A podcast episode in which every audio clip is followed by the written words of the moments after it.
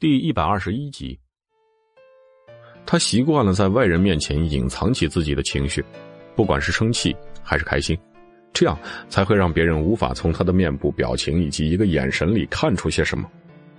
商人就是要这样，这就是冷家的血脉。江南低头轻笑一声，对于这样的冷风早就习以为常，给小秘书扔了个眼神然后大步跟上了冷风的脚步。总裁。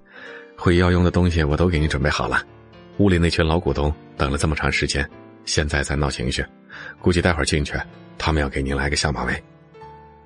嗯，冷风脚步不受一丝一毫的影响，淡淡的应了一声，然后没有了下句。江南也没有再多说，不管他在冷风身边的任务是什么，起码在公司的利益和掌权上面，他们现在一致对外。至于冷风对他的态度，他也无所谓。怕是任谁知道自己身边有一个时时刻刻监视着自己的人，都不会给对方好脸色看。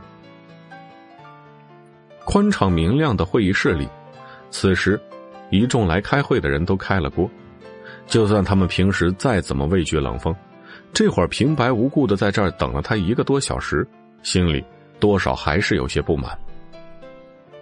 平时的时候，冷风不来也就算了，特别是在这一段时间。他们总裁经常不在公司，弄得他们有时候一些需要签字的文件都要堆在那里好久。今天是周一，按例那是开例会的时间，就连这个时候他们总裁都迟到，未免架子也太大了吧？一个部门的经理、总监还好，毕竟官小，有什么不满也只能憋着，小声议论一下。但是那几个元老、公司的股份持有者可就不是那么回事了。他们仗着自己在公司待了这么多年，此刻心里对冷风的不满都说了出来，三三两两交头接耳，说的不亦乐乎。就算会议室的门隔音，也架不住这么多张嘴一起发声。冷风站在门外，听着会议室内隐隐约约的吵闹声，脸色在瞬间黑了下来，周身的冷气呼呼往外冒，一瞬间降到了一个极点，大有山雨欲来的架势。江南很识相的往后退了一两步，什么话都没说，听着会议室还在不断吵闹的声音，以及冷风那沉到不能再沉的脸，心里对会议室里那群仗着自己是元老的老东西默哀了一秒，就等着看好戏。果然，下一秒，冷风后退一步，然后直接抬起了大长腿，一脚踹开会议室的门，砰的一声。门被踹开，反弹到墙上的声音盖过会议室一群人的吵闹声。一群本来还在交头接耳、议论纷纷的人，就像是一瞬间被按了暂停键一般。会议室里一瞬间安静的，连空气净化器里风流动的声音都听得一清二楚。张着嘴，一句话还没有说完，还在手舞足蹈的胳膊抡起来，保持着那个滑稽动作，齐刷刷的向门口看过来。冷风阴沉的站在门外，目光像是一把刀子一般，在会议室每个人的脸上扫过，将每个人的表情收进眼底，收回目光看了一眼丧命在他脚下的门把手，边往主位上走，边吩咐身后的江南：“待会儿会议结束，通知维修。”是。江南应了一声，跟在他身后走到主位旁的一个空位然后静静的垂手站着。冷风也没有坐。他没有要做的意思。低冷到掉冰碴的声音在寂静的会议室里散开，空气像是一瞬间回到了冬天。目瞪口呆、还没有明白什么的一群人，这才猛然回过神来，然后不约而同打了个冷颤，后背的汗毛都竖了起来。众人脑海中反应过来的第一念头就是：总裁生气了。怎么？各位看起来……有很多意见要提呀。面色冷峻的冷风，咄咄的语气中不带一丝的情感。围坐在会议桌两边的公司高管和股东们，虽然见多了冷风冷漠的处事风格，却依然被这句没有丝毫情绪、冰冷冷透着杀气的话吓了一个哆嗦。冷风拉开了会议桌首席的沙发椅，微微的拢了拢西装坐下，猥琐的眉头下，目光如炬。从席上的股东高管们脸上一一扫过，眼神扫过的瞬间，座位上的股东们无一不感到压力剧增。赵丽，我先来说一说公司的融资情况。看着冷风，貌似眉头舒展了一下，开始缓和的分析着公司的事务。一旁站了许久的江南，这才稍微松了口气，轻轻的拉过冷风旁边的椅子坐下。果然是冷风，尽管这段时间因为徐萱萱的缘故，待在公司的时间明显减少，但是他却能一个部门一个部门的分析公司事宜，连量大数杂的公司总融资情况，他都能分析的一条一例，简洁明了。江南不禁在内心里赞叹冷风处理商务的能力。尽管江南是冷老爷子放在冷风身边监视他的人，但纵游于商界几十年的江南，内心对冷风这个奇才还是很佩服。想着四点还要带徐萱萱见苏老师，冷风不由得加快了会议进度。讲完了重要的事项之后，便将剩下的事务推给了江南和秘书。无视会议厅中股东们的奇怪眼神。起身离开了会议厅，走出办公楼的冷风快步走进车里，吩咐司机回家接徐萱萱。会议多少有些劳累，冷风此时仰着头，按了按脖颈边的把手，望向了窗外。车子已然驶进了别墅区，路边草野上星星点点的开着一簇簇淡紫色的花。冷风看着这些充满了生命力的花，脑海中浮现出前夜。在自己怀中穿着浅紫色吊带睡裙的徐萱萱微微涨红的脸，脸色不自觉中缓和了很多。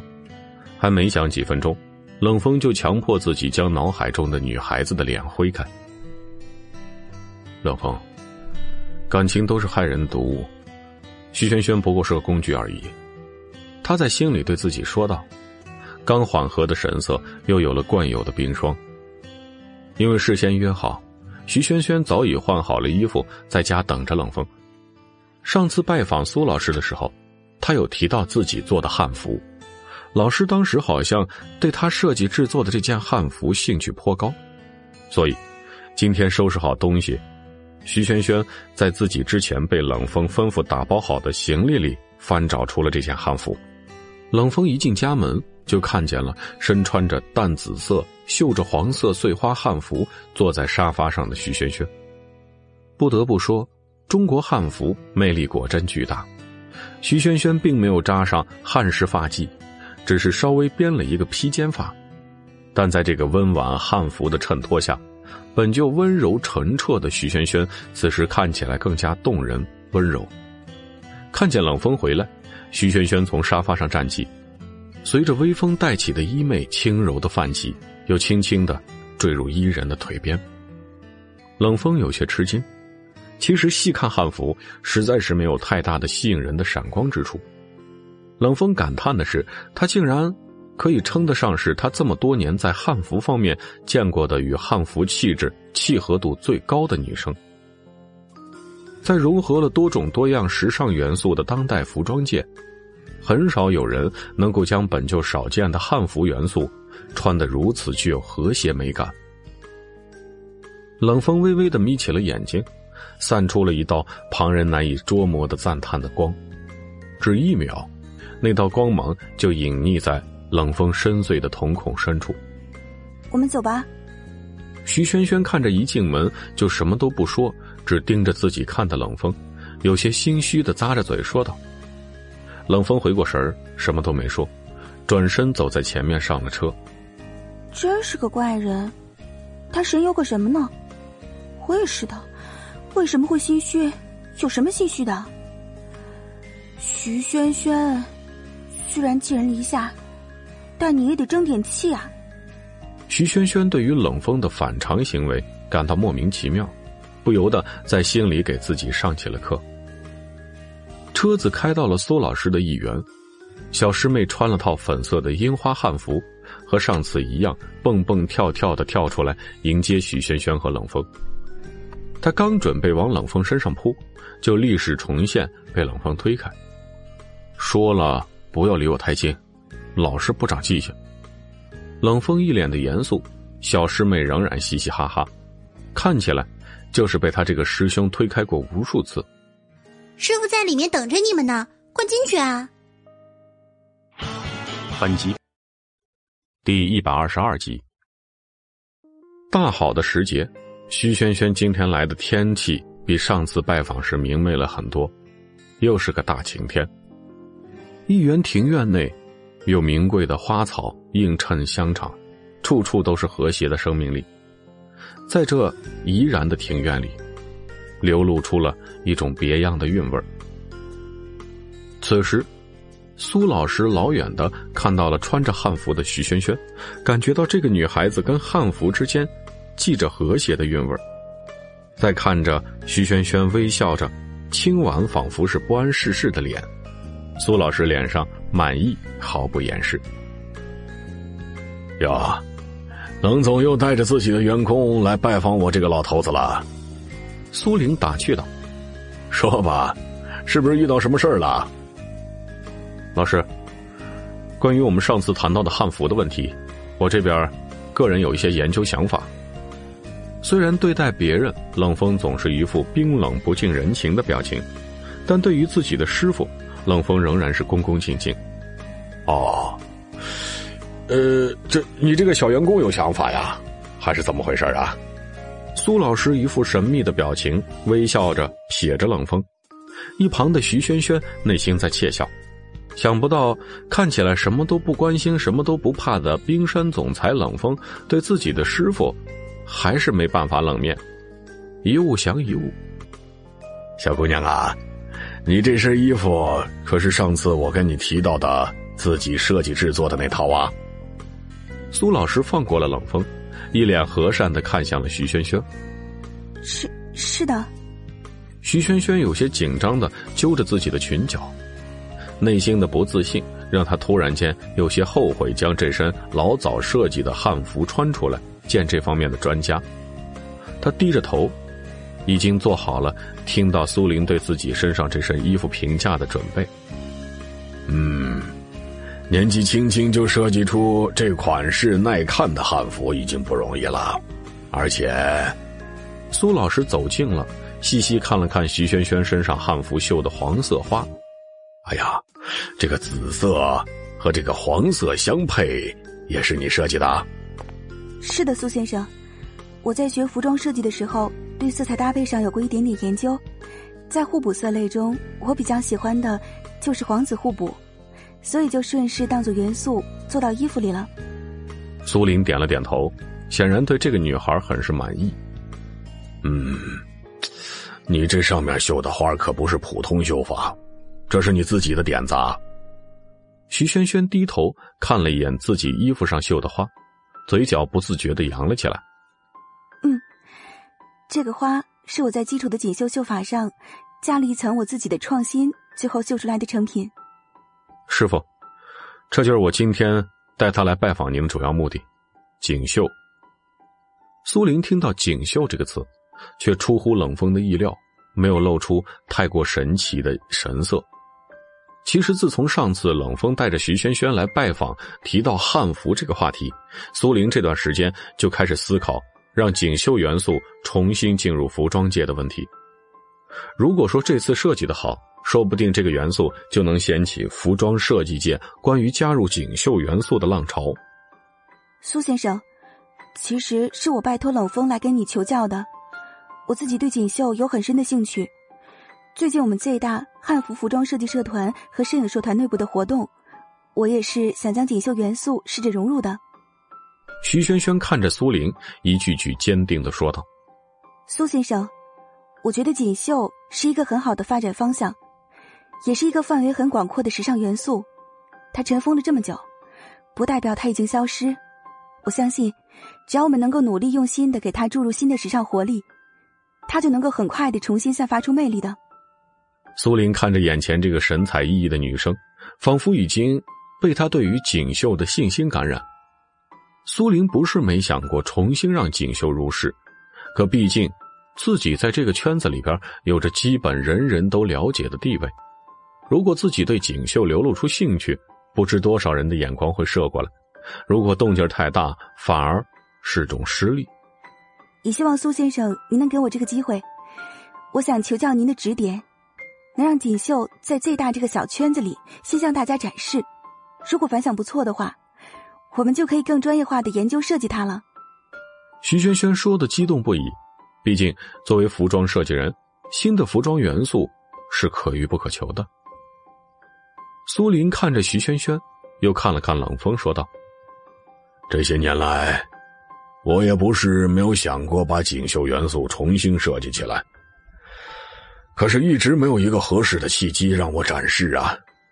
如果说像你说的这样，倒是可以借你们学校这个平台，让锦绣先面试看看，啊，总是需要先尝试的嘛。”徐轩轩听到苏玲这么说，心里暗暗的呼出了一口气。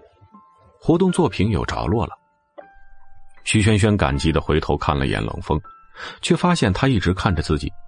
四目相对的瞬间，徐轩轩竟然看到冷风有些不自然的把头移开。谢谢你。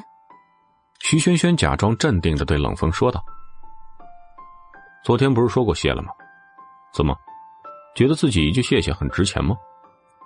冷风看着一脸认真的徐轩轩，毫不客气的回复他的感谢，却没有注意到，哼，徐轩轩被他这句话噎了一下。此时，徐轩轩后悔自己好好的，干嘛跟这个没有人情味的人说谢谢呢？没有注意到冷风嘴角那一秒勾起的笑意。哟，冷总还会跟员工拌嘴啊？啊？少见呐！啊，少见。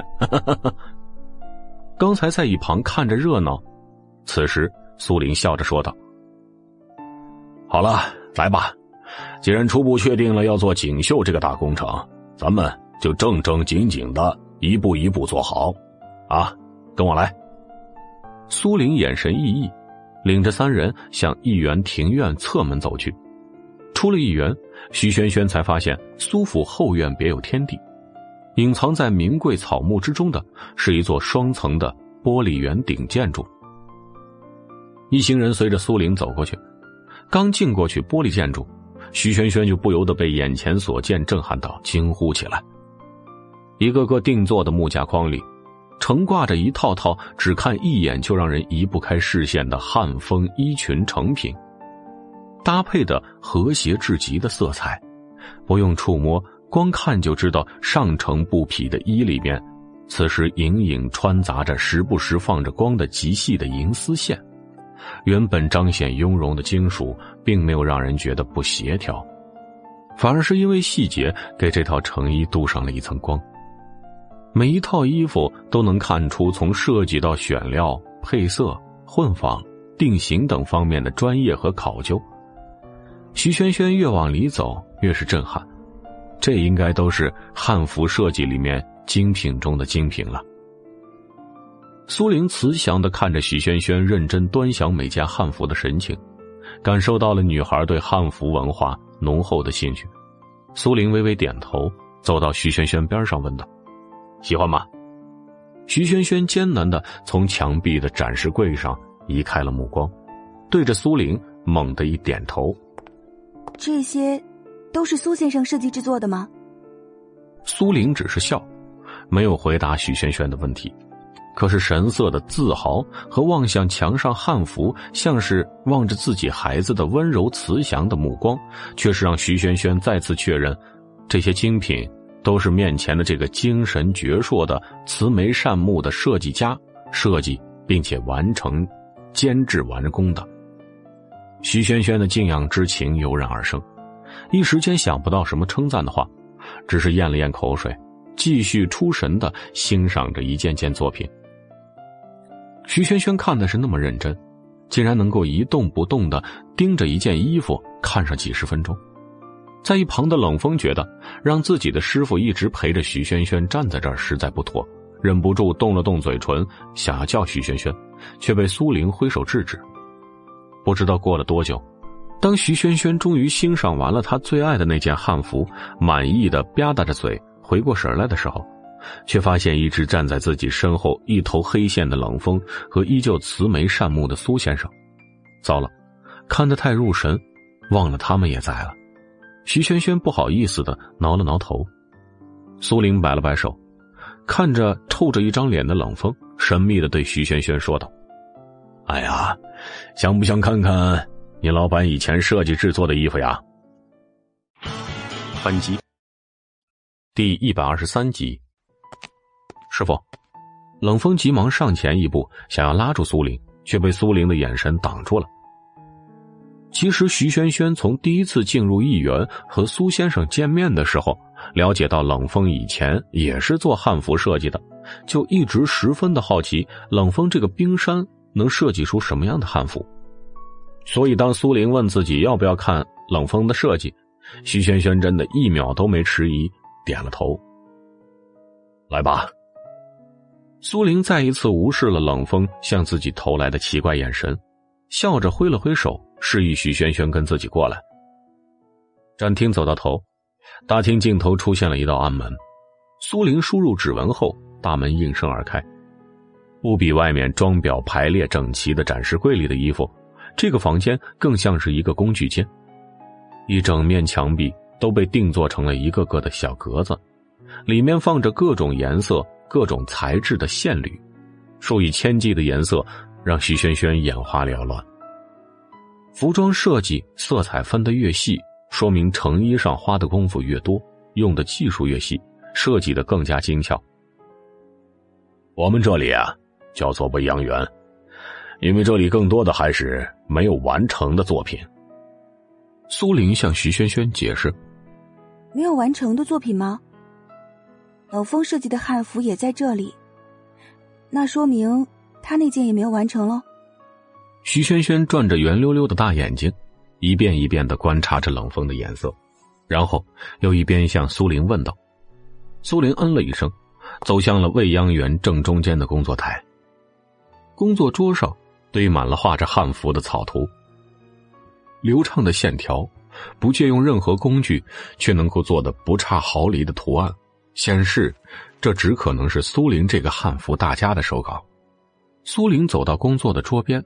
慢慢蹲下身子，从腰间取下了钥匙，打开了工作桌下的暗箱，小心翼翼的将里面的东西拿出来，递给了一旁的徐轩轩。徐轩轩接过，是一批布包着的衣服，慢慢的将布匹四周打开，他看到了一团酱紫。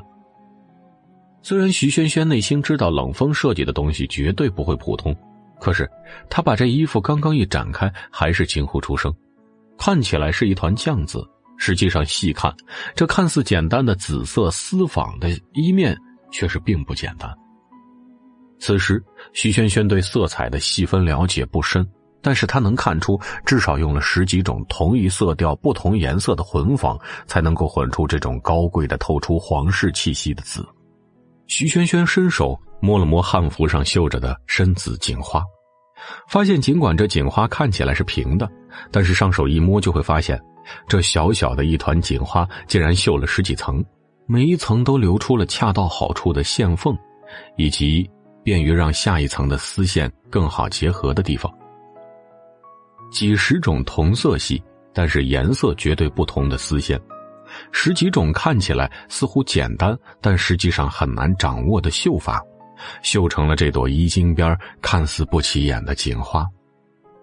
徐萱萱一边心里赞叹着，一边慢慢的打开了这件紫色的和服，却是被惊讶到哽了一声。原来这和服只完成了袖子下面一寸的地方，绣到一半的丝线缀成了流苏，轻轻的、绵绵的搭在下面，怪不得刚才一接过来就觉得偏轻。似乎是看出了徐萱萱的疑惑，苏玲此时叹了口气说道。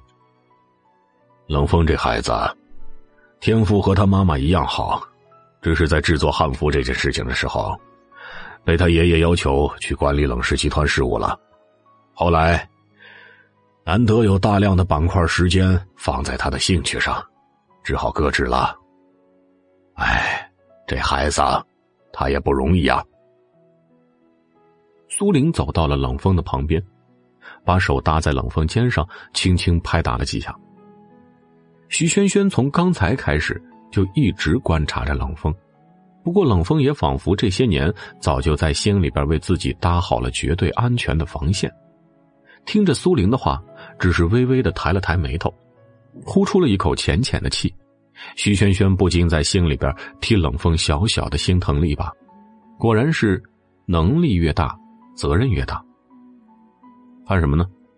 嗯，冷风发现自己看得入神，此时微微的挑起剑眉，愠怒的看了一眼，吓得徐萱萱仿佛脑补出了这个眼色背后的台词：“晚上回去收拾你。”冷风从徐萱萱的脸上移回了目光，仍旧换上了一副尊敬的语气：“师傅，别说我了，我们今天主要是来说锦绣的。”啊，对，差点把正事给忘了。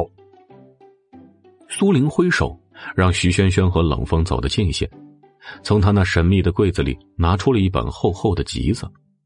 啊，这是彩渊之前设计的锦绣元素合成的集子，你先看看，有没有合适你们这次活动的又不太复杂的锦绣团布啊？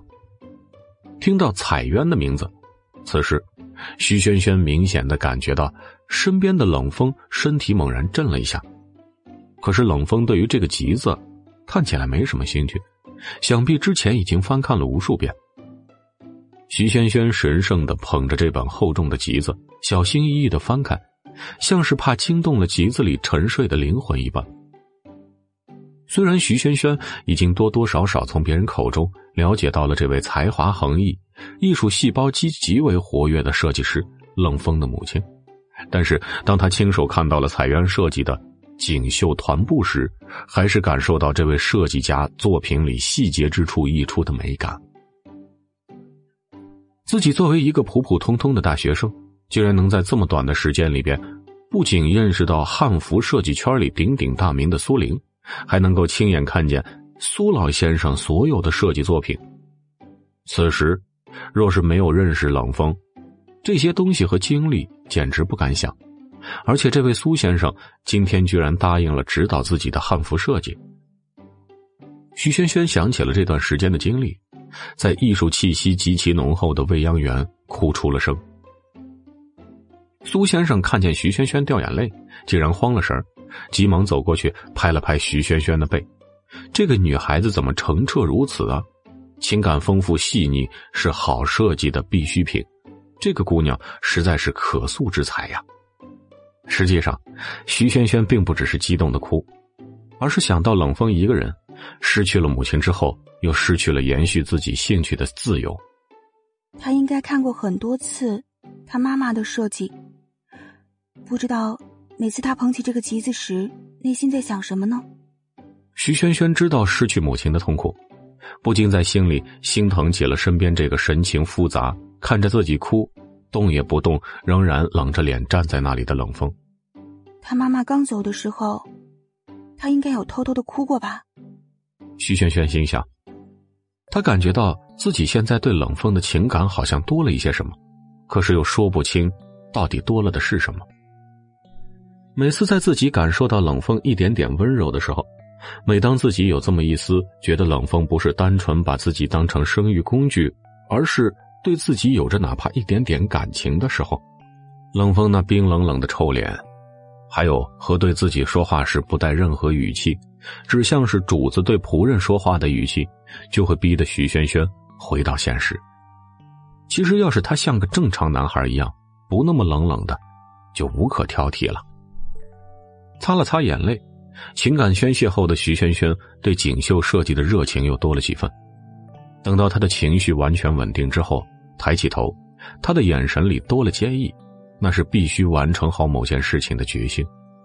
苏先生，因为现在咱们才刚刚拿起锦绣这个设计，所以我挑了彩渊早期设计的这两个锦绣团布，可以吗？样式还不是很纷繁，也方便我们汉服社团后期手作成型。苏林看了看轩轩选的两份锦绣团花，点了点头。好，那你先把这两份的复刻手稿拿去设计吧。有什么灵感了，记得来找我这个老头商量啊。徐轩轩感激的点了点头，看着苏玲，有些犹豫的说道：“苏先生，我还有一个请求。”苏玲和冷风同时抬起头看向徐轩轩。苏先生。如果可以的话，徐轩轩顿了顿，吐了口气，终于下定决心似的说道：“如果可以，您可以把冷风没有完成的那套汉服放在我这里吗？我想帮他慢慢完成。”本集第一百二十四集。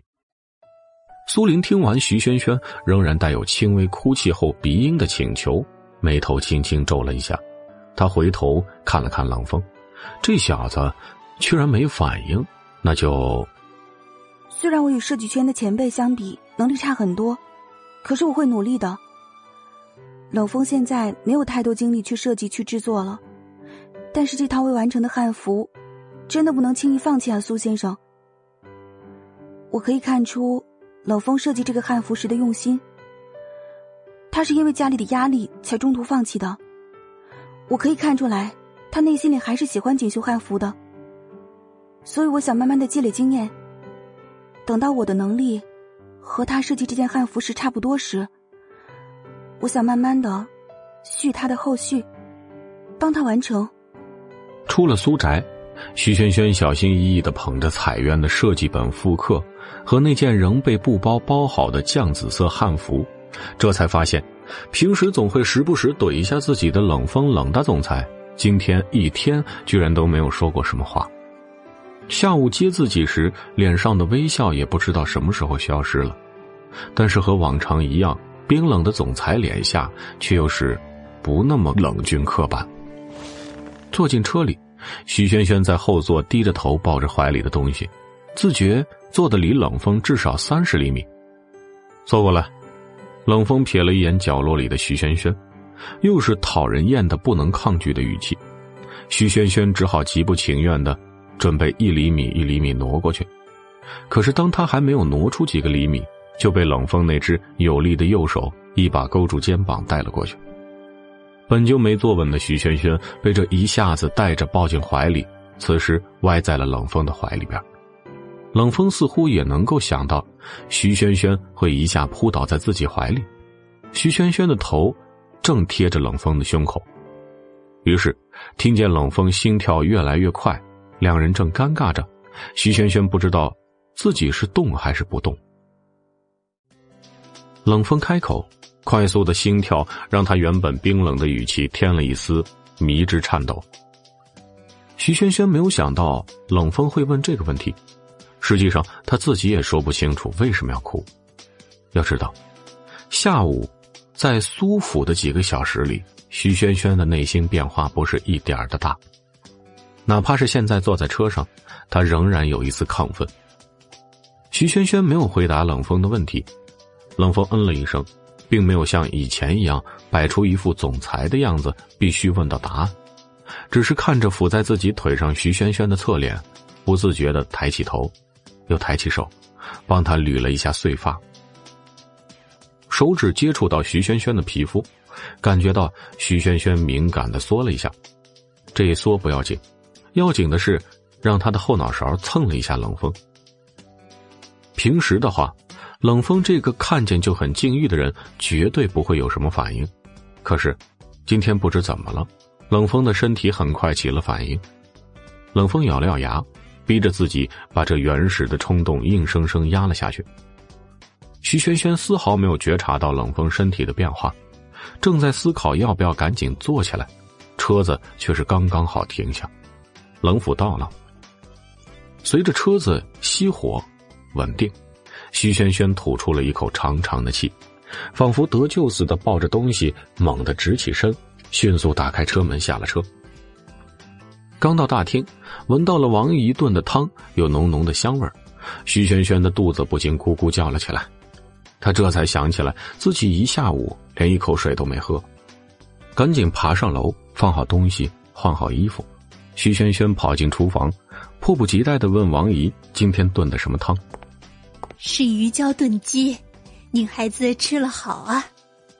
王姨早就知道徐萱萱一回家就会饿得要东西吃，一边笑着对他说，一边泡洗碗筷，给徐萱萱和冷风盛汤吃。刚盛好，徐萱萱就迫不及待的捧到餐厅准备开吃。炖得烂烂的鱼胶混着酥香的鸡肉，冒着热气，诱人无比。徐萱萱赶紧舀了一勺，食物的香气勾着肚子里的馋虫，徐萱萱忘记了吹凉，此时匆匆就把汤勺递进嘴里，而此时却是被烫的条件反射般吞下了食道，瞬间，他就感觉到食物混着热流在自己食道里一路向下。徐萱萱眼泪都快出来了。冷风听见徐萱萱这边的动作，抬头屁睨了一下，看着徐萱萱那副烫到不行的样子，又想笑，又气。看见徐萱萱应该也被烫到暂时吃不下，冷风也放下了碗，起身拉起了还在呛的徐萱萱上了二楼。冷风径直拉着徐萱萱走进自己房间。关上门，转身把徐萱萱抵在门上。他被烫得不轻，却是被突然贴近自己嘴角憋着笑的冷风吓到，忘记了咳嗽。他还没来得及问一声干什么，就被冷风堵住了嘴。同样是刚才的热汤，冷风的嘴唇却并不像徐萱萱被烫得红红的嘴唇一样烫。相反，当冷风的嘴唇贴上自己时，凉凉的、柔软的触感一下子安抚下了徐萱萱嘴唇的燥热。冷风显然不满足表面上的接触，等到徐萱萱逐渐平静下来，嘴里早就按耐不住的柔软撬开了徐萱萱的背齿，滑进了徐萱萱滚烫的嘴巴。你是蛇变的吗？被紧紧亲住嘴唇的徐萱萱含含糊糊的问道：“嗯。”冷风被这个无厘头的问题惊到了，暂时松开了徐萱萱的嘴巴。你刚才也喝了王毅煮的那么烫的汤，你的舌头嘴巴怎么这么凉？徐萱萱红着脸，大着胆子仰起头与冷风对视。当然没有人回答他。冷风被徐萱萱红着脸正儿八经的问自己是不是蛇的样子吸引了。你的意思是，我要更紧的和你贴近了？冷风故意换上了戏谑的神情，假装不怀好意的上手，将徐萱萱穿着的蕾丝家居服领子滑落，露出了优美的脖颈，当然，还有锁骨下方暧昧的吻痕。徐萱萱脸红脖子粗的，正想解释一下自己最近为什么会这样反应，最近，对方又为什么要给自己这样的挖坑呢？但是，看到冷风那看自己的眼睛，此时的徐萱萱又是什么都问不出来。他心里面大概猜到了冷风要对自己做什么，还是在做着最后的挣扎。现在不要了，还没有到晚上啊。哼，谁说生孩子只能晚上的？冷风的欲望完全被面前这个像小兽一样的徐萱萱挑醒，再也按耐不住。刚才亲到一半被他打断，冷风重新吻上了徐萱萱的嘴唇，一边熟练的拦腰抱起了徐萱萱。徐萱萱最后一点清醒的理智被冷风这占有性极强的吻蚕食不见，竟然不受控制的抬起手搭上冷风的后颈，最终不断的随着冷风的吻呻吟了起来。冷风今天对于徐萱萱的表现感到有几分惊奇。以前的他可绝对不会这么主动。这个女人被汤烫傻了吗？冷风虽然心中这么想着，却是丝毫没有放开她的意思，而是紧紧的抱着徐萱萱。天已经黑了，冷风看着枕边累倒睡着的徐萱萱，不知他深邃的眼睛后面想的是什么。本来睡着的女孩肚子里传来了尴尬的声音，徐萱萱饿醒了。冷风忍着笑，仍然摆出了那张万年冰山脸。既然饿醒了，就起来去吃饭呢。顿了顿，明天我带你去看爷爷。真的吗？自从上次和冷风一起看望过爷爷之后，就再也没有去过医院。那还是求着他才得来的机会。如今冷风竟然主动提出一起去看望爷爷，徐萱萱自然觉得很震惊，同时眼底的欣喜也无法掩饰。先去吃饭，你自己不想吃晚饭，也别饿着我的孩子。冷风看着满脸兴奋的女人，眼神微动，嘴角不自觉的扬了起来。徐萱萱听到这儿，想起方才的事情，不自觉的红了脸，他小声的嘀咕着：“这还没有呢。”虽然他说的声音很轻，但是由于冷风靠得近，还是听到了。他忍不住想要逗逗他：“哼，说不定就有了呢，有没有又不是你说了算的。”徐萱萱的脸更红了。老不正经的。本集第一百二十五集。老吗？我现在就让你看看我老不老。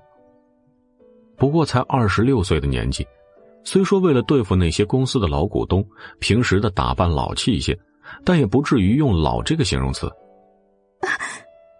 徐萱萱感受到压力的时候，已经来不及反抗，而冷风用实际行动证明了年轻的另一个含义。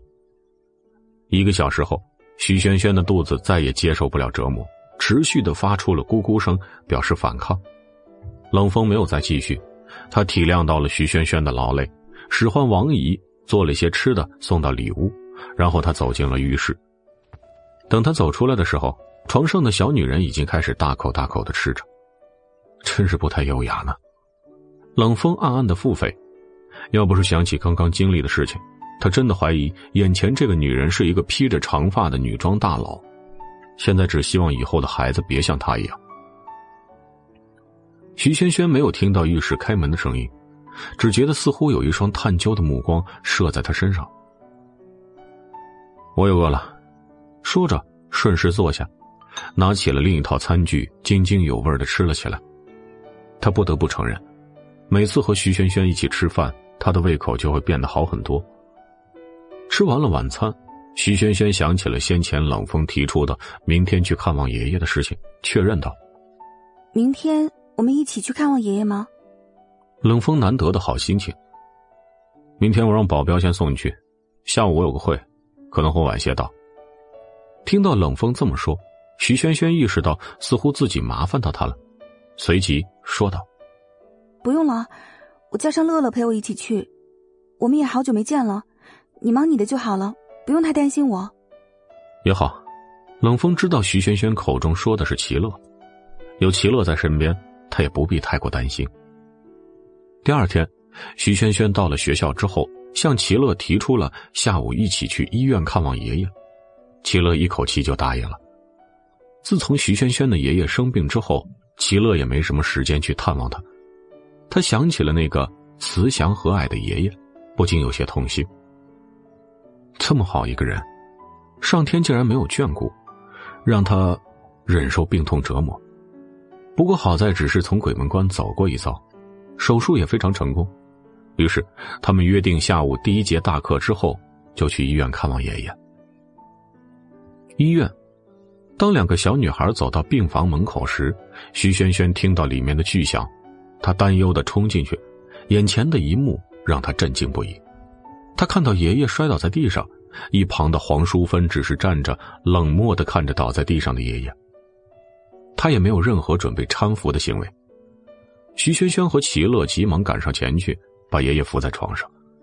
做完这一切之后，徐萱萱看着站在一旁冷眼观望的黄淑芬，那脸上充满冷漠，没有一点被发现后的惊慌和恐惧。黄淑芬一个月万把块钱的工资。平日里的照顾甚至无法被称为照顾。徐萱萱越想越生气，爷爷在这个世界上是他唯一的亲人。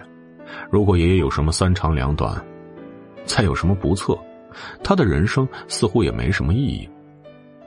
他红着眼冲上前去，想要质问黄淑芬为什么这么做，可是他太低估了他，还没有碰上黄淑芬的衣领，他便被推倒了。徐萱萱受不了，往后退了几步。谁成想撞上了床头柜，徐萱萱也摔倒在地上。肚子，我的肚子，好疼！齐乐被眼前的一幕惊呆了，没来得及反应，等他回过神来，就看见徐萱萱一只手撑着地，另一只手捂着肚子，红着眼睛，眉头紧皱，额前布满了细密的汗珠，发出了痛苦的声音。齐乐意识到这一定不是普通的疼痛，赶紧上前，嘴里面大声喊着：“医生，医生，护士，来个人呐！”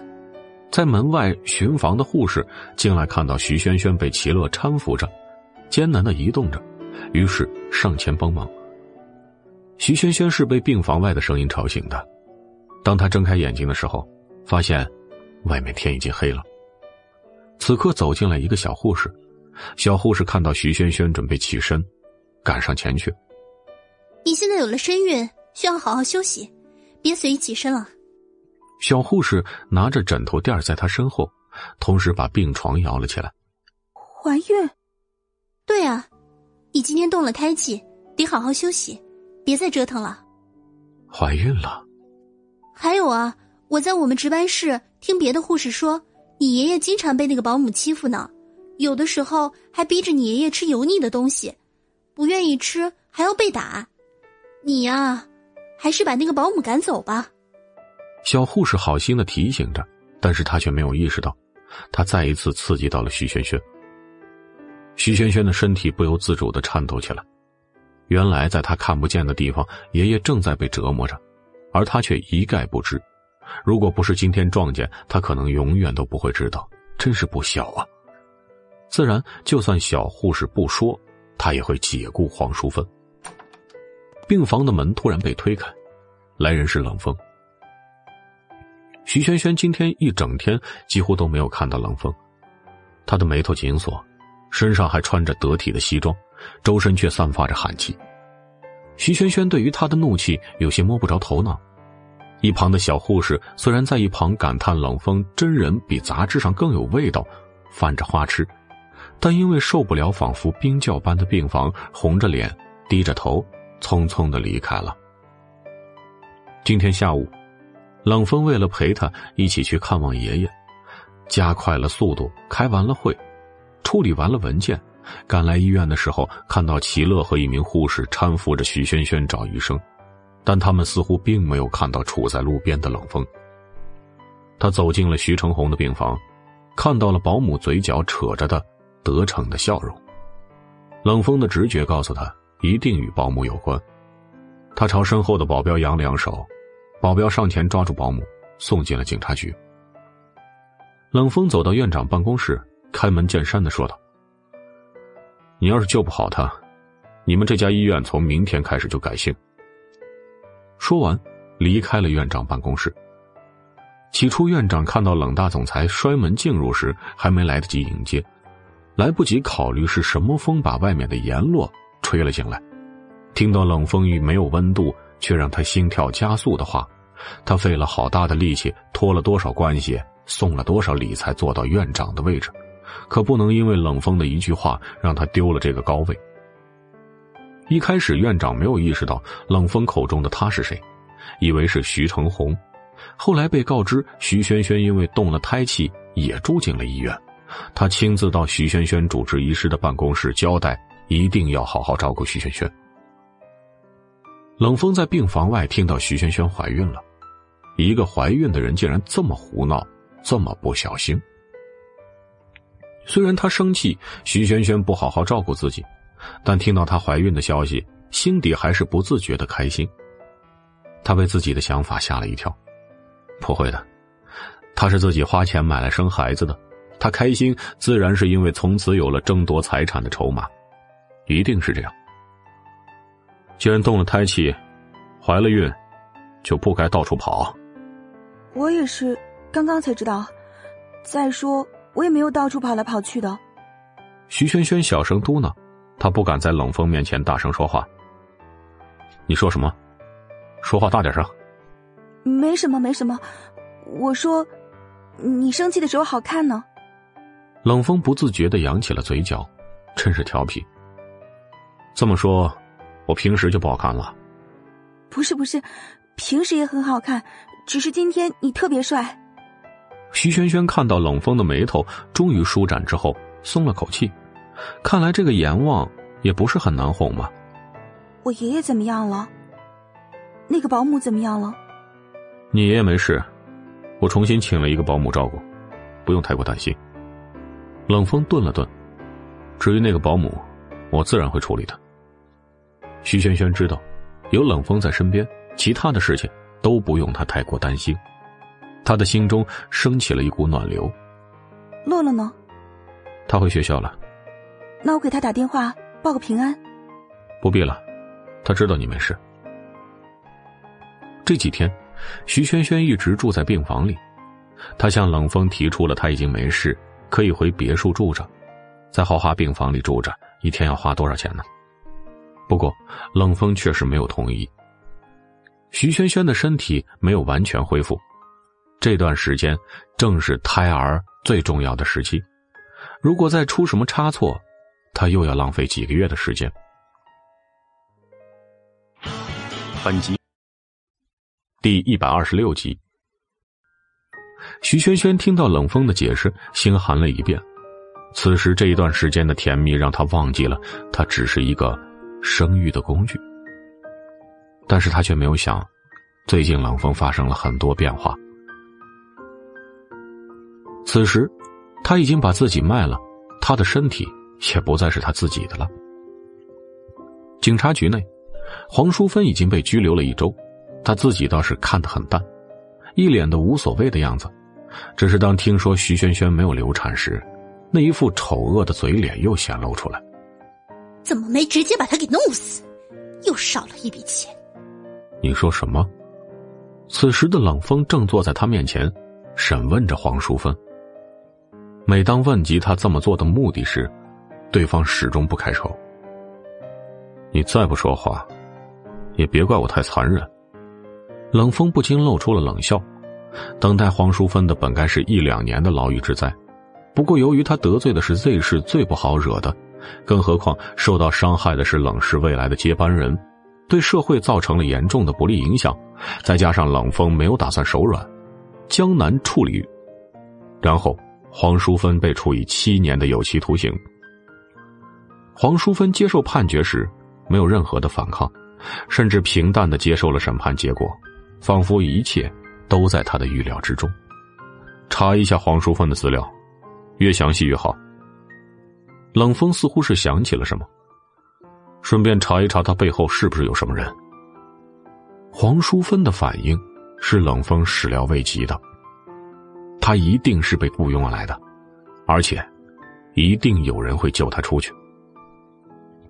审判结果出来之后，媒体对此大肆报道，本来只是报道了黄淑芬这个害人精，竟然有狗胆招惹到冷风头上。但是到后期，当网友们得知是因为一个孩子。他们的好奇心瞬间被调动了起来。不过，一个小时的时间，被包养的女大学生就排上了热搜第一，甚至已经有热心的网友人肉了徐萱萱，扒出了徐萱萱的资料。徐萱萱，Z 大专业分数第一的学霸，家中只有一个身患重病的爷爷，后来为了支付医药费做了代孕，顿时微博上说什么的都有。我和他同校。在我们学校可是以白莲花出名的，仗着自己有点姿色，就去勾引别的有女朋友的男人。平时最看不起这种人了，医疗费不够可以提出募捐呢，一定要这么作践自己。我看他也是乐在其中。当然，也有为徐萱萱说话的。做代孕又不是他自己想的，现在医院治疗费这么贵，也是迫不得已啊。再说，别人怎么选择是人家自己的事情。这群喷子瞎逼逼什么呢？怎么不见你去喷那些小姐？一看就是来蹭热度的。呸！可是这样的话语毕竟是少数，立刻就被淹没在辱骂徐萱萱的唾液里。你们到底是怎么做公关的？你们以为冷氏会养闲人吗？如果一个小时内不能把网上这些乱七八糟的东西抹掉，从明天开始，你们就别想再来上班了。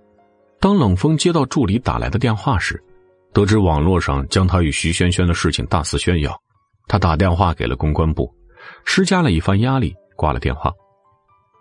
他担心还住在医院里的徐萱萱听到网络上那些不好的言语，于是拿起了搭在真皮座椅上的西装外套走了出去。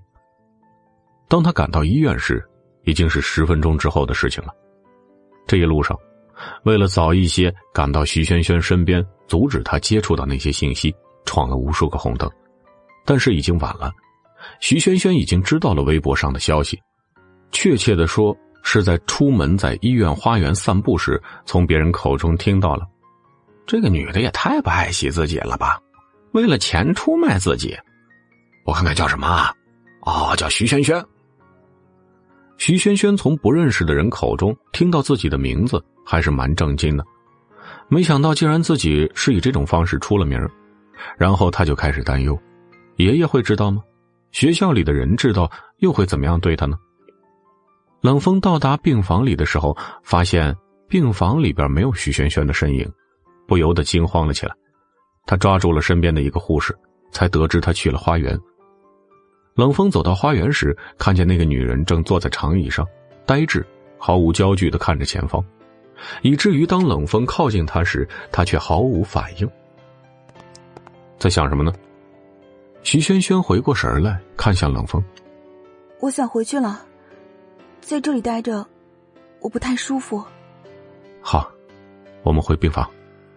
不是病房，是回别墅。徐萱萱还是很在意别人的想法的。当他看到别人用异样的眼光看他时，他心里堵得慌，让他有些喘不上气。不过在回去之前，我想再去看看爷爷。冷风已经完全意识到徐萱萱已经知道了。虽然他已经尽全力赶过来，试图阻止这些事情的发生，但还是没能来得及。他看着徐萱萱无精打采的小脸，不知道要说些什么来安慰她。好，都听你的。徐萱萱没有料到冷风答应的这么爽快，他回头看着冷风的脸，这一次他的脸再也不是毫无温度，真好。徐萱萱朝着冷风露出了笑容。这一刻，在冷风眼里，只有他与他两个人。徐萱萱朝着他笑，好像是一个没有烦恼的孩子。冷风承认，他被徐萱萱惊艳到了。他早就知道徐萱萱好看，但是他不知道她笑起来竟然更好看。笑起来的她单纯无邪。如果没有他们之间的那些事情，如果他不是冷氏的总裁。冷风相信，他们两个人之间一定会有美好、令人向往的未来。可是，事实永远不是他们想象的那样。徐萱萱换了病号服后，来到了徐成红的病房。爷爷看上去气色已经好了很多。爷爷，轩轩来看你了。这几天啊，学校里面事情特别多。爷爷想吃苹果吗？轩轩帮你削。说着。徐轩轩拿起了桌边的苹果，拿到了抽屉里的水果刀，凑着垃圾桶，笑了起来。轩轩，实话告诉爷爷，你是怎么拿这么多钱付医药费的？徐成红担忧的看着坐在床边乖巧的孙女。爷爷，我之前不是就跟你说过了吗？是有一个好心人帮了我。萱萱。不用再骗爷爷了，爷爷都已经知道了。那个人是冷风，对吗？徐成红虽然没有手机，也看不了微博，但是这件事情一发生，就听到那些闲得发慌的护士聚在一起叽叽喳喳的讨论着。爷爷一定会觉得很失望吧？一定会觉得他不爱惜自己。都是爷爷不好。我们这样的条件根本就承受不起大额支出，都是爷爷不好，没事生什么病啊？徐成红不希望孙女因为他这个废人，再对他的人生有所牵绊。萱萱，现在后悔还来得及吗？听爷爷的话，早点回头，爷爷没事你不用担心我。听到徐成红这么说，徐萱萱有些发怵。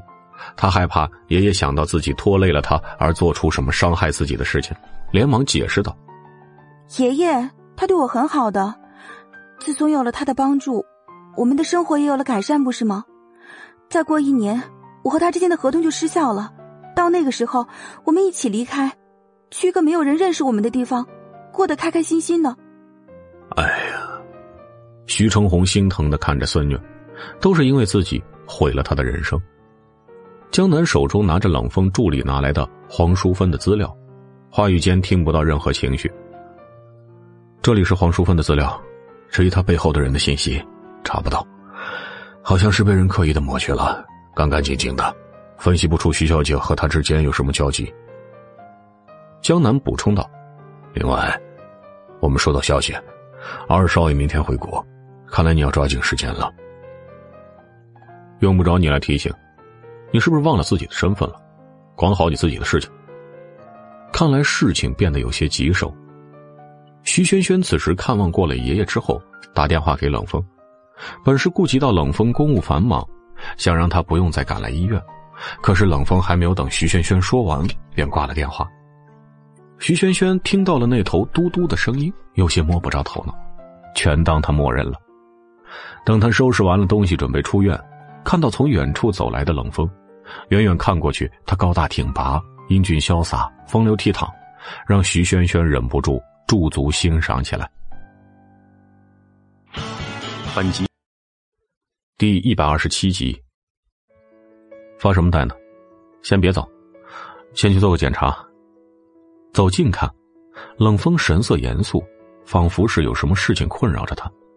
徐轩轩以为冷风是在担心他身体还没有恢复，急忙说道：“没事，没事了。”我已经好了，不用再做检查了。但是冷风似乎没有听到，把他的东西放进了劳斯莱斯的后备箱之后，拉着徐萱萱进入 B 超室，给他看一下怀的是男孩还是女孩。哼，原来他拉自己来做检查，只是为了知道孩子的性别。徐萱萱想起了他之前签的合同，合同上面清清楚楚的写着：女孩一千五百万，男孩三千万。即使这段时间他再欺骗自己，也改变不了自己只有一个生育机器。对于冷风来说，他什么都不是。呃，郎总，医院有规定，不能查胎儿性别。再说孩子太小，也查不出来呀。B 超室的医生摸着额头上的冷汗，招待冷风不是一件好差事。他周身的寒气，冷漠的眼神。能冻得叫人减掉几年的寿命，也担心下一秒就被冷风的目光消灭了。只是他也没有办法，医院的规定他不得不遵守。他小心翼翼的看了看冷风身边的女人，看着肚子里三个月都没有呢。让你做你就做，哪来那么多废话？你是工作不想要了吗？冷冷总，不不是我废话，是现在孩子还小。做 B 超看不出来性别，顶多能看到一个胚芽。听到冷风说的话，医生不敢再忤逆他，他还有一家老小要靠着工作养活呢。如果丢了工作，遭殃的不只是他一个人。于是他大胆的提议：“呃，不过孩子的性别，呃，不过是染色体不同而已。我们医院的教授现在正在做新型基因研究，无论多大的胚胎，都可以检测出来。不过，那就痛苦的多了。”只要能够抽到胚胎的血，检测到 Y 型染色体就是男孩，检测不到就是女孩。那你还废什么话？赶紧安排。冷总，我们医院现在技术还不是很成熟，还没有开始在人类活体上进行实验，担心遇到什么不测呀。我不要。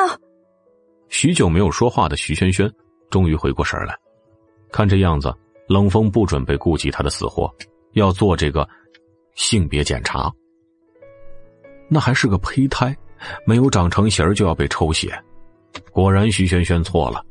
相处了这么长时间以后，她一直以为，虽然冷风在别人面前装的冰冷，内心还是有温度的。你有什么资格说不？你不过是我买来的东西，别忘了你自己的身份。他的好弟弟明天就要回国，如果无法确认是否有继承人。那么，在爷爷面前，自己就又少了一个竞争资产的筹码。再加上，冷柯一直会讨那个老爷子欢心。那这样的话，自己这么多年的努力可能会化为乌有。难道你就不担心伤到孩子吗？徐萱萱捂着肚子，难以置信的看着冷风。刚刚医生都说了，技术还不够成熟。我死了当然不要紧，要是你的孩子有什么不测。你不仅没有筹码，连你付出的这么多精力、财力，什么都没了。徐萱萱不禁有些挫败。天真是祸呀！天真让他忘记了自己的身份，忘记了那一式两份的合同，忘记了冷风原本是一个冷酷无情的男人。冷风看着徐萱萱因为激动盛满泪水的眼睛，终于意识到自己似乎是过于着急了，没有考虑到如果真的伤到孩子，被他的好弟弟抢了先机，那就真的没有余地。更何况，他也不忍心徐萱萱受到痛苦。徐萱萱回到别墅后，冷风叮嘱保镖和王姨，对她严加看管。徐萱萱知道，冷风还是不希望孩子有什么差池，而他也乖乖听话。他也担心自己违背了合同。先不说他根本没有能力偿还那么多违约金，几个月的相处，让徐萱萱有些看不清自己的心。他想要继续留在冷风身边。即便照如此看来，他们之间的时间只剩下十个多月，他想要珍惜。徐萱萱想起了两个月前江南警告过他不要投入感情，那时候他也信誓旦旦的认为这件事情不可能发生，而现在，徐萱萱打电话给了齐乐。自从上次住了院，齐乐没有跟他再有过联系。你终于舍得打电话给我了，这么多天我给你打了多少电话，发了多少信息？你倒好，一点消息都没有。齐乐被气到了，甚至不管教授有没有离开教室，就大声训斥着徐萱萱：“对不起吗？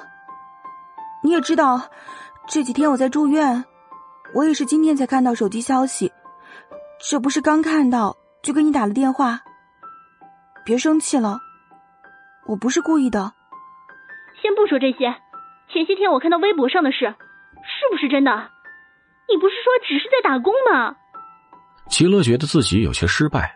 他真心的交朋友，可对于对方来说，似乎什么都算不上，真心的话都不愿意跟他说了。你真的把我当朋友了吗？当然是真的。徐萱萱上了大学以后，一直没什么朋友，这么多年也就只有齐乐一直陪在他身边。他是真不想失去这个朋友。洛洛，你先别生气。我们当面说吧。徐萱萱与齐乐约好了时间地点之后，挂了电话，随即担心冷风在忙，打扰了他，就发了信息。冷氏集团，此时冷风正在开着例会，本在报告进展的项目经理看到冷风的脸色，有些不敢说话。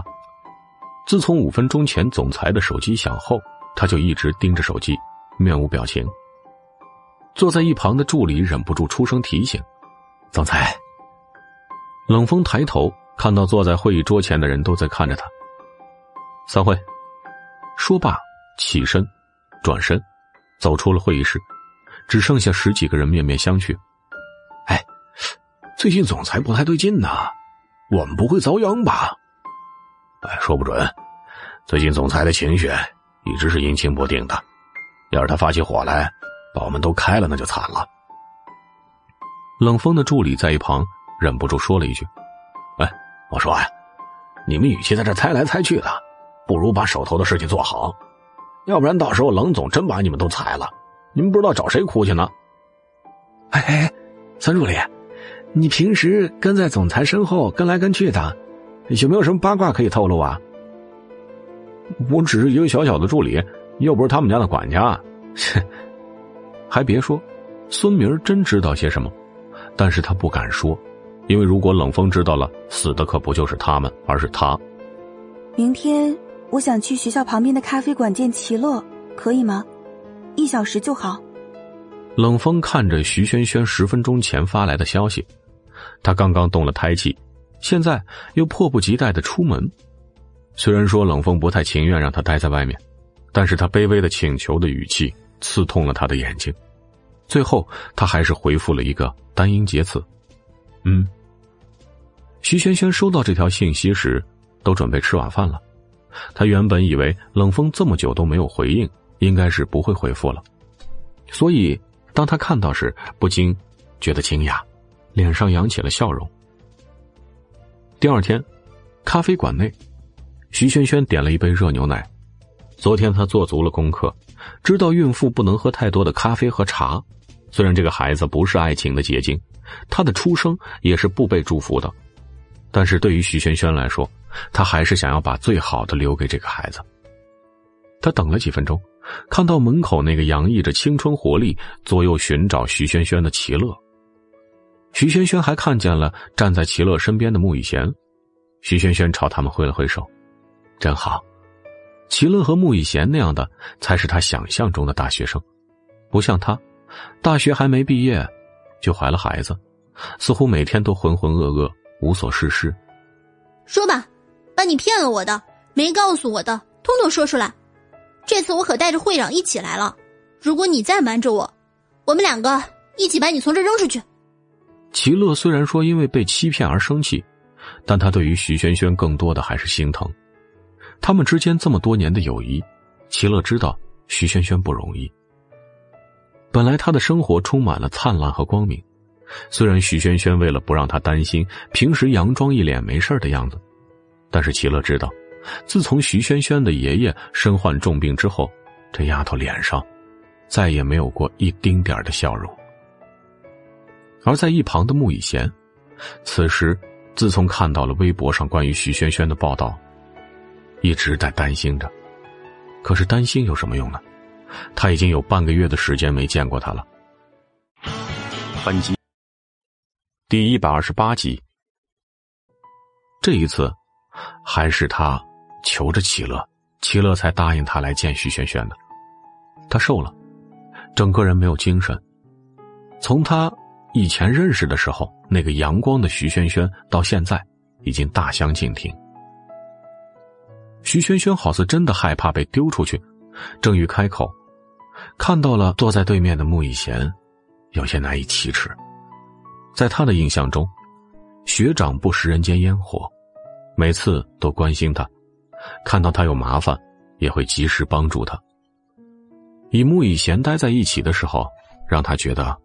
如沐春风。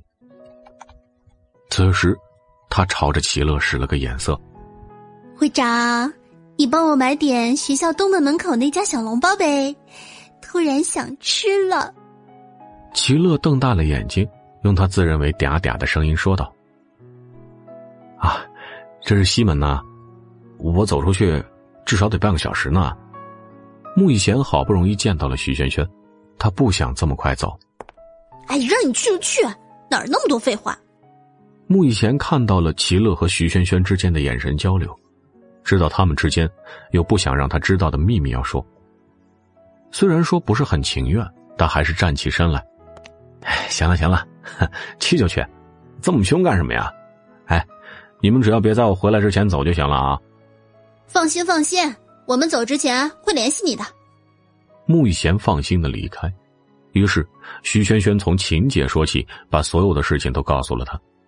齐乐听完之后才知道，原来这么长的时间里，徐萱萱经历了这么多事情，而自诩是徐萱萱最好朋友的自己，却是到了今天才明白他所经历的痛苦。他不禁感到老天爷的不公：这么好的一个人，却因为老天爷的安排，如今丧失了活力，丧失了选择生活的权利。齐乐坐到徐萱萱的身边，右手搭在她肩上。没关系，你还有我啊。对于好友的遭遇，他不禁流下了眼泪。徐萱萱虽然知道齐乐不会离开他，但是听到他这么说的时候，还是不自主的感动了一番。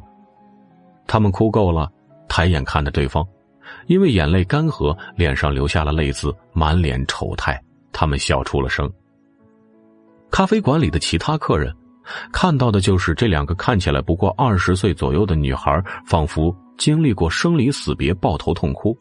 他们不禁猜测，到底是什么经历才会让他们在公共场合如此失态？接着又开始笑起来，哭哭笑笑，疯疯癫癫。洛洛，你帮我请假吧。你看我现在这个样子，也没有办法再去上学了。徐萱萱露出了苦笑，她喜欢学习。每当解出一道难题时，都会有成就感，于是题目就会越做越多。这也是徐萱萱能在 Z 大成为专业课第一学霸的原因。可是冷风一定不会再同意他回学校上课，到时候怕是又以违约的理由威胁他。好，这你放心。齐乐顿了顿，他是知道徐萱萱的，有什么困难都不会主动开口，所以他特意加了句提醒。以后你有什么为难的，一定要来找我。如果下一次再被我发现你需要帮助，但是又偷偷瞒着我，那我们这个朋友也不用做了。反正你也不是第一次不把我当朋友看了。嗯。徐萱萱为了让齐乐相信，故意重重的点了点头。齐乐点了一杯卡布奇诺，他们继续聊了最近在学校发生的事情。聊着聊着，就等到了穆以贤买完小笼包回来。哎，给你买回来了。在咖啡厅吃小笼包，不太好吧？谁说我要现在吃了？齐乐拿出了一盒，给了徐轩轩。这盒给你的，我带回宿舍吃。穆以贤看到徐轩轩旁边坐着的齐乐，于是他只能坐在他们对面。哎，轩轩，你有什么困难一定要和我。还有齐乐说啊，我们一定会帮你的。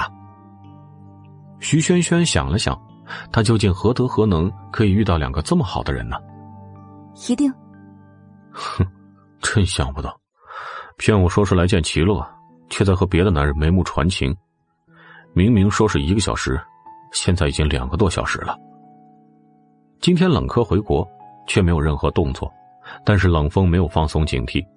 可是，在他工作期间。脑海中却总是浮现出徐萱萱的脸。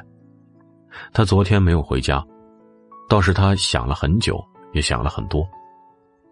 于是，冷风在打电话给王姨时，得知徐萱萱已经出门半个小时，放下了手中的工作，驱车来到了他昨天发信息和他说的那个咖啡馆，却是没有想到，他来这儿是为了见其他的男人。哼。小看你了。驾驶座上的冷风发出了一声冷哼，便回了公司。他可不想花这么多的时间在这些事情身上。冷科早晚会进行下一步动作，他一刻都不能松懈。自从上一次发过短信之后，徐萱萱已经很久没见过冷风了，久到他自己都记不得有多少天了。有时候。徐萱萱也会在晚上吃完晚饭以后看到冷风的身影，但是他每次听到汽车的引擎声，欣喜的下楼迎接，摆好拖鞋，接过外套的时候，冷风总是一脸冷漠的样子。徐萱萱甚至觉得，即便这样也挺好的，至少还能再见到冷风。她就像是一个家庭主妇，每天等着丈夫回来的人妻。徐萱萱不禁有些被自己大胆的想法吓到。拍了拍自己泛红的脸颊，醒醒，他可不是你能幻想的对象。脑海中，一个白色的天使挥舞着天使的魔棒，严肃的说道：“那有什么？不过是想想而已。冷风控制了你的身体，他又不能控制你的思想。”那个穿着黑色袍子、头上顶着大红色角的小鬼嗤笑：“再说，你只是想想，他又不会读心术。”一定不会知道的。今天下午，大少爷回来了，在门口接应的管家朝着房里通报着。冷风刚走进屋，就看到冷子墨在前厅等着他。你现在真是什么都不管不顾了，爷爷可就在里面呢。那又怎么样？冷风冷冷的答道：“那又怎么样？我就想知道你是怎么想的。”你不会不知道儿子才是筹码吧？万一是个女儿，我看你找谁哭去！冷风看着他这个血缘上，这个父亲，不由得烦躁起来。每一次见到他父亲，他都会想起自己的母亲。都是眼前这个男人，为了利益不择手段。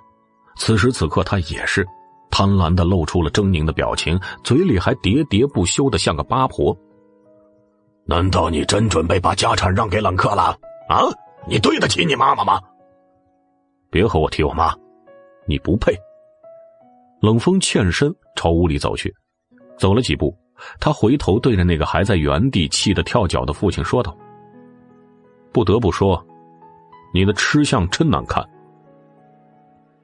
餐桌上，冷征红朝着老爷子说道：“哎，爸，这一次呢？”冷哥从国外学成归来，可是哎，做好了在公司上班的功课。随后将头转向了冷风。弟弟有哪里不明白的，你这个做哥哥的可得好好的指教啊！不是说做好了管理公司的准备吗？那还需要我指导啊？冷风碍于冷红毡在场，没有把这句话说出口。啊，不不不会不会啊！冷风一个人就能把公司打理的这么好，我相信他回来可以把公司推向全球的啊！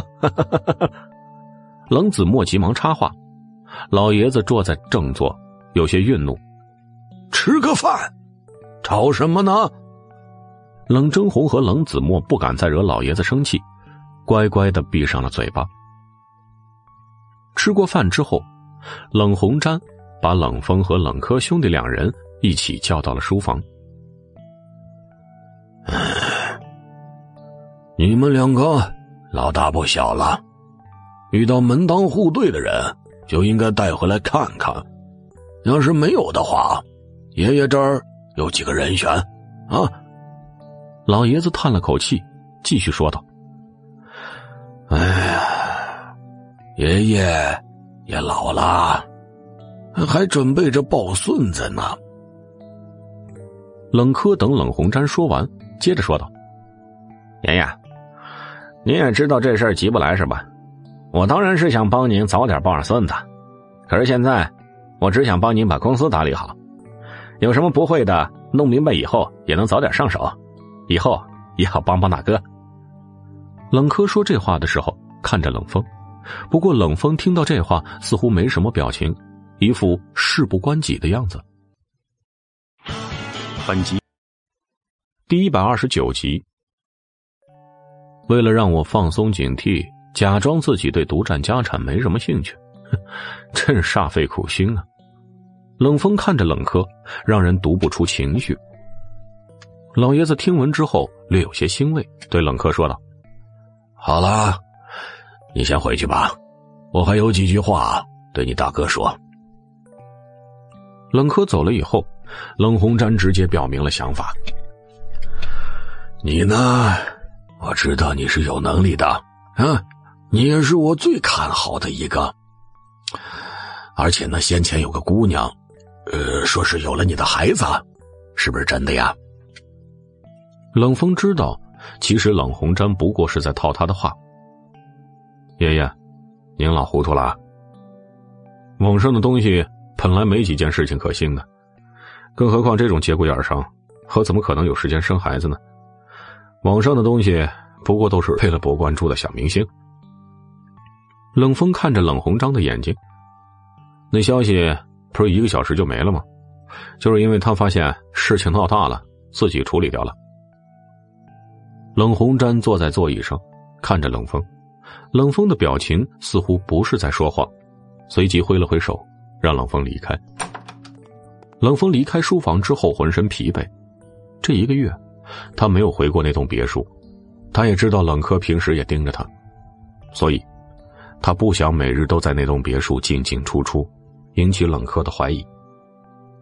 只是今天，当听到冷红毡提到徐萱萱，他有些想他。起身，不顾现已凌晨，驱车赶到别墅。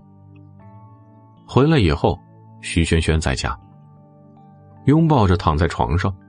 徐萱萱感受到冷风身体的变化，担心肚子里的孩子，想要拒绝他。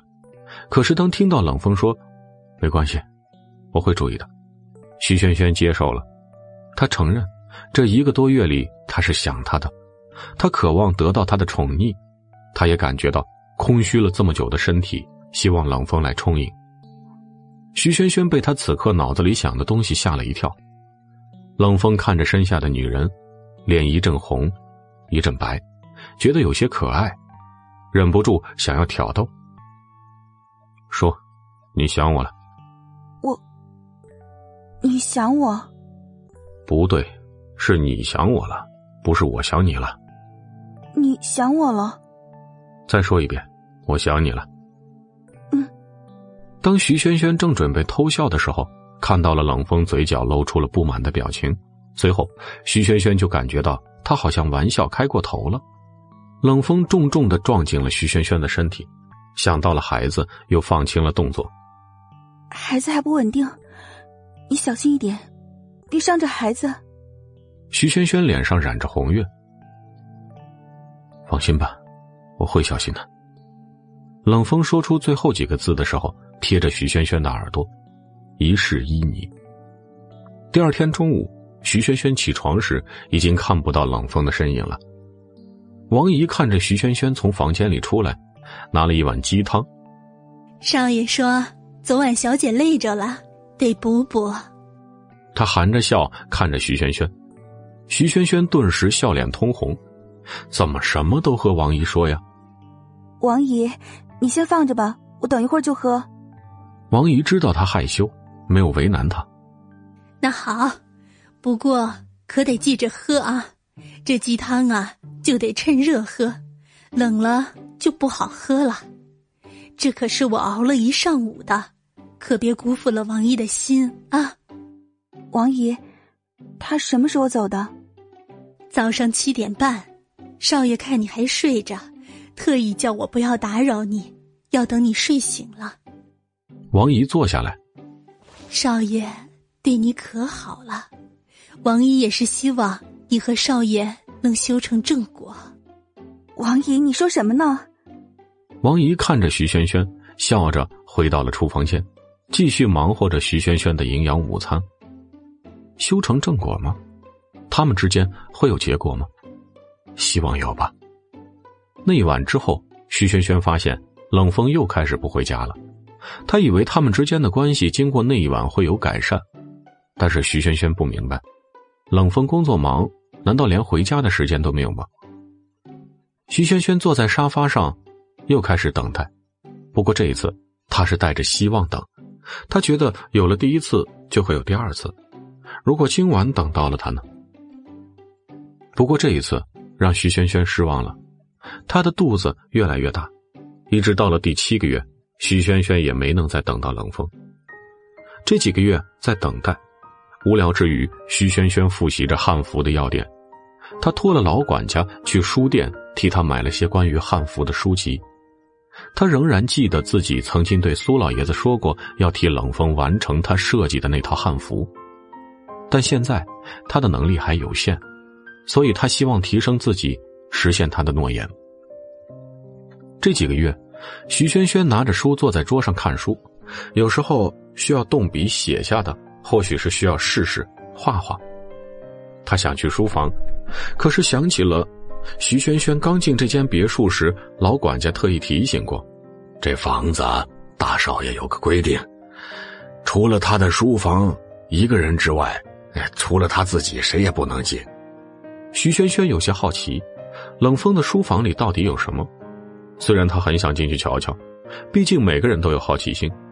但是他担心冷风会因为这件事情而生气，于是作罢。随着徐萱萱孕期越来越长，她决定去医院做一次产检。虽然每个月都会有家庭医生来别墅给她做定期的检查，但是家里的设备总是没有医院的齐全。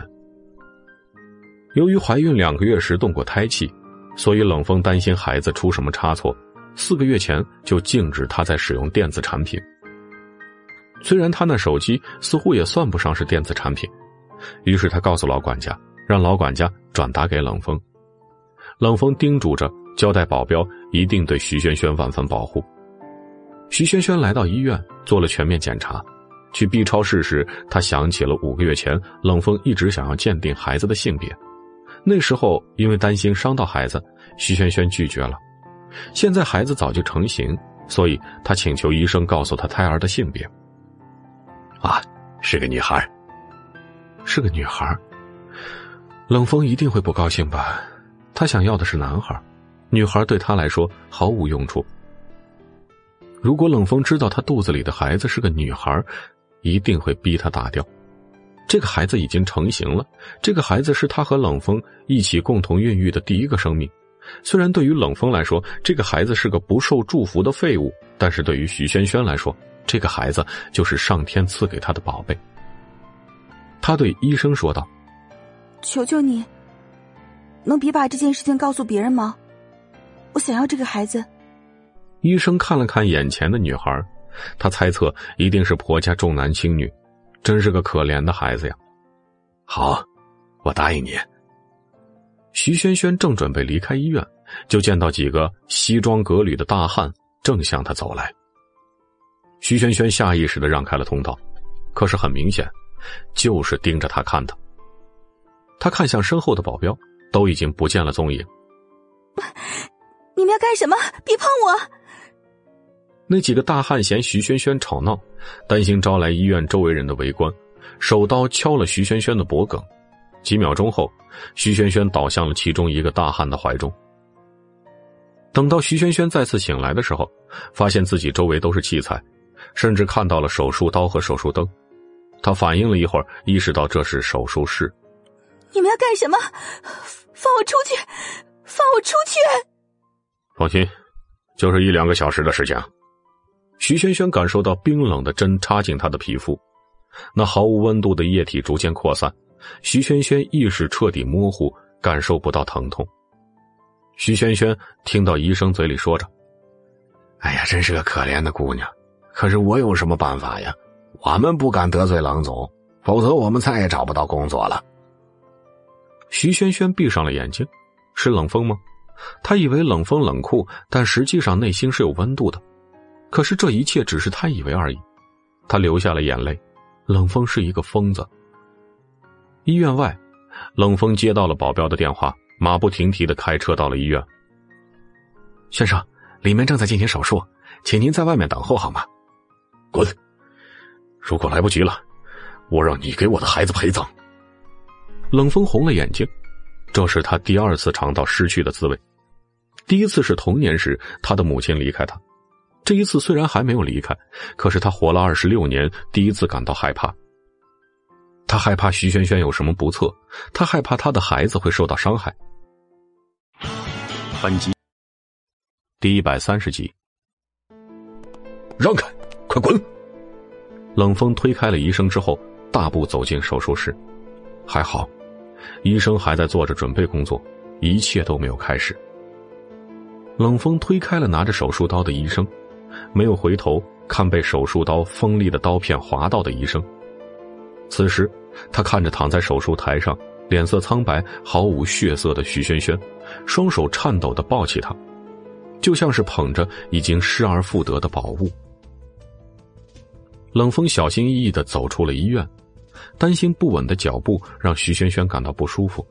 他走到车门旁，艰难的打开车门，把徐萱萱放进了后座。也因为凑近的关系，冷风看到了徐萱萱脸上的泪痕。那时候的他，该多么绝望啊！冷风不敢想，如果不是他及时赶到，徐萱萱究竟会发生什么事情？他走向了驾驶室，又想到了什么，打电话给了孙助理。现在来 Z 市人民医院门口，马上，十分钟看不见你人，收拾东西给我滚蛋！孙明现在还在处理着方才总裁不管不顾冲出去留下的烂摊子，此时又接到了冷风的电话。冷风的助理做的真是不是人做的事儿，要不是钱多，老子立马辞职。我去！此时，孙明暗暗腹诽，他不知道医院里发生了什么，但是想到自己即将被炒鱿鱼，他还是开着车飞速的赶到医院。你迟到了四分钟，钱从你工资里扣。苍天明鉴，他已经闯红灯，开着飞车来的，结果还是迟到了。孙明看着总裁的黑脸。还是没能说出话。赵冷风现在的脾气，他再说一句话，铁定把他丢到海里喂鲨鱼。哟，徐小姐这是怎么了？孙明看着躺在车后座的徐萱萱，像是刚刚走了鬼门关。别废话，坐到前面去，开车。感情叫他来就是让他来当司机的，他自己又不是没有驾照，真急怎么不自己开呢？孙明在冷风看不到的角落里翻了个白眼儿。孙明看到冷风似乎很不耐烦的样子，他尽快的想送他俩回别墅。你会开车吗？孙明瑟缩着，偷偷的看着冷风的表情，用阴森这个词语来形容，一点儿也不为过。但是，孙明似乎没明白自己的意思，又添了一句：“开慢点孙明抹了一把汗。大爷，这不是看你着急吗？要开快还是要开慢呢？您老不能自己开吗？冷风担心徐轩轩的头颠着，引起不适，他伸出手垫在徐轩轩的头下，微微托起，这样即便是遇到障碍物或者是急刹车，都会有个缓冲。孙明透过后视镜看着冷风小心翼翼的样子，有些为他惋惜。谁让他是冷家的大少爷呢？旁观者只看到了身为大少爷的光芒，却浑然不觉耀眼光芒的背后又有多少心酸。对着豪门弟子来说，爱情几乎不会在他们身上发生。他们要做的事情有很多，没有多余的时间拿来谈恋爱。再者，争斗中最忌讳的。就是被敌人知道软肋，解决这一问题的最好方式就是没有软肋。婚姻对于他们来说，只是一个用来发展家业的工具。作为冷风的助理，孙明觉得自己应该有责任提醒他一下。总裁，二少爷那儿的人正盯着您呢，您还是小心为妙吧。孙明担心冷风没听懂他的话，然后说道：“呃，您也曾经说过。”您不可能对徐小姐产生感情，不需要你提醒，我也知道。冷风抬起头，看着孙明的背，有些不悦。我说过不可能，自然是不可能。你只要做好你自己分内的事情，其他的事情，我不需要你操心。此时，冷风虽然嘴上这么说，可是心里却是担心起了徐萱萱。他知道，冷科的人盯着他。所以他才会总是不回别墅。他也知道他不应该搞特殊，他担心因为他在意，为徐萱萱带来无法弥补的伤害。可是听到保镖说在医院被人阻挠跟丢了徐萱萱，并且告知冷风是冷子墨的人把徐萱萱带走之后，他仍然抑制不住来找他。他知道冷子墨会做什么，如果不是他及时赶到，后果冷风想都不敢想。他开始担忧起来。冷子墨知道了徐萱萱的存在，一定会有所举动，看来需要对她加强保护。徐萱萱从麻醉中醒来的时候，是两个多小时后，她猛地从床上坐起来，牵扯到肚子，不禁有些疼。徐萱萱摸上了小腹，还好，孩子还在。她庆幸着，环视着她所处的周围的环境，是熟悉的房间，是冷风的房间。她刚从医院做完产检，虽然医生保证不会说出去，不过依照冷风的能力，一定知道她肚子里是个女孩。就因为是个女孩，不能继承家产就要被残忍的弄死吗？刚刚被带走进行麻醉时，他隐约听到有个医生说：“冷总，哼，Z 市除了冷风还有第二个冷总吗？冷风是真的没有心吗？”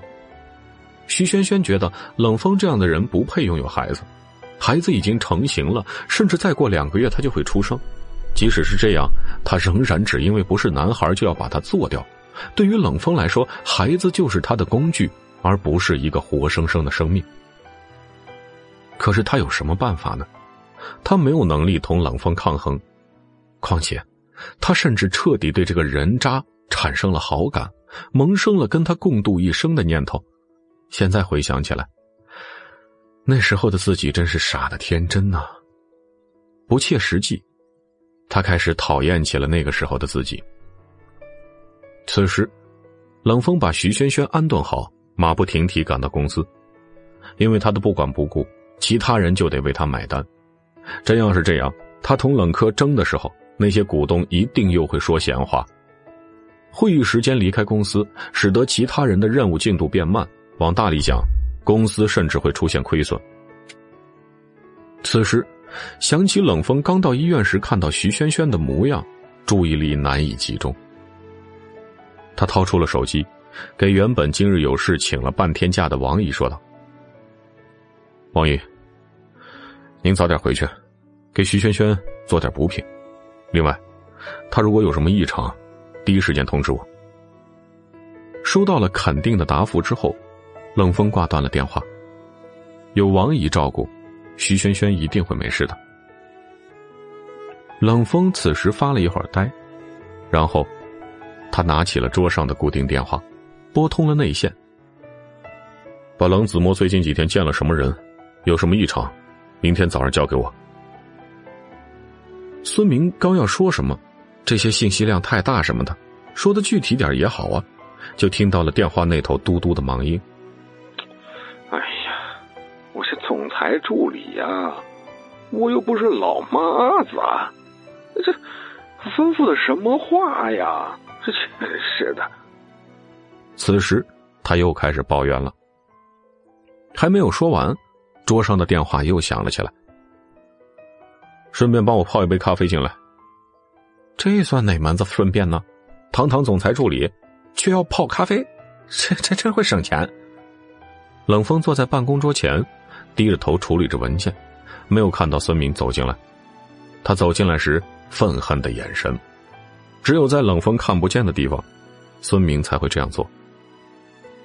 别墅内，王姨在接到电话之后，匆忙赶回别墅。这样的大牌她是惹不起的。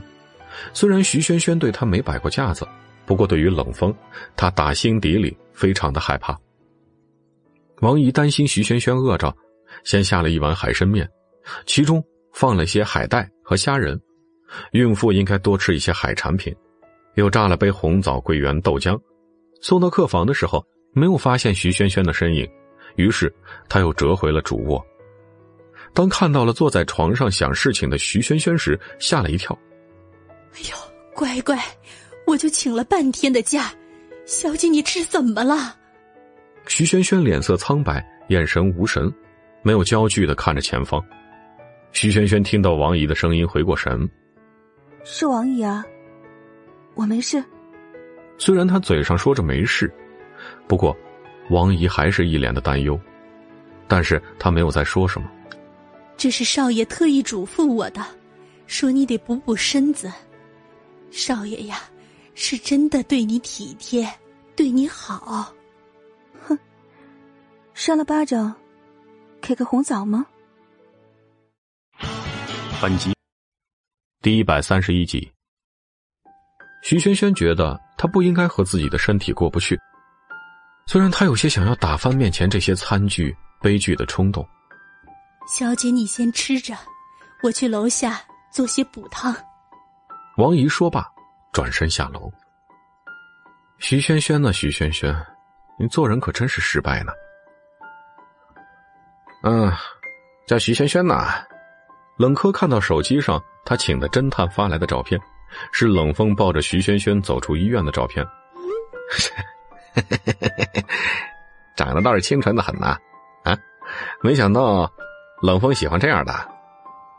冷风最近在忙一块地皮的事情，为此爷爷特地打来电话。哎，这块地皮呀很重要啊。呃，虽然说是势在必得，但是也不排除有变数的可能。所以呢，在施工后都要提防着竞争对手的举动啊。那块地，又是处于商圈的最外圈，靠近景点。风景宜人，所以每日几乎客流量爆满。只要合作成功，带给冷氏的，那将是下下辈子都用不完的财富。完成这么一个项目，对于冷风来说，冷氏几乎是放在口袋里的东西。但是让人担忧的是，竞争者无数。Z 市政府通过竞标的方式，竞争出价格最丰厚的优胜者。而在一旁冷眼观看的冷柯，看似事不关己的样子。不过冷风猜测，冷柯一定会动手，不过不是现在。冷风现在每天都分析着地皮最合理的价格，其他的竞争者竞标价格，集团能够给出的最高价格，以及未来发展带来的收益。他每天忙得焦头烂额，而且，而且还要提防着冷柯。对于徐萱萱的关注也越来越少。两个月后，就在徐萱萱怀孕第九个月，预产期就在这几天，她提前一周进入了医院。这两个月，她没有见到冷风一面。她安慰着自己，一定是因为冷风公司太忙了，不是故意不见她的。她想得出神，忽然觉得腹部有些疼痛，一阵一阵的。此时他有些慌了。对着坐在病床旁边照顾他的王姨说道：“王姨，我是不是快要生了。王姨反应快，立刻按了铃声。不多时，徐萱萱被推出了产房。王姨，你说他会不会来？小姐，少爷一定会回来的。刚刚王姨已经打了电话给他的，王姨相信，不管多晚，他一定会来的。王姨安慰着他，其实他也不确定冷风是否会来。他打电话给冷风的时候，冷风没有接，只好发了消息。但愿如此吧。王姨打电话的时候，冷风正在开着大会。这次的大会非常重要，涉及到地皮价格的问题，所以他没有带手机进会议室。会议结束，他走进办公室时，看到亮起屏幕的手机是王姨发来的。少爷，今天徐小姐临盆，请务必来医院。冷风放下手里的文件，没来得及整理，拿着车钥匙奔出了公司。少爷，你总算来了。小姐刚刚被推进手术室。王姨看到风尘仆仆的冷风，觉得有些欣慰。小姐的等待是有回报的，赶上了，还好赶上了。他喘着粗气，此时没有坐在手术室外的座椅上，他站在门外，紧张的踱着步。活了二十多年，第一次产生了紧张感。他渐渐意识到，自从认识了徐萱萱之后，他经历了太多太多从前没有经历过的事情。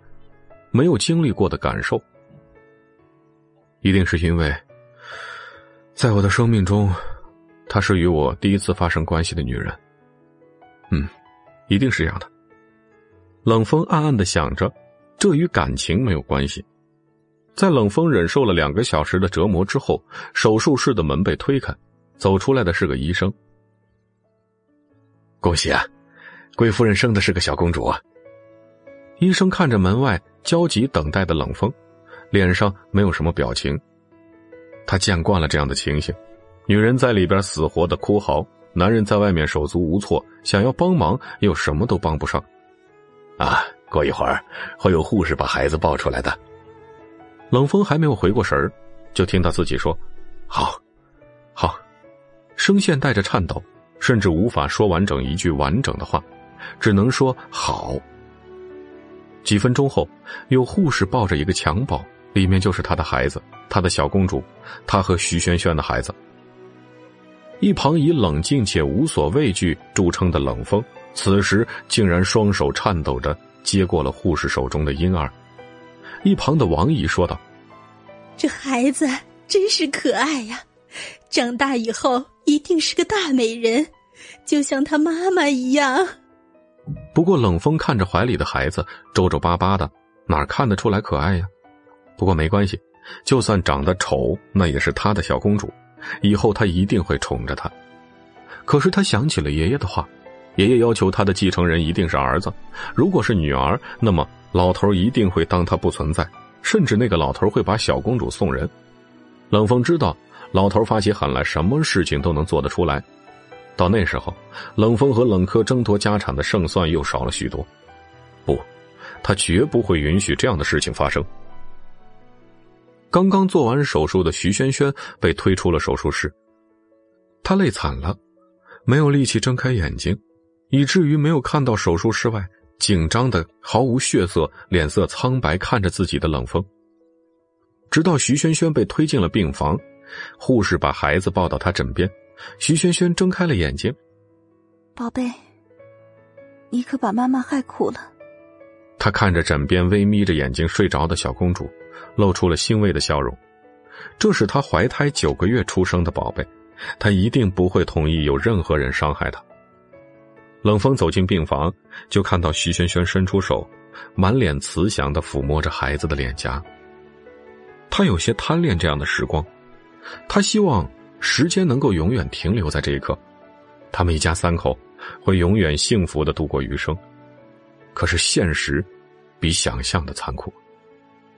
现实中的他是冷氏集团的继承人，他这辈子注定不会和普通人一样过着平凡、幸福美满的生活。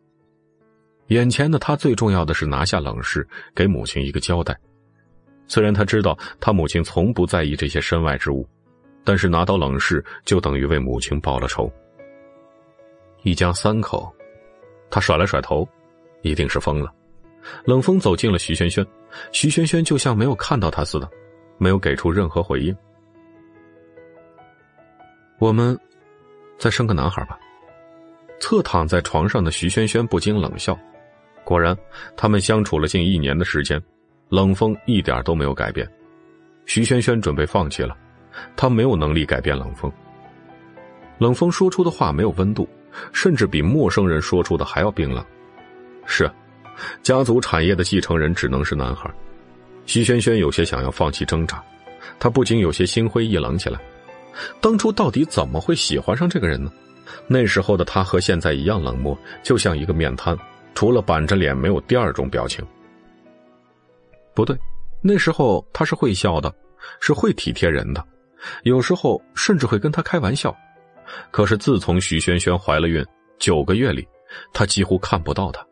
在她孕吐的时候，他没有出现；在她夜晚因为脚底、小腿抽筋。疼的醒过来的时候，他没有出现，甚至在他生产的时候，也不是他陪在他身边。现在冷风一出现，得知是个女孩，就要再要一个男孩，哪有这么容易啊？受折磨的又不是他，他当然感觉不到什么了。他曾经的那些刻在徐萱萱心上的好，比起他的残忍来，显得微不足道。他没有回答冷风，冷风接了一个电话之后，匆匆离开了医院。果然。对于他来说，我就是一个生育工具，一个必须生下继承人的工具。只要一天没有生下继承人，他们之间的合约就一天没有结束。其实他早就该想他了，从他们之间的交易开始的第一天，他就注定成为一个工具。徐萱萱自己都把孩子看作一场交易，他又有什么资格要求冷风呢？徐萱萱，放弃吧，那个冷血动物是不可能爱上你的。他根本就没有心。冷风接到电话，孙明说，先前对地皮的估算有重大失误，需要他立刻赶到公司处理。他心里舍不得徐萱萱，可是想到在医院他有护士，还有医生，还有王姨的照顾，他放下心来，急忙到公司处理事务。他绝对想不到，他这一离开，为将来后悔一生埋下了导火索。反击第一百三十二集，徐萱萱恢复了一周后，孩子和她一起被管家和保镖接回别墅。按照合同里的说法，徐萱萱生完孩子后三个月里，冷风有义务调理徐萱萱的身子。这几天他没有见到冷风，王姨对他和宝宝可谓是无微不至，甚至不会让他亲自下床。这一天他上床后，哄了哄小公主睡觉。便拿出了一本怀孕时叫管家买的关于汉服的书。虽然他如今对于冷风有些失望，但是既然是他曾经说出口的承诺，他就会去实现。徐萱萱准备看一个小时的书就睡觉，同时又想到小公主还没有名字，是时候跟冷风回来商量一下孩子的名字，否则等到上户口的时候再考虑，那时候就太草率了。就等到冷风下一次回来的时候吧。徐萱萱听到楼下好像有汽车引擎的声音，有些怀疑，怎么会是他呢？他每天忙得昏天黑地的，一定又是他的幻听。直到冷风推开了徐萱萱的客房门，他还觉得是出现了幻觉。我们再生个儿子吧。今天冷风处理完公务的时候，冷子墨又来催他了。冷科现在还没动静，一定是准备竞标的时候发个大招呢。你这时候更应该努力一把，不要求你现在生个儿子，至少要怀上。我看你到时候真被冷柯抢走了怎么办？冷风不禁冷笑，他没有找他，冷子墨自己倒是找上门了。我还没找你算账呢。上次在医院里的是你的人吧？倒是装的挺无辜的样子。是我又怎么了？那个是女儿，你又不是不知道，继承人必须只能是儿子。你下不去手，我就帮你一把。你应该感谢我，而不是在电话里边质问我。还有，你是不是忘了我是你父亲？你注意你的言辞啊！这么对长辈说话吗？冷风又想起了自己的母亲，当初自己的母亲怎么会嫁给一个这样的人呢？这一刻，他甚至想到了杀了他父亲。冷风回到家，他今天很疲惫，但是他没有时间休息，他还有很多的事情需要做。冷风走到床边，徐萱萱冷冷的看着他。冷大总裁日理万机，还来看我们母女干什么？冷风没有回答，轻轻的坐在床边，小心翼翼的抚了抚小公主的脸。这就是他的女儿吗？粉嫩嫩的皮肤，长长卷翘的睫毛，像一个小糯米团子。冷风看着女儿的睡脸，嘴角勾起了一抹没有察觉到的弧度。看着冷风的笑容，徐萱萱竟然生出了温馨的一家三口的感觉。她赶紧提醒自己：“你怎么还能被他给蛊惑？难道你忘了他有多冷血？不要再被他骗了。我已经给你生了女儿，再过段时间，我们的协议就要终止了吧？”徐萱萱面无表情的说道。可是，在徐萱萱的眼中，他的改变像是一个笑话。此时，只有他一个人用心。台下的所有观众都在对他嘲笑，他们之间的关系始终是一场交易。孩子对于徐萱萱来说，只是一个谋取钱财的工具。冷风此时红着眼睛，看着坐在床上的徐萱萱，仿佛下一秒就会冲上前去，把他掐死，或者生吞活剥不留尸体。徐萱萱缩了缩脖子，她有些害怕这样的冷风。更多的是失望，他呆若木鸡的看着前方，哼，不愿意跟他生个儿子就气成这个样子吗？自己对于冷风到底是什么？当初冷风把他从深渊里救出来的时候，徐萱萱感激不尽，他不用下海就可以救爷爷，冷风这辈子就是他和爷爷的恩人。可是现在呢？刚刚冷风摔门而去，徐萱萱后悔了，他觉得好像当初走了另一条路。都不会比现在痛苦，因为至少他不会对那些嫖客产生感情，内心不会有落差。可是后悔又有什么用呢？他的生活不是写小说，写一句重生，他就可以吃到后悔药，回到他做出选择的那一天。对于他的人生，重新做出选择。或许他的人生就是这样，灰暗无助，就像是溺在水里，不如直接溺死，何必做出挣扎？至少那样，他死得更痛快，不像现在这样，要死不死，要活不活。徐萱萱被冷风关了起来，冷风对管家说：“不允许徐萱萱踏出卧室一步。”冷风自己也不知道自己为什么会这样做，他希望徐萱萱能有时间重新考虑他提出的事情。这件事情对于冷风来说很重要，也许也能让他和徐萱萱之间的关系更进一步。他给女儿请了保姆，照顾孩子的起居。徐萱萱每天有两个小时的时间和孩子相处，孩子需要母乳。那块地皮仅仅靠估价是远远不够的，所以他需要去实地考察，还需要和政府人员应酬。冷风非常清楚，在商场上仅靠实力是不可能取胜的。H 市离 Z 市很远，两个小时的飞行时间。那天他离开别墅之后没有停下，打电话给助理，要求他订两张最近时间 Z 市飞往 H 市的机票。村民正准备睡下，就接到了那个冷面阎罗的电话。哎呀，简直了！还有一个小时就半夜了，大半夜的坐什么飞机呀？近期公司事务繁忙，孙明跟着冷风跑东跑西，已经好多天没有好好休息了。好不容易今天比平常早半个小时下班，他回到家。闷头就睡，接着又被吵醒。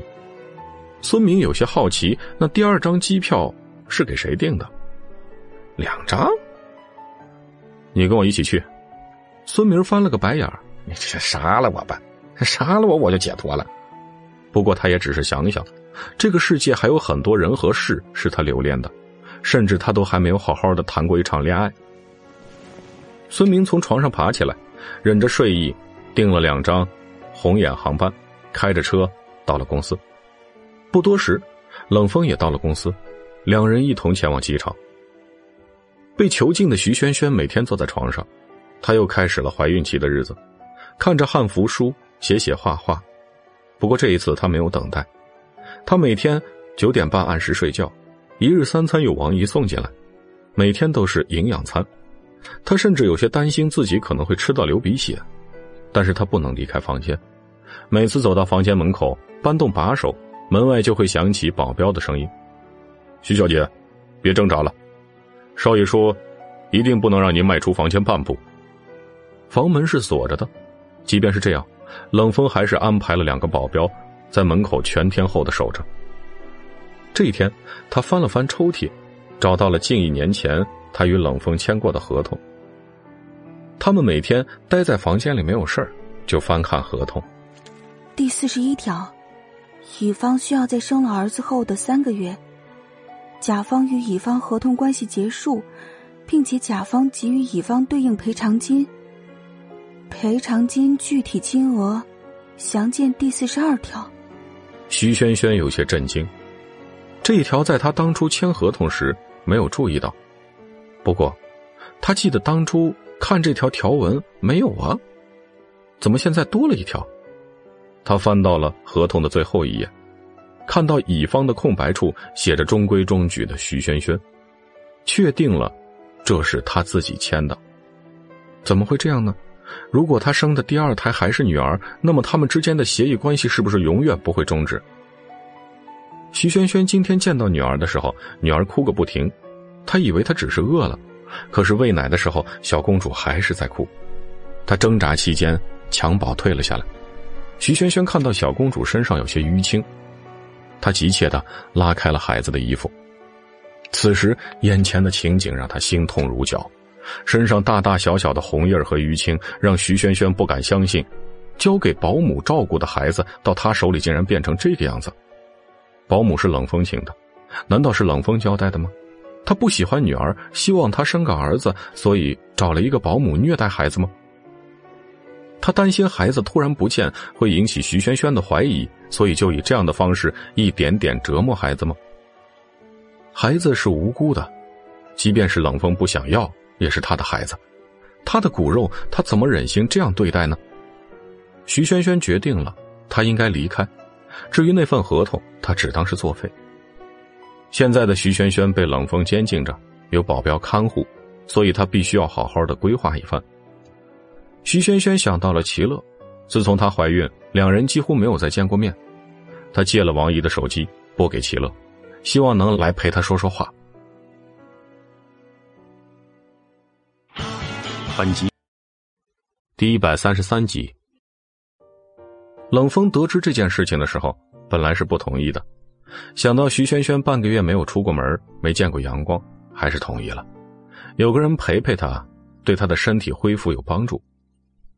齐乐来到别墅，就猜到了事情没那么简单。徐萱萱不会莫名其妙的打他电话来让他陪他。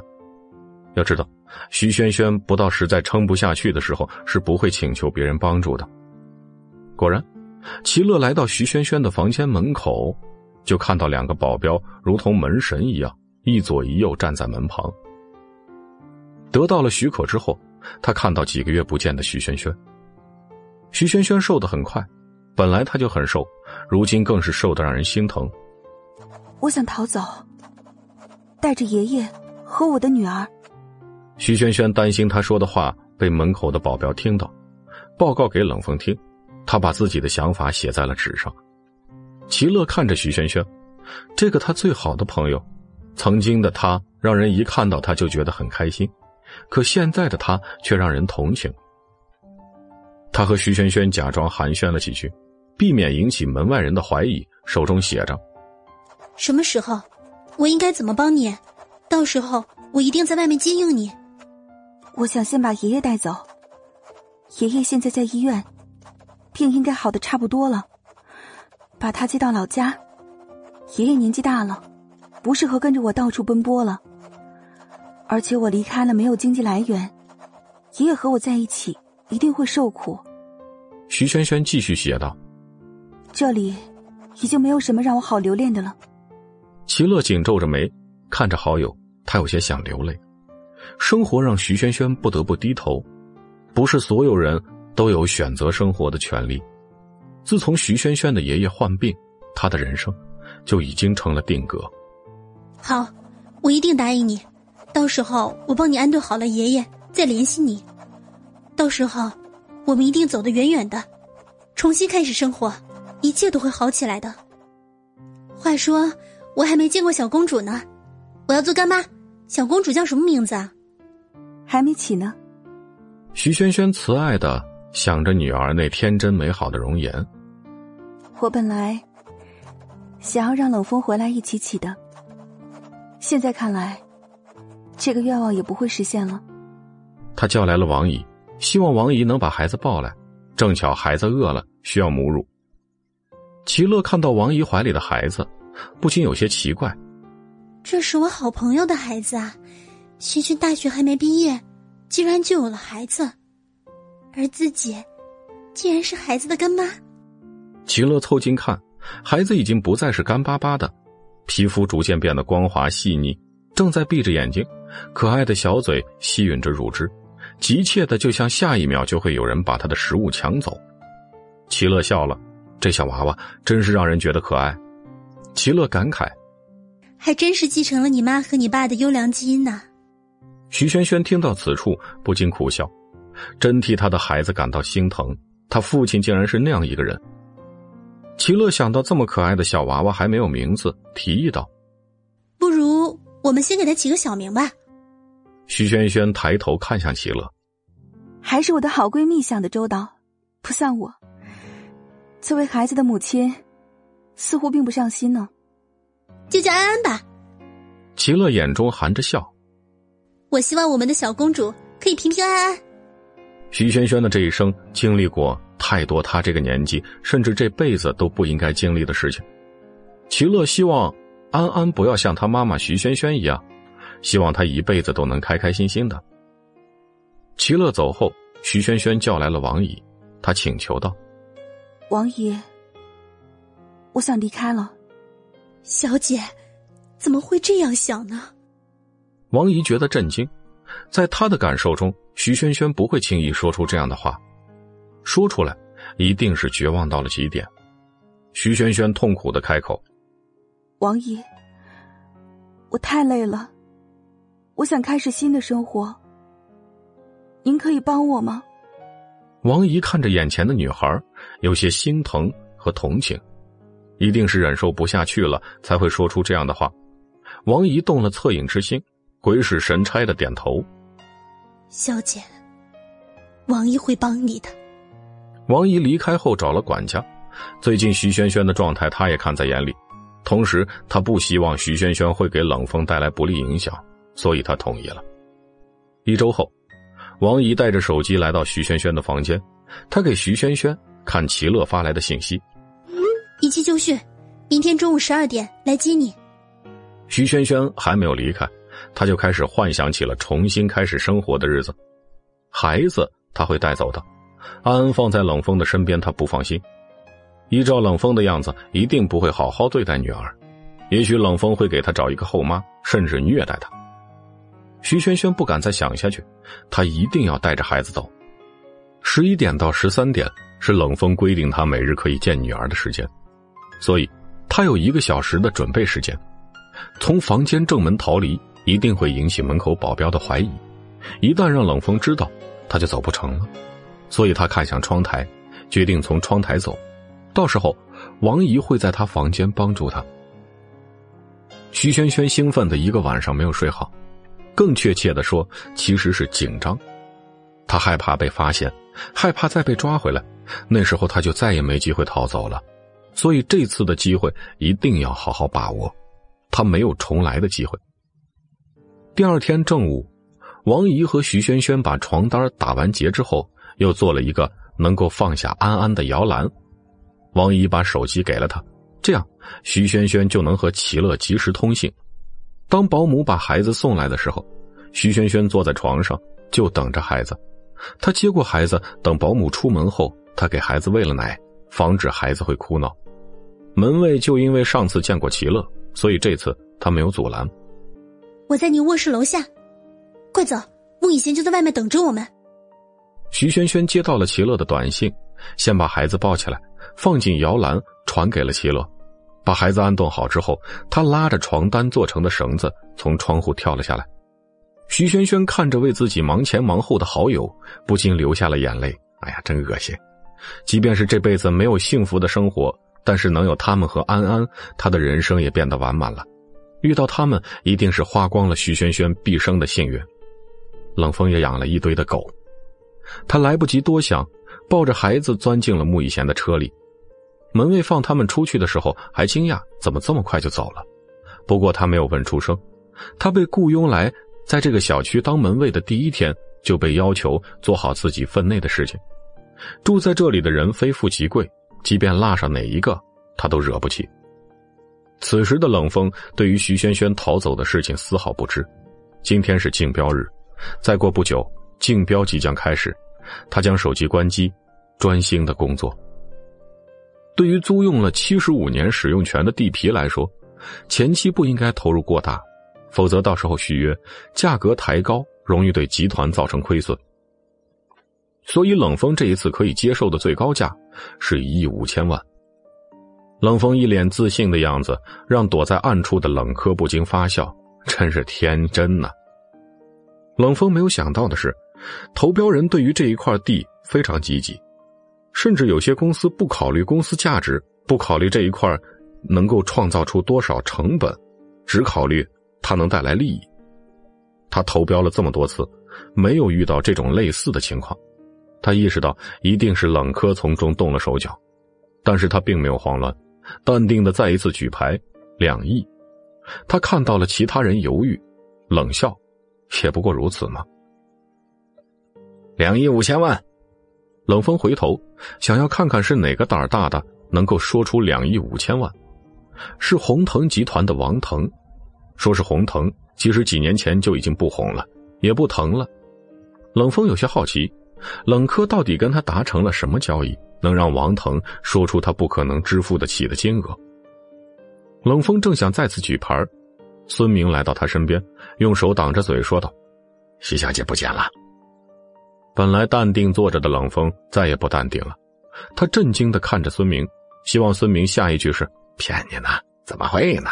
徐小姐是不可能走的。”可是冷风失望了，他从孙明坚定的眼神里读出了这件事的真实性。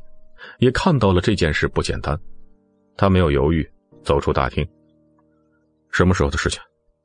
孙明几乎跟着要跑出来的冷风，就在刚刚。本集第一百三十四集，保镖打电话来说是保姆进了徐小姐卧室，准备带走孩子的时候，发现人不见了，孩子也不见了。孙明继续说着：“保镖本来打了电话给你。”但是你没接，然后就打来我这儿了，冷总，你不用担心，也许徐小姐只是出去玩了，我给你订了最快的机票。孙明小心翼翼的看着冷风的脸色，总裁看上去好像是下一秒就要爆发了。冷风把手机开了机，果然有两个未接电话。冷风安慰着自己，如果就是出去玩了呢？他没有时间犹豫，搭了航班，拖着疲惫的身体回到别墅。真是胆子大呢！冷风看到窗台还没有被收回去的床单，他的愿望落空了。很明显，徐萱萱逃走了。以前怎么没发现你胆子这么大呢？被我抓回来你就死定了！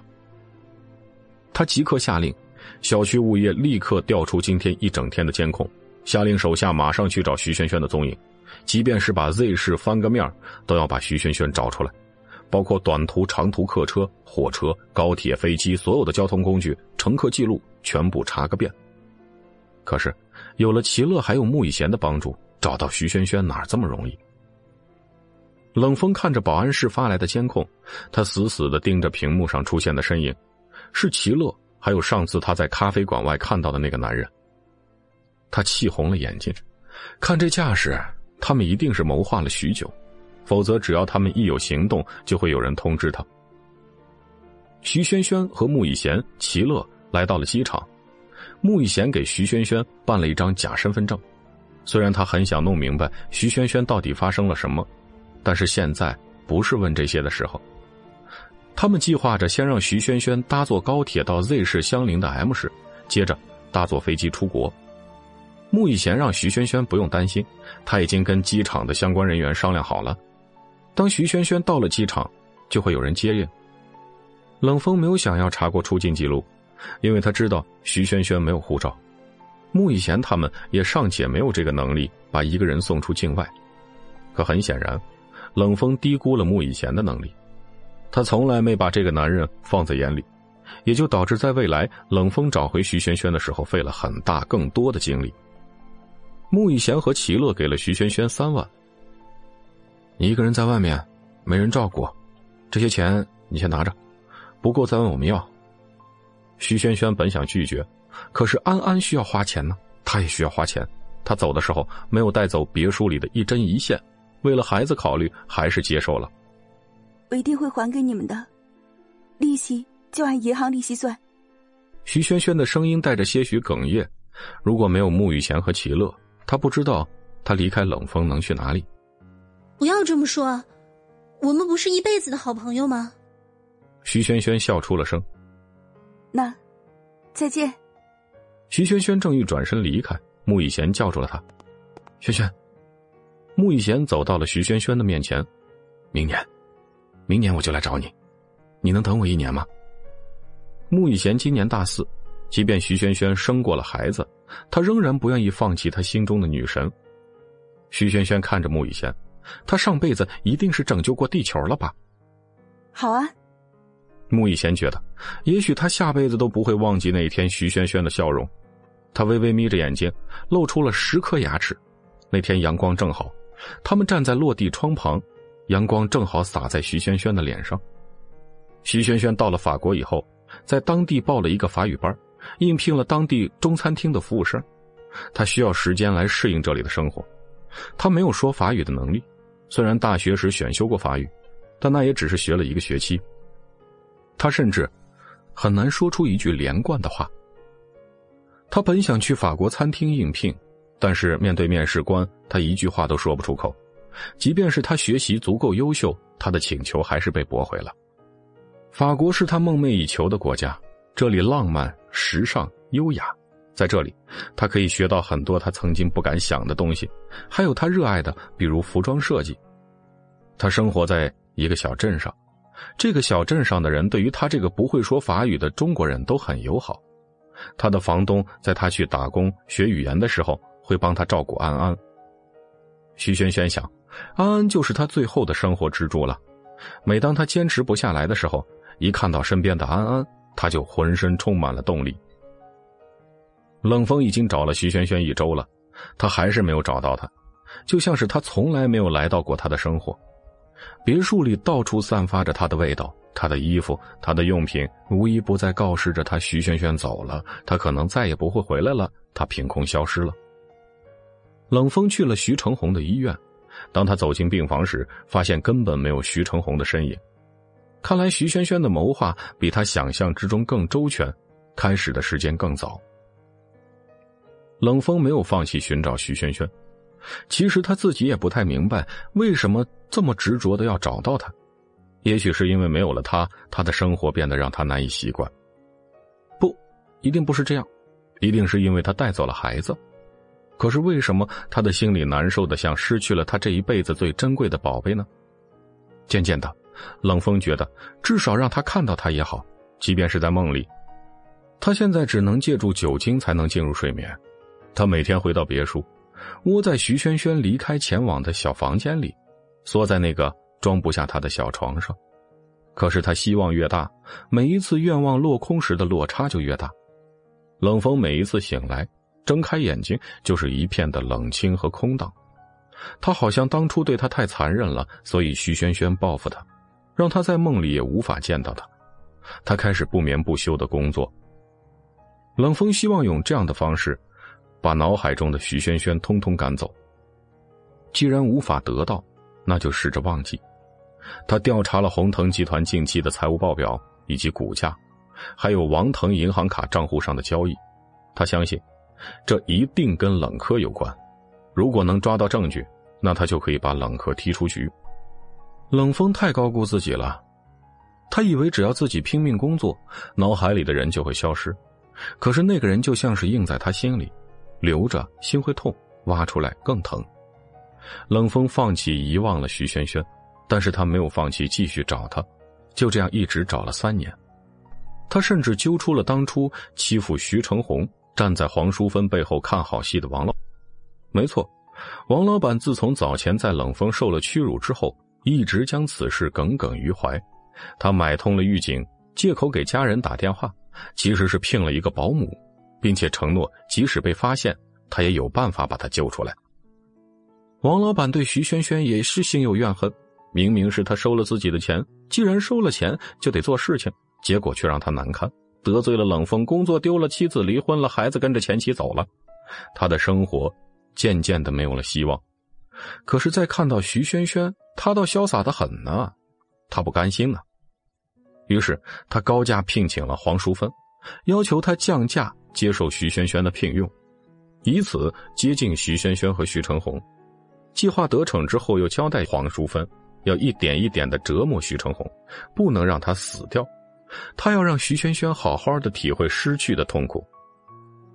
可惜，计划再周全，又怎么能够与只手遮天的冷少抗衡呢？既然进去了，还不老实，那就别怪我没给你机会。冷少轻描淡写的说了一句话，就让王老板在监狱里受尽折磨。没多久，新闻便登出了贪污犯人自杀身亡的消息。A 市机场。人流如织，而在熙熙攘攘的人群中，一名女子格外出众。白皙的脸蛋，淡淡的柳叶眉，一双小鹿般的眼睛映出纯洁的美好。一尾长长的马尾辫更增添了几分娇美。在她身边还站着一个粉雕玉琢的小人，引得路人不住的回头张望。她是徐萱萱，时隔三年，终于回来了。在刚开始出国的一年里，他的生活非常艰难，三万块钱根本不够用，安家是一件很费力的事情。虽然说安安很乖，但是养他也很费力。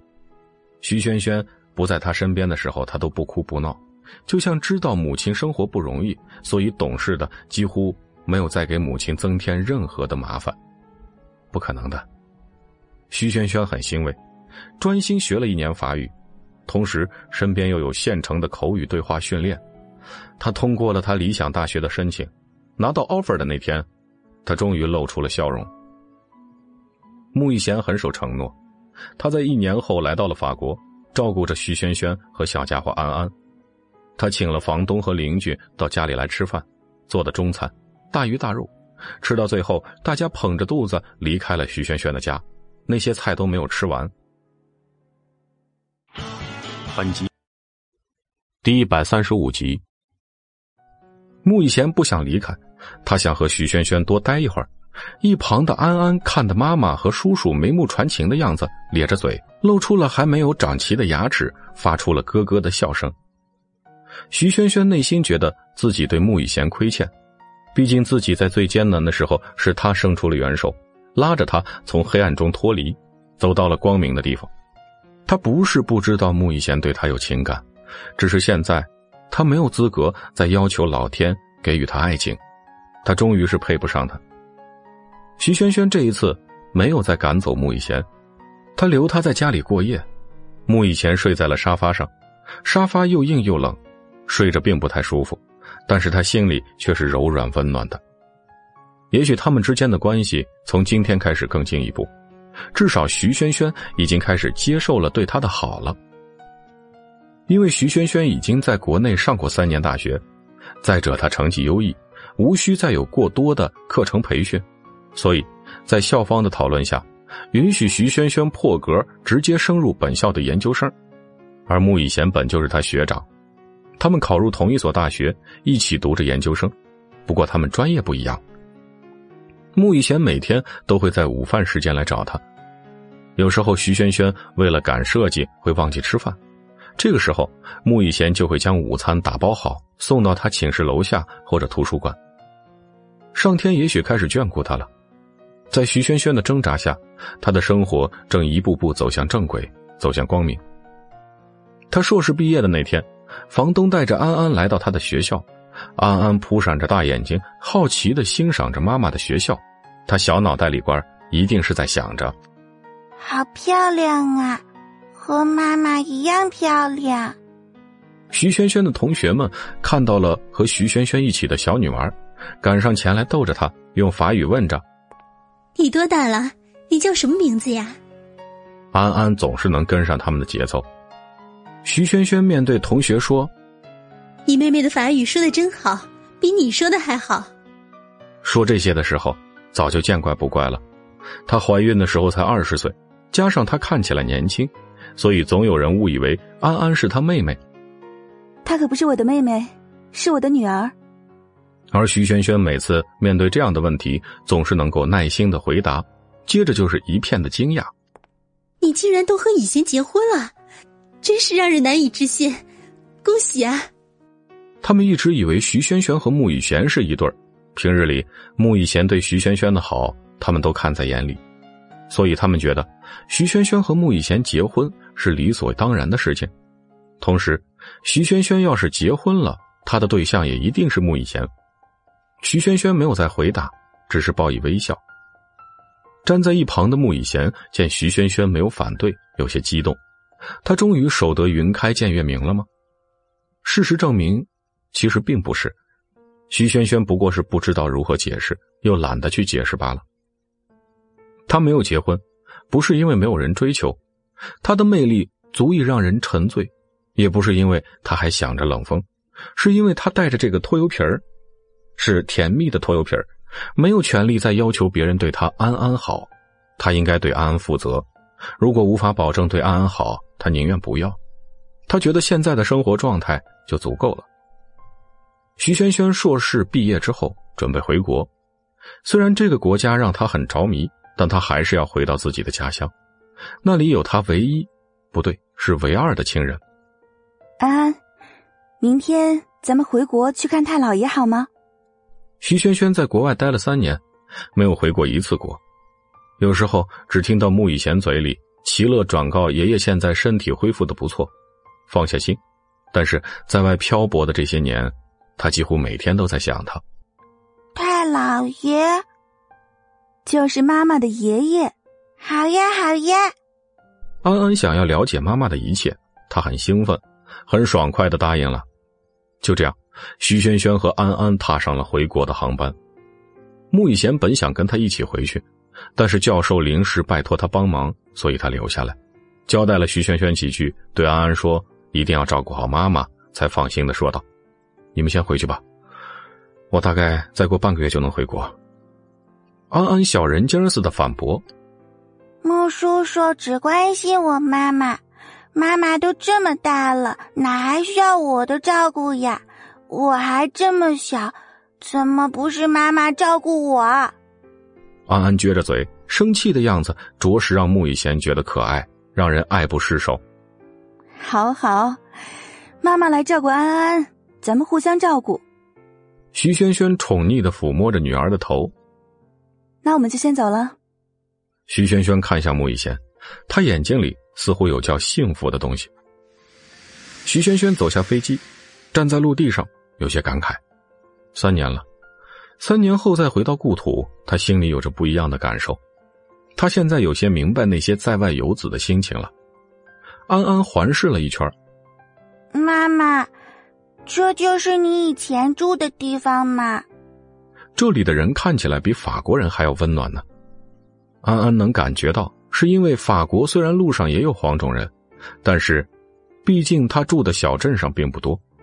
现在下了飞机，周围都是与他一样的黄皮肤、黑头发、黑眼睛的大哥哥大姐姐。他觉得，这里果然比法国舒服。而这个城市的另一边，郎总。明天，呃，有从里昂机场飞去 A 市的航班。冷风等着孙明的下一句话。乘客名单上面有徐小姐的名字。冷风抬头看向了孙明。里昂，法国里昂吗？啊，是。经过身份确认，的确是徐小姐。冷风找了徐萱萱三年，他不是没有想过放弃。可是想一想，如果他多查一会儿就查到了呢？他这样安慰自己，就安慰了三年。他又去问了齐乐，徐萱萱到底去哪儿了？可是齐乐看了猫眼，一看是他，直接把门反锁，一句话都拒绝跟他说，更别说从他嘴里套出徐萱萱的踪迹。冷风找不到他，原来他是去了法国。在徐萱萱离开的这三年里，他重新审视了自己的心。如果说只是因为他带走了他的女儿，那他完全可以接受父亲要求的商业联姻，他会有很多孩子。可他还是拒绝了，他跨不过那道坎儿。如果哪一天徐萱萱回来了，看到自己与别的女人结了婚、生了孩子，那他们之间就再也没有可能了。为什么是 A 市？孙明早就猜到了冷风会这么问。啊，徐小姐老家是 A 市的，而且刚才我们查到了徐成红这三年一直住在 A 市老家。冷风有些懊恼，哼，我早该想到了，早该从他老家查起的。可是他又有些庆幸他当初的愚蠢。如果真的找到了徐成红，先不说会让徐成红担心，他甚至会冲动的做出伤害老爷子的事情。给我备车，好嘞。孙明知道。冷风早晚会沉不住气，所以早就把车钥匙准备好了，递了过去。A 市机场门口，冷风赶到的时候，徐轩轩和安安刚刚取下行李，他们在门口拦了一辆出租车，准备先去睡一觉，再去看望徐成红。小孩子受不了过长时间的飞行，安安因为太兴奋没有睡觉，看着窗外就像棉花糖一样的云，所以一下飞机就开始犯困。冷风坐在驾驶座上，看着这个三年没见的女子，她的肩上还扛着一个穿着粉红色小洋裙的小姑娘，这就是她的女儿吧？都长这么大了。此时的冷风就像一个过了六十岁的老父亲，看着几十年没见的孩子，正要抬手抹一抹眼角根本没有的眼泪。他克制住了下车与他们相认的欲望，他担心徐萱萱见到他以后又跑。他们之间有几个三年呢？为了以后的幸福生活，还是忍一忍吧。冷风偷偷的开着车跟在出租车后面，徐萱萱忙着照顾女儿，没有注意到异样。出租车司机指出来了：“哎，后面那辆车好像跟着我们呢。”徐萱萱回过头，是一辆他不认识的车。他不过刚回国，A 市也没有认识的人，更没得罪什么人，怎么有人跟踪呢？于是他没放在心上。只是对司机说道：“应该不是跟着我们的。”徐萱萱回到了她曾经住的小公寓，家具上还铺着防尘布。她叫了安安：“安安，到家了，先别睡了，等妈妈收拾收拾，打扫完再睡好吗？不然裙子会脏脏哦。”安安睁开了惺忪的眼睛，像是没力气，脚步悬空似的点点头。徐萱萱先打扫了床，打扫完后让安安躺下。在他收拾公寓房间的时候，看到楼下停车场上停放着一辆与周围的小破车格格不入的轿车，他一眼认出了是在出租车上被司机指着的那辆。本集第一百三十六集，他也住在这儿吗？可是像他这样的贫民窟里，怎么会有一辆看上去全新的车出现呢？不过徐萱萱没有多想。毕竟这是别人的事情，也许他有特殊的癖好，就是喜欢待在破公寓里。徐萱萱忍不住笑了笑，有钱人的品味，他永远都猜不透。冷风坐在车里，看着小区周围的环境，根本称不上小区，这里的门卫甚至没有在岗位上工作的人。对于他来说，这样的环境甚至无法住人。他把车停在徐萱萱所在的公寓楼下。一抬头就能看见徐萱萱的窗户，那里面有他日思夜想的人。他抑制住了自己想要冲过去紧紧抱住他的冲动，守在车里看着他。上一次是自己逼走他的，这一次他不会再放他离开。此刻房间里，安安揉着眼睛醒来。今天一天了，除了飞机上发放的那点东西，他还没有吃饭。现在当然是被饿醒的。他穿好了小鞋子，走出了卧室。寻找着徐萱萱的身影，徐萱萱还在打扫屋子。妈妈，我饿了。安安醒了啊，那咱们去太姥爷家吃晚饭好不好？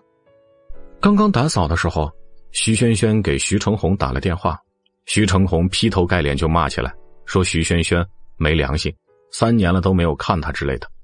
徐萱萱自知理亏，没有反驳。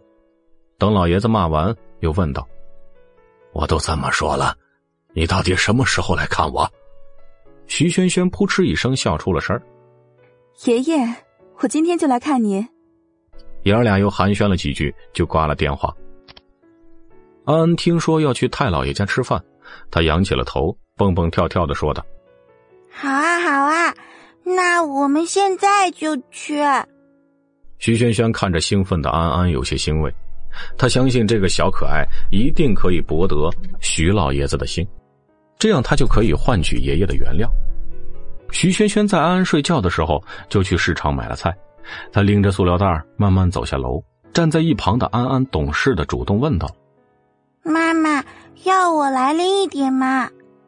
徐轩轩把装着橘子的袋子递给他：“安安小心哦。”安安双手提着袋子，小心翼翼的走下台阶。妈妈，太老爷是个什么样的人呢？会不会不喜欢安安啊？不会，我的安安这么可爱，怎么会有人不喜欢呢？冷风在车里坐了几个小时，一向对下属要求严格、惜时如命的他，今天很有耐心。也许是在他心心念念的人近在咫尺的距离。让他感觉到心安吧。经过这三年，冷风渐渐明白，这个地球不是没了谁就会不转的。但是如果冷风没有了徐萱萱，他就活不下来，因为他尝试过了。这三年来没有徐萱萱在身边，他起初用酒精麻痹自己，后来用工作，再后来开始自欺欺人。这一年只是一个梦，他的生活中从来没出现过一个叫徐萱萱的女子，可是他失败了。失败的彻彻底底。冷风原想要放弃寻找，可是当他醒来时，才发现自己欺骗自己的样子有多么可笑。所以冷风没有放弃寻找，他觉得他的人生已经被徐萱萱毁了，所以至少要让他找到他，惩罚他的不告而别，惩罚他不让他找到他。再后来，他不再奢求徐萱萱能够接受他。冷风只希望他能在有限的生命中再看看他。几小时后，冷风望向了公寓单元的楼梯口，他甚至怀疑自己眼花。冷风看到了一位穿着纱裙的女子向楼下翩翩走来，她每走一步，迎着风，带起裙摆飞扬。冷风坐直了身子，目光紧紧的盯着远处的客人，又害怕被徐萱萱发现，又把他吓跑。于是缩了回去。徐萱萱的旁边，还有一个双手捧着一袋看似很重的橘子的小娃娃，面容精致，像一个小瓷娃娃，脸上带着幸福的笑容。哼，这一定是我的女儿吧？冷风的脑海中回想起了当他第一次见她时，他甚至不敢抱她，生怕抱在怀里一个不小心就会变成碎片。那时候的冷风觉得，这么皱巴巴的孩子。以后哪会长得有多好看呢？现在，果然还是他冷风的女儿最漂亮。冷风的嘴角带着笑，还是徐萱萱和他的结合基因是最优良的。远处的徐萱萱只顾低着头注意自己和女儿脚下的路，并没有抬头看远处那辆黑色轿车里一脸猥琐，好像在意淫什么不可描述之事的冷风。徐萱萱带着安安坐公交车来到了徐成红家。安安其实早就习惯了坐公交的日子，在法国，徐萱萱一直教导他生活需要节俭。安安知道徐萱萱一个人带着自己很不容易，虽然穆叔叔对妈妈很好，但是妈妈告诉他，他不是自己的爸爸，他只是妈妈的好朋友，所以对于他的好，能不接受就不接受。妈妈的不容易让安安意识到自己同其他同龄人不一样，比如隔壁的班尼小朋友的爸爸。会陪他去玩，而他只有穆叔叔。比如其他小朋友家里有什么脏活累活，会有男人帮忙，但是穆叔叔不在的时候，这些事情都是妈妈做。徐成红家门是开着的，但是没有人来迎接。徐萱萱有些担心徐成红发生了什么不测，毕竟徐成红不会这么粗心的门大开着。人不在，他朝着里屋走着，一边喊道。爷爷，我是萱萱啊，我来看您了。无人应答。安安好奇，妈妈是不是太老爷不愿意见我们呢？怎么会呢？徐萱萱紧张的走到了屋里。那为什么这么久了都没有看到太老爷呢？徐萱萱在看到坐在沙发上看着电视的徐成红后，放下心来，原来是不想见他。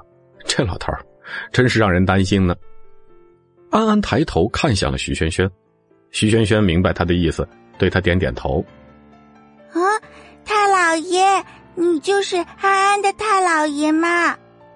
安安直直的冲到了徐成红的怀里，抬头看着徐成红，睁着大眼睛，激动的说道。徐成红看着怀里的女娃娃，他知道这个就是他的曾孙女。三年前，徐萱萱同他坦白的时候，他就料到会有这么一天。他看着这么可爱的安安，本想板着脸冷落冷落徐萱萱，谁让他这三年一个电话也不打，甚至都不知道他去哪儿了，让他担心了这么久。他一定要晾一晾这个自以为是的坏东西。虽然徐成红觉得徐萱萱的良心是黑的，让他白白的担心了三年，不过看到安安的时候，他缴械投降了。老爷子喜欢小孩就看他多宠着徐萱萱就知道了。在徐成红眼里，徐萱萱是一个永远长不大的孩子。你叫安安呐？今年几岁啦？安安今年三岁了。太老爷今年几岁了？试问，有这么一个精致贴心的开心果在身边，那还会有什么坏情绪呢？徐成红耐着性子说道：“嗯，太老爷今年七十八岁了。嗯，那太老爷比轩轩大很多很多呢。”安安看到沙发后被冷落的徐轩轩，他朝着徐成红指着徐轩轩说道。太老爷，站在那里的是我的妈妈。嗯，虽然徐成红嘴角带着笑，但是徐萱萱却怎么都听不出兴奋的情绪。即使没有兴奋，好歹也给他一个眼神啊！徐萱萱有些无奈，他知道自己当初的不辞而别，刺痛了徐成红的心。这些年，他们没有见过一次，甚至也没有联系过一次。徐成红。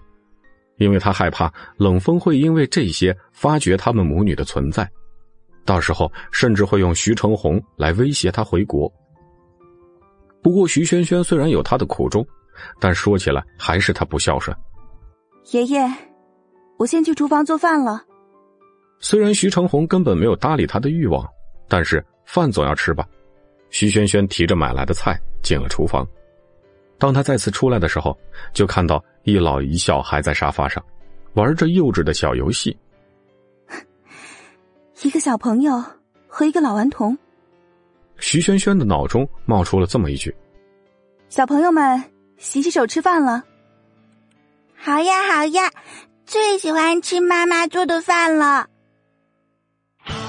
本集第一百三十七集。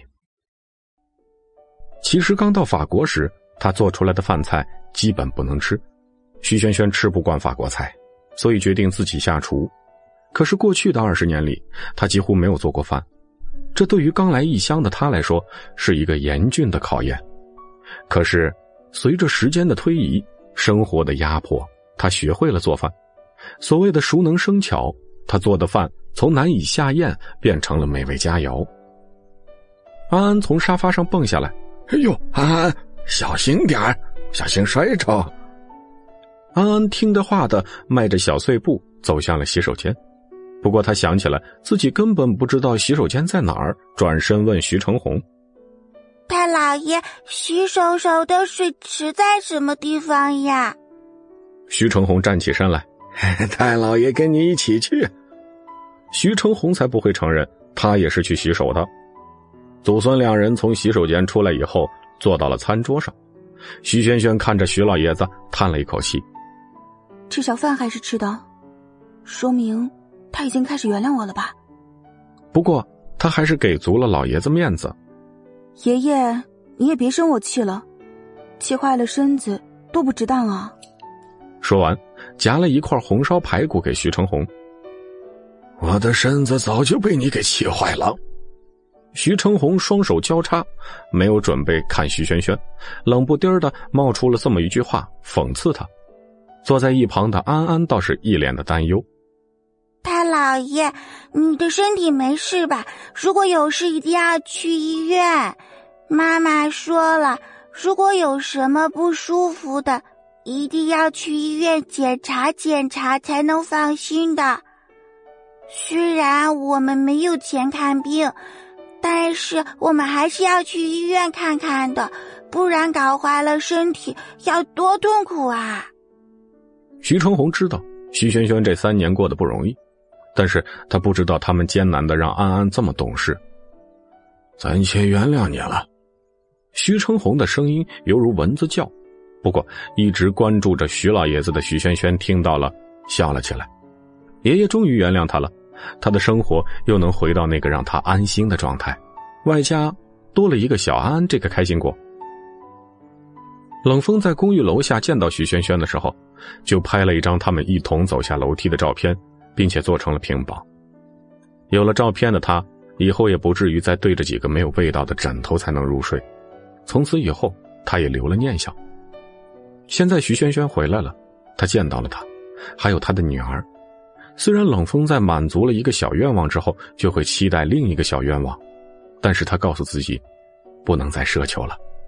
至少现在，他视野范围之内能看到他，但是如果他出现，那徐萱萱又跑到了他这辈子都不可能找到的地方。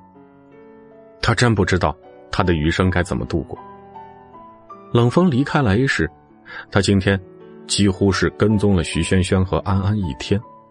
徐萱萱已经有所察觉到他的存在，为了不引起怀疑和关注，他回了 Z 市。因为他临时增加的行程，让他原本的时间表变得很乱，而且繁忙。冷风决定提前处理下一周的公务，这样他就能够空出整整一周的时间去 A 市，再看看他心尖上的两个人。他可是冷风啊！曾几何时，他是那么的骄傲，不把任何人放在眼里。可是如今，因为一个女人不管公司的进度，就能够空出时间来陪他们。其实更确切的说，是让他的生活有个寄托。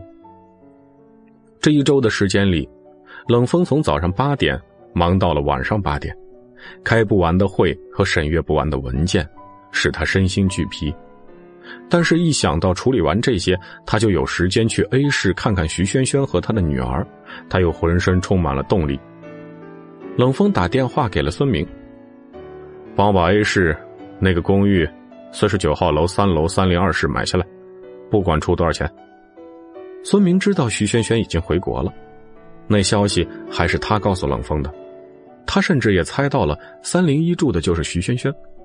他没有询问价格，直接联系了原来的房东。房东本来是坚决拒绝的，毕竟房子已经租给了别人，房客又没有拖欠房租。也没有什么恶劣行为，中途赶人家走，以后没人租怎么办？孙明对房东说：“这些请放心吧，我们会为他重新租一套房子。至于这套，我们买了，价格您随便提。”房东对孙明说了最后一句话，将信将疑。他说出了一个比他买这个房子时十倍的价钱，没想到孙明竟然同意了，那他就没什么理由拒绝了。他们处理好了一些转房的手续，房东就拿着这一大笔钱，带着全家去旅游了。他心里还想着，这天底下见过脑子有问题的，没见过这种视金钱如粪土的金主。放着这么多钱不买大别墅，却来这种贫民窟买房，果然，有钱人的思维不是他们这种凡人能够理解的。徐萱萱此时眼看着安安已经到了上幼稚园的年纪。他带着安安去了附近口碑比较好的几家幼儿园，通过他的审核之后，让安安自己选择自己喜欢上哪一所。徐萱萱选择留在 A 市的原因，除了这里有他的爷爷，主要还是不想再回到那个让他伤心的地方。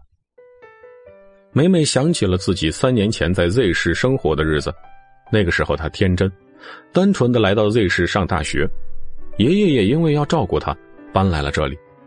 可后来爷爷生了重病，为了治好爷爷的病，他迫于无奈给冷风做了代孕妈妈。每当他以为冷风正在因为他逐渐改变，他们之间有了些许可能的时候，他又给他当头一棒。直到后来，他发现冷风雇佣保姆虐待安安。他总是在夜里做噩梦，梦到一个满脸是血的孩子质问他为什么不保护他，为什么要放任他被虐待。他惊醒的时候，身体抑制不住的颤抖。如果当初他不带着孩子离开，安安就会变成那个样子吧？他想都不敢想。他看着身边睡得正香的安安，真是庆幸他当初的选择。安安这么乖巧懂事的孩子，通过他的挣扎留下了。母女俩商量完了之后，第二天就办理了入园手续，自己也开始了找工作。他面试了几家公司，看面试官的意思，似乎都觉得徐萱萱是一个大海归，大学期间成绩优秀，完全不可能在这座小城市应聘，所以他们不敢收徐萱萱。A 市确实与 Z 市相差很多，是一个人世繁华的大都市，另外一个却是排不上名的三线小城市。虽然徐萱萱找工作处处碰壁，不过。安安上学生活倒是很开心，他不像其他孩子一样，上学第一天哭哭闹闹，带着眼泪上学，因为他知道，即便是他哭了，仍然什么都改变不了。徐萱萱看着安安的反应，既欣慰又心疼。安安还小，却是已经懂了别的孩子到了青春期才会明白的事情，他有些后悔当初生他到底是对是错。这一天是穆以贤与徐萱萱约定回国的日子，徐萱萱早早来到机场，在出口处接应着穆以贤。不一会儿，他看见穆以贤，朝他挥手：“这里。”其实徐萱萱不必这么特意的引人注目，在穆以贤眼里，只要有徐萱萱出现的地方，其他人的样子会自动被虚化，只剩下徐萱萱一个人是清晰的。穆以贤笑了笑，他拎着行李箱。走向了徐萱萱。其实穆以贤是 Z 市人，但是 Z 市没有徐萱萱，所以他订机票的时候没有选择家人，而是选择了徐萱萱。他神秘的对徐萱萱说道：“哎，等会儿带你去个地方，今天应该竣工了。”徐萱萱好奇的问道：“什么地方？”去了你就知道了，现在说了就没意思了。徐萱萱虽然好奇，但是看穆以贤的样子就知道。不管他怎么问，他不达到目的地是不会告诉他的。两人搭坐了出租车，穆以贤指挥司机开车，徐萱萱的内心则是越来越疑惑。四十分钟后，两人来到了一间门面房前，他们下了车。这是哪儿？达到了目的地，徐萱萱还是有些摸不着头脑。穆以贤不确定徐萱萱会不会喜欢。毕竟，里边都是按照穆以贤自己的审美装修的。走，进去看看。徐萱萱拿过穆以贤递来的钥匙，打开了大门。映入眼帘的是白色调的房间，大大小小不同尺寸的人台。再打开一扇门，是一排一排的整齐的办公桌。哎，还有缝纫室和样品室之类的，你可以慢慢看。本集。第一百三十八集，穆以贤总是不停的给徐萱萱惊喜，说不开心是假的，但是对于徐萱萱来说，穆以贤跟他只是朋友，他从来没有想过他们之间会有别的关系，他有些手足无措，不知道该怎么应对，但是直觉告诉他，他应该拒绝。对不起，穆学长，我不能接受，这太贵重了。那可没办法了。这工作室是给你买下来的，合同都已经签了，现在要是退回去，得付十倍的违约金呢。你替我还。穆以贤补充道：“还有，哎呀，不知道你到底想要服装设计还是室内设计、建筑设计之类的工作室，我都给你准备好了。”徐轩轩参观着这一间工作室，从外头看，没有想到有这么大。材料室的用具一应俱全，布料、木材。徐轩轩激动的说不出话。今天我生日。哎呀，不不是你生日就不能送你东西吗？这这是你剥削我的权利。徐萱萱笑出了声，虽然这间工作室让她觉得被人惦记着很感动，但是他们之间不应该是这样的。学长，我还是不能接受。如果实在没有办法，可以招租的。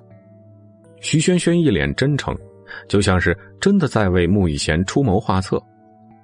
穆以贤叹了口气，看来他们之间的关系还是没办法再进一步。为了避免吓跑他，只能说道：“嘿算了算了，跟你开玩笑的。这间工作室是我的。哎，不过你最近不是暂时没找到工作吗？我也没找到人手。哎，你愿意做我员工吗？”这几天的应聘，听到无数拒绝的声音，让徐萱萱都想要放弃了。所以，听到了穆以贤这么说，虽然知道他只是为了不失自己的面子这么说的，但他还是答应了。毕竟现在的他找不到工作，就养不起安安，也不能照顾爷爷。安安的命是他拼命捡回来的，所以对于这个像天使一样降临到他生活中的至尊宝贝，他会用尽全力去呵护。一周后，冷风提前把这周的工作完成，驱车来到了 A 市，每天就住在徐萱萱的对面，甚至在楼道里安装了监控，就像一个变态大叔，每天看着徐萱萱和女儿生活。徐萱萱也发现这个新来的访客怪怪的，他听隔壁的房东说，那户人家斥了巨资买下了那套破房子，但是平时却永远见不到人影，吃饭也只叫外卖。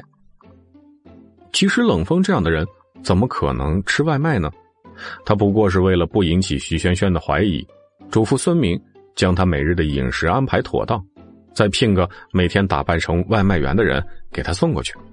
徐萱萱猜测对面可能是个宅男，但是每天吃外卖对身体也不好，所以他做了些饭菜，盛在碗里给他送了过去。他敲了一下门，无人应答。他担心里面的人遭遇了什么不测，不过第二天，外卖员依旧如常一般准时到达，所以徐萱萱学着外卖员的样子敲了敲门，放在门口的水泥地上。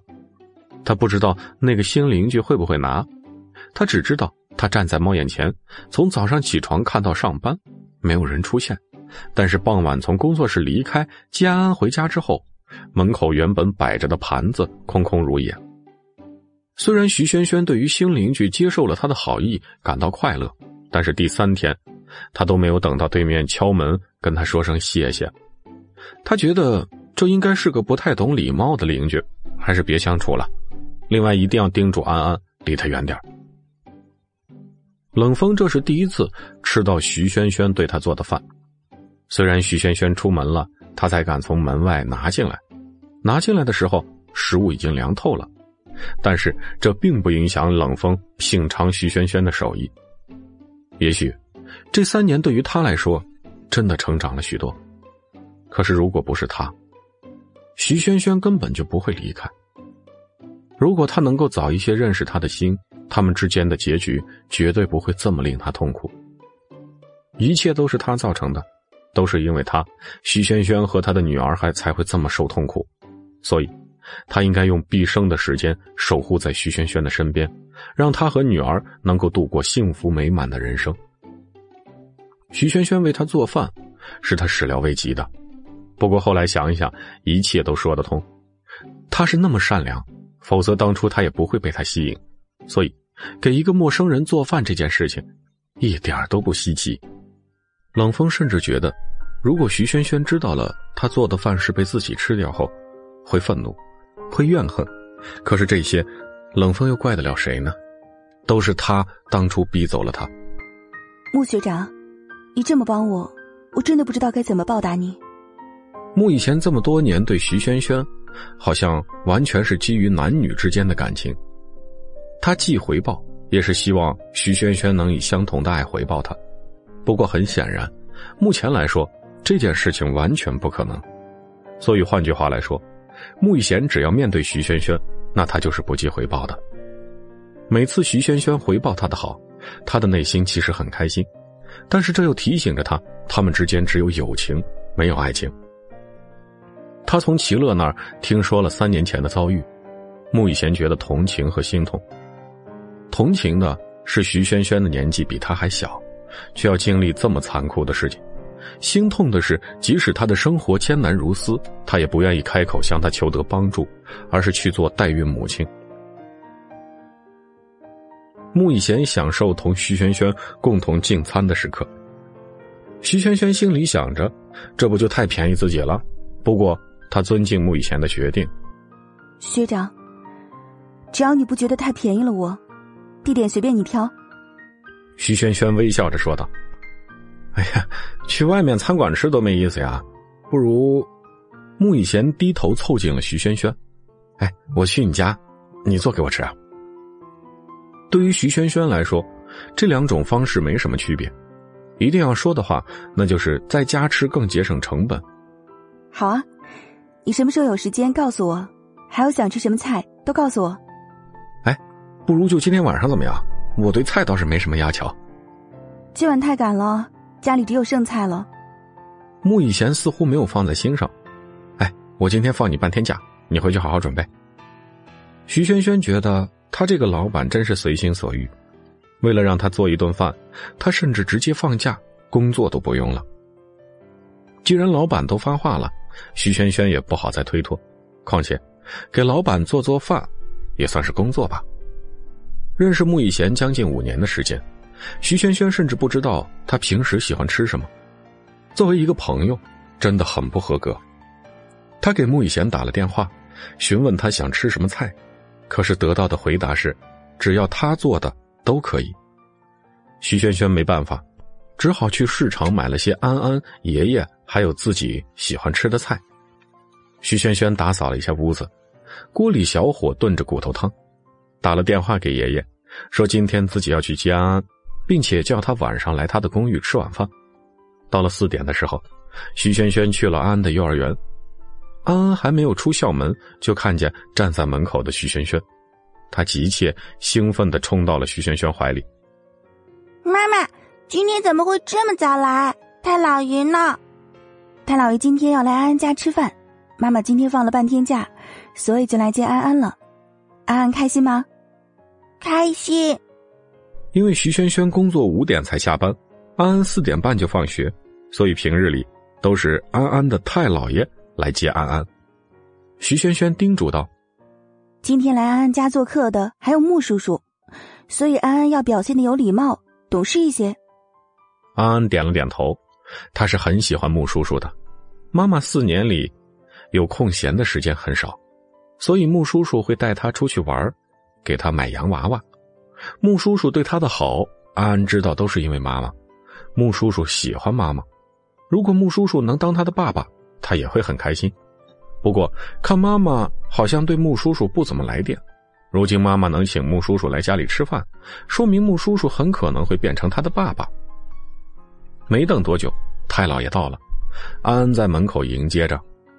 太老爷，转头还向厨房忙活的徐轩轩喊道：“妈妈，太老爷来了。”徐轩轩从厨房里走出来，爷爷，你先坐。饭菜马上就好了，这个点穆学长也应该到了。徐成红是从安安口中知道穆以贤的，他知道穆以贤是徐轩轩大学时的学长，在国外的三年，也是穆以贤陪在他身边照顾着他，现在变成了他的老板。本集第一百三十九集，穆成红也好想感谢这个年轻的男人。徐萱萱一个人在外不容易。多亏了穆以贤这么多年替自己对徐萱萱的照顾。没过几分钟，门铃响起来，安安开了门，是穆以贤。穆叔叔，WiFi 马上就好了哦。穆叔叔坐在那边的沙发上等一下哦。穆以贤此时摸了摸安安的头，笑着答应了。沙发上还坐着徐萱萱的爷爷。徐成红朝穆以贤点点头，开口说道。你就是穆以贤呐，多亏了你这么多年对萱萱的照顾，谢谢你了。穆以贤被徐成红这个长辈突然的道谢吓到了，不过他依然很淡定。啊，轩轩和我是校友，呃，互相帮助也是应该的。四个人其乐融融的吃完了晚饭，餐桌上有了安安这个开心果，时光会过得很无聊。在外人的眼里，他们四个就是令人艳羡的一家人。穆以贤要离开的时候，徐成红要求徐轩轩去送送他。安安听到了以后，说自己也要去，所以他们出门时好像是一家三口。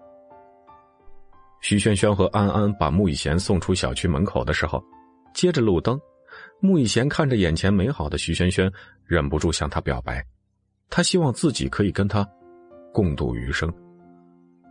我知道，其实这个时机似乎是不太对，但是我还是想说，我们一起度过了三年，我相信我们之间以后还有很多三年。穆以贤牵起了徐萱萱的手，你愿意做我的女朋友？给我机会，从此以后让我照顾你们娘俩吗？一旁的安安看到穆叔叔表达自己的心意，不知道为什么觉得很欣慰。他真希望妈妈能够答应穆叔叔，不过如果妈妈不同意，他也会尊重妈妈的选择。看到徐萱萱震惊的表情，果然现在确实不是好时机。他急切的说道：“，你你现在不用着急回答我，你可以考虑考虑。”不过我们永远都是朋友。徐萱萱觉得自己像是在做梦一般，她脚步虚幻的牵着安安走回了自己的小窝。他回到家里的时候，爷爷正坐在餐桌前，看到徐萱萱回来，他叫住她，决定跟她好好谈谈。冷风这么长时间一直盯着监视器，他看到了徐成红来的时候，情绪没有多少波动，直到他看到穆以贤。冷风认识他。三年前他就阴魂不散，像一只苍蝇一样跟在徐萱萱身后。如今更甚，竟然直接到了徐萱萱家里。而作为和徐萱萱共同拥有一个女儿的他，到现在也没有被徐萱萱正眼瞧过一眼。他本是很担心他们两人会在房里发生什么进展飞快的事情，不过看到还有徐成红，他就安心了下来。可是大抵过了两个半小时后，他女儿。和他老婆竟然一起送穆以贤出门，他有些不淡定了。他们三人并肩走在路上的情景，刺痛了他的眼睛和他的心。在冷风的眼里，他们就像是夫妻二人吃过晚饭后，带着女儿一起出去散步。他听到监控里穆以贤说希望照顾徐萱萱母女二人，冷风的心里很矛盾。他不希望徐萱萱答应他，因为在他心里。他和徐萱萱这三年没有分开过，甚至徐萱萱为他孕育了一个孩子，他们已经有了夫妻之实，他们就是夫妻。但是冷风又希望徐萱萱能答应他，他知道，他也许这辈子都无法得到徐萱萱的原谅。与其让他找了别人跟他共度以后的日子，不如把他托付给穆以贤。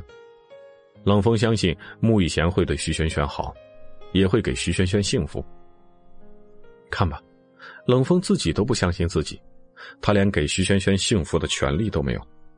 徐萱萱不可能孤独终生，她会有自己的生活。冷风很庆幸，徐萱萱犹豫了，侧面说明徐萱萱的心里还是有他的，即便剩下的只有恨意。倘若有一天徐萱萱内心对他的恨都消失了，那么他离被忘记也不远了。冷风知道，徐萱萱很有可能会接受穆雨贤。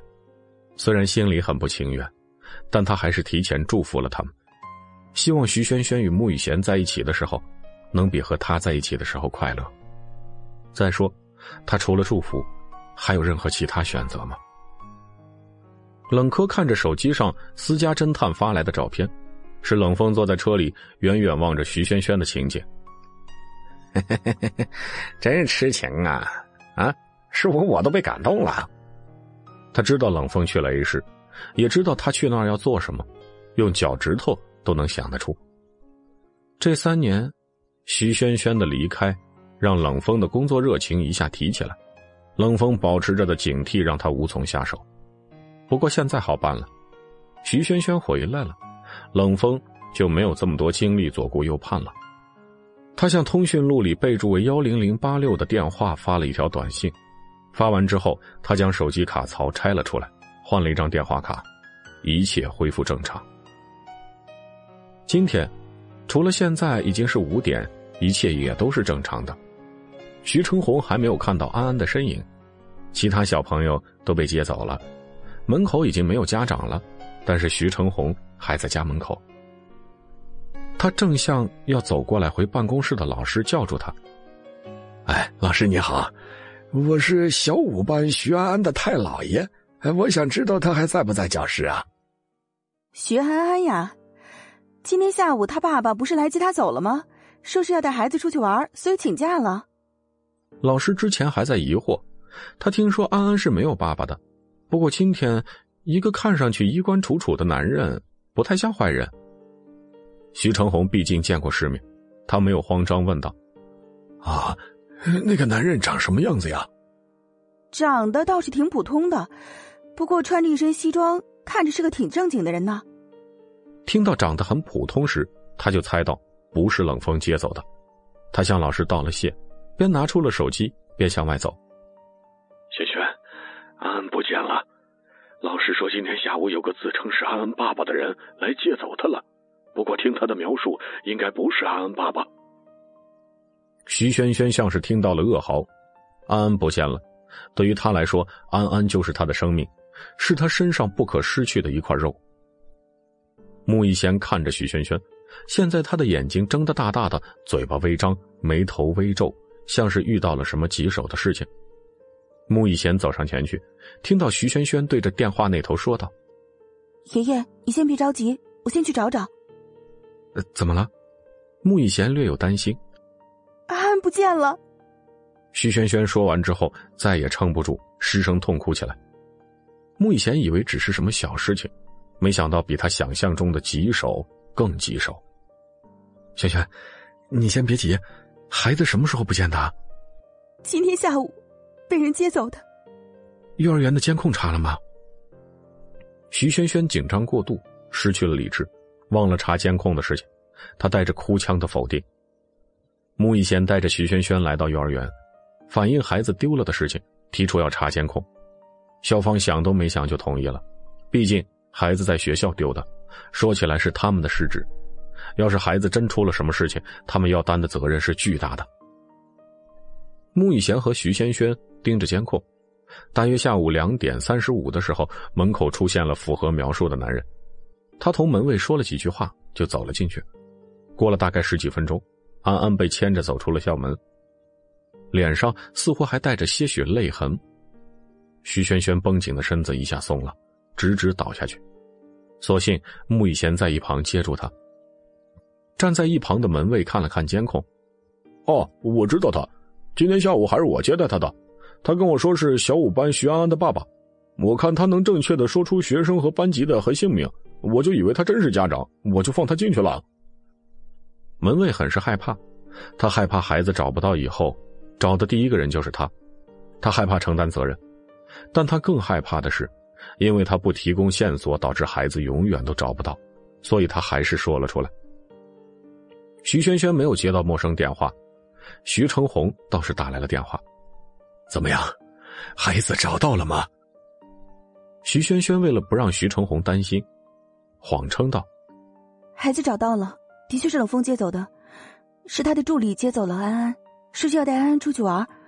刚刚打电话过来和我说了，过不了多久，孩子就会被送回来的。”徐成红松了一口气。安安这么乖巧懂事，如果真的不见了，怕是他这辈子都不能原谅自己。本集第一百四十集，徐萱萱和穆以贤到处寻找。小公园，小区里，可是一个城市这么大，他们一点线索都没有。那要找到什么时候才能把安安找回来呢？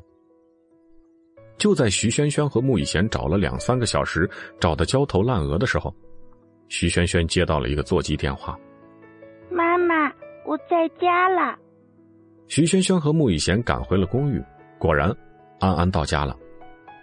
安安，你到底去哪儿了？安安被叮嘱一定不能说出自己被绑架的事情，否则妈妈会担心，会哭。安安不希望看到妈妈哭，所以说道：“一开始是有一个叔叔把安安带走了，后来还带安安出去玩了。”徐萱萱非常怀疑安安说的话，她看到安安出校门时脸上是带着泪的。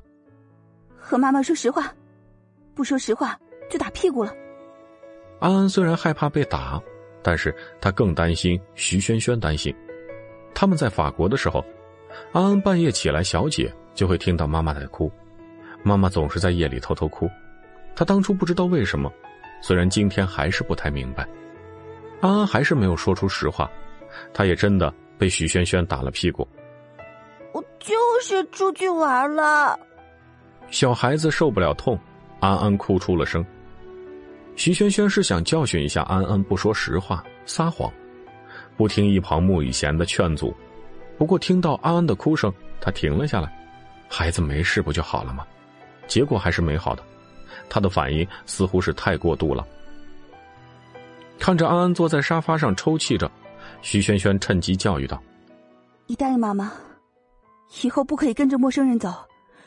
要是真的有什么事情，一定要打电话给妈妈。”安安今天也受到了惊吓，颤颤巍巍的点了点头。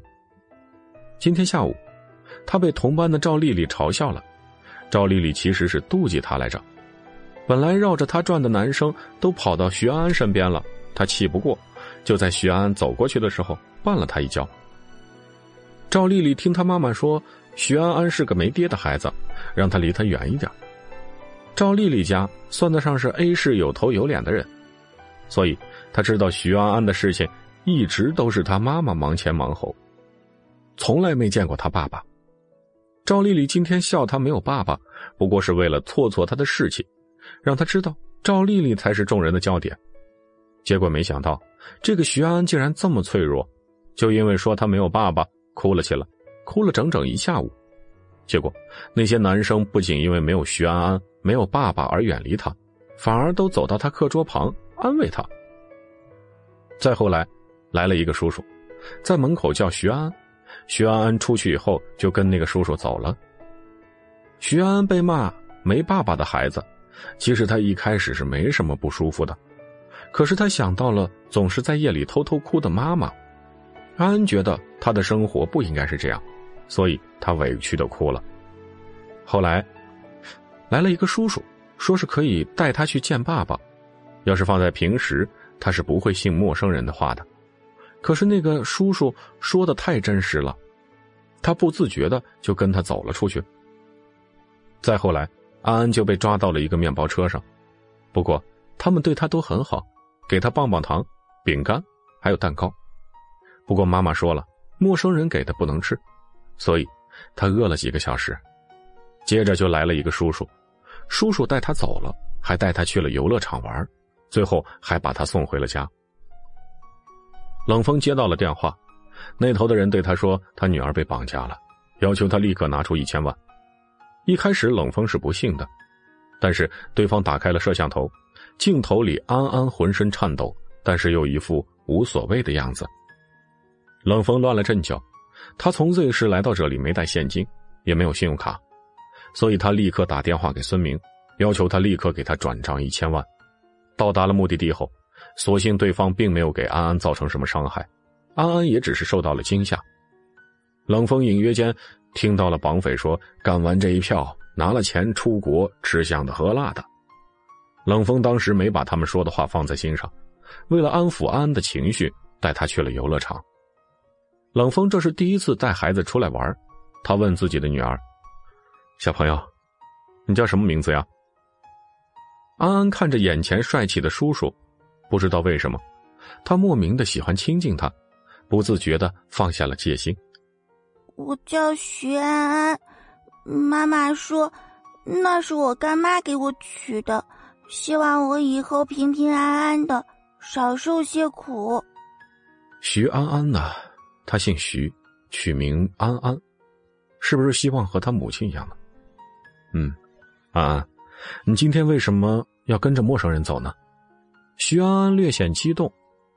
是赵丽丽，她说我是没有爸爸的野孩子。他转头看向冷风，叔叔。为什么我没有爸爸？别的小朋友都有爸爸，为什么我没有爸爸？徐安安说到最后，再也忍不住了，在面对这个叔叔的时候，他放下了所有的戒心，甚至开始释放了在面对徐萱萱和穆以贤的时候都不会表现出的压力。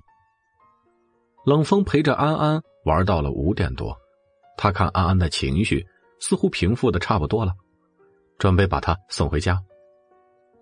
安安，今天被陌生的叔叔带走的事情，一定不可以告诉妈妈。为什么？安安和妈妈之间没有秘密，她不明白这为什么不能告诉妈妈。冷风在面对小孩的时候，很少有这么有耐心的时候。可是血浓于水的缘故，在面对安安的时候，他看上去就像是一个宠着的小公主，想要把全世界的一切都捧到他面前的父亲。安安摇了摇头：“我不想看到妈妈哭，每次看到妈妈哭，安安心里都很难受。”妈妈哭过吗？嗯。我还小的时候，妈妈有时候会晚上坐在床上偷偷哭的。也许是想到了自己吧。徐萱萱和他在一起的时候，很少露出笑容，他似乎总是惹她哭。不过现在没事了，他们分开了，以后也不一定会有人惹他生气，惹他难过。可是他心里为什么会这么痛呢？难道还是忘不了以前那个时候？还是自己现在拥有的一切太虚假了？冷风把安安带回去，交代他到家以后一定要打个电话给妈妈，否则妈妈会担心。为什么刚才叔叔不让我打给妈妈呢？冷风如果把电话给安安，那么徐萱萱迟早会发现他的存在。他不想这么快就把他赶跑。他只希望这段时间里，他能够好好的照顾安安和徐萱萱。冷风没有回答，因为他不知道要怎么和他解释。平安把他送到家之后，他走进了对门，关门之前，安安朝他挥了挥手，冷风也挥挥手。等安安关门之后，冷风才把门关上。十来分钟，他听到门外的脚步声，应该是徐萱萱回来了。他打开了监视器。是徐萱萱和穆以贤。说实话，他们两个站在一起，很般配。徐萱萱其实知道事情的经过不可能这么简单。晚上哄完安安睡觉之后，他坐在床边，摸着安安的脸颊。如果你真的不见了，妈妈要怎么办呢？徐萱萱自言自语道。徐萱萱听到安安说梦话了。叔叔，谢谢你。叔叔。那个叔叔到底是谁呀？不过看来这个世界上还是好人多。学雷锋做了好事不留名。如果下一次安安在路上遇到了他，认出他，他一定要好好感谢，让他重新拥有了眼前的这个宝贝。冷风大概在七点多的时候，接到了孙明的电话。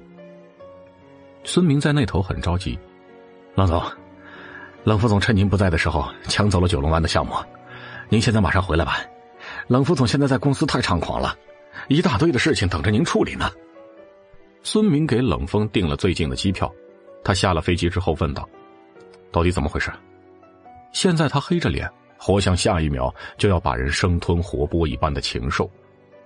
孙明为冷科捏了一把汗，虽然冷副总也很难对付，但是跟冷风比起来，好比是小巫见大巫。本集第一百四十一集。冷总，是这样的，冷副总趁您不在，恰逢九龙湾那边的负责人来找您商量项目的具体细则。我跟他说您出差去了。孙明看了看冷风那能夹死苍蝇的眉头，不怕死的继续说道。结果，冷副总听说了这件事情，直接找了那个项目负责人，对他说：“您太忙了，没那么多闲工夫处理这么多乱七八糟的事情。”所以现在要求把这个项目转接到他手上，他还说，他比您可空闲多了。孙明有些不敢说下去，不过他更怕冷风知道后，得知他不告诉他，又把他给弄死。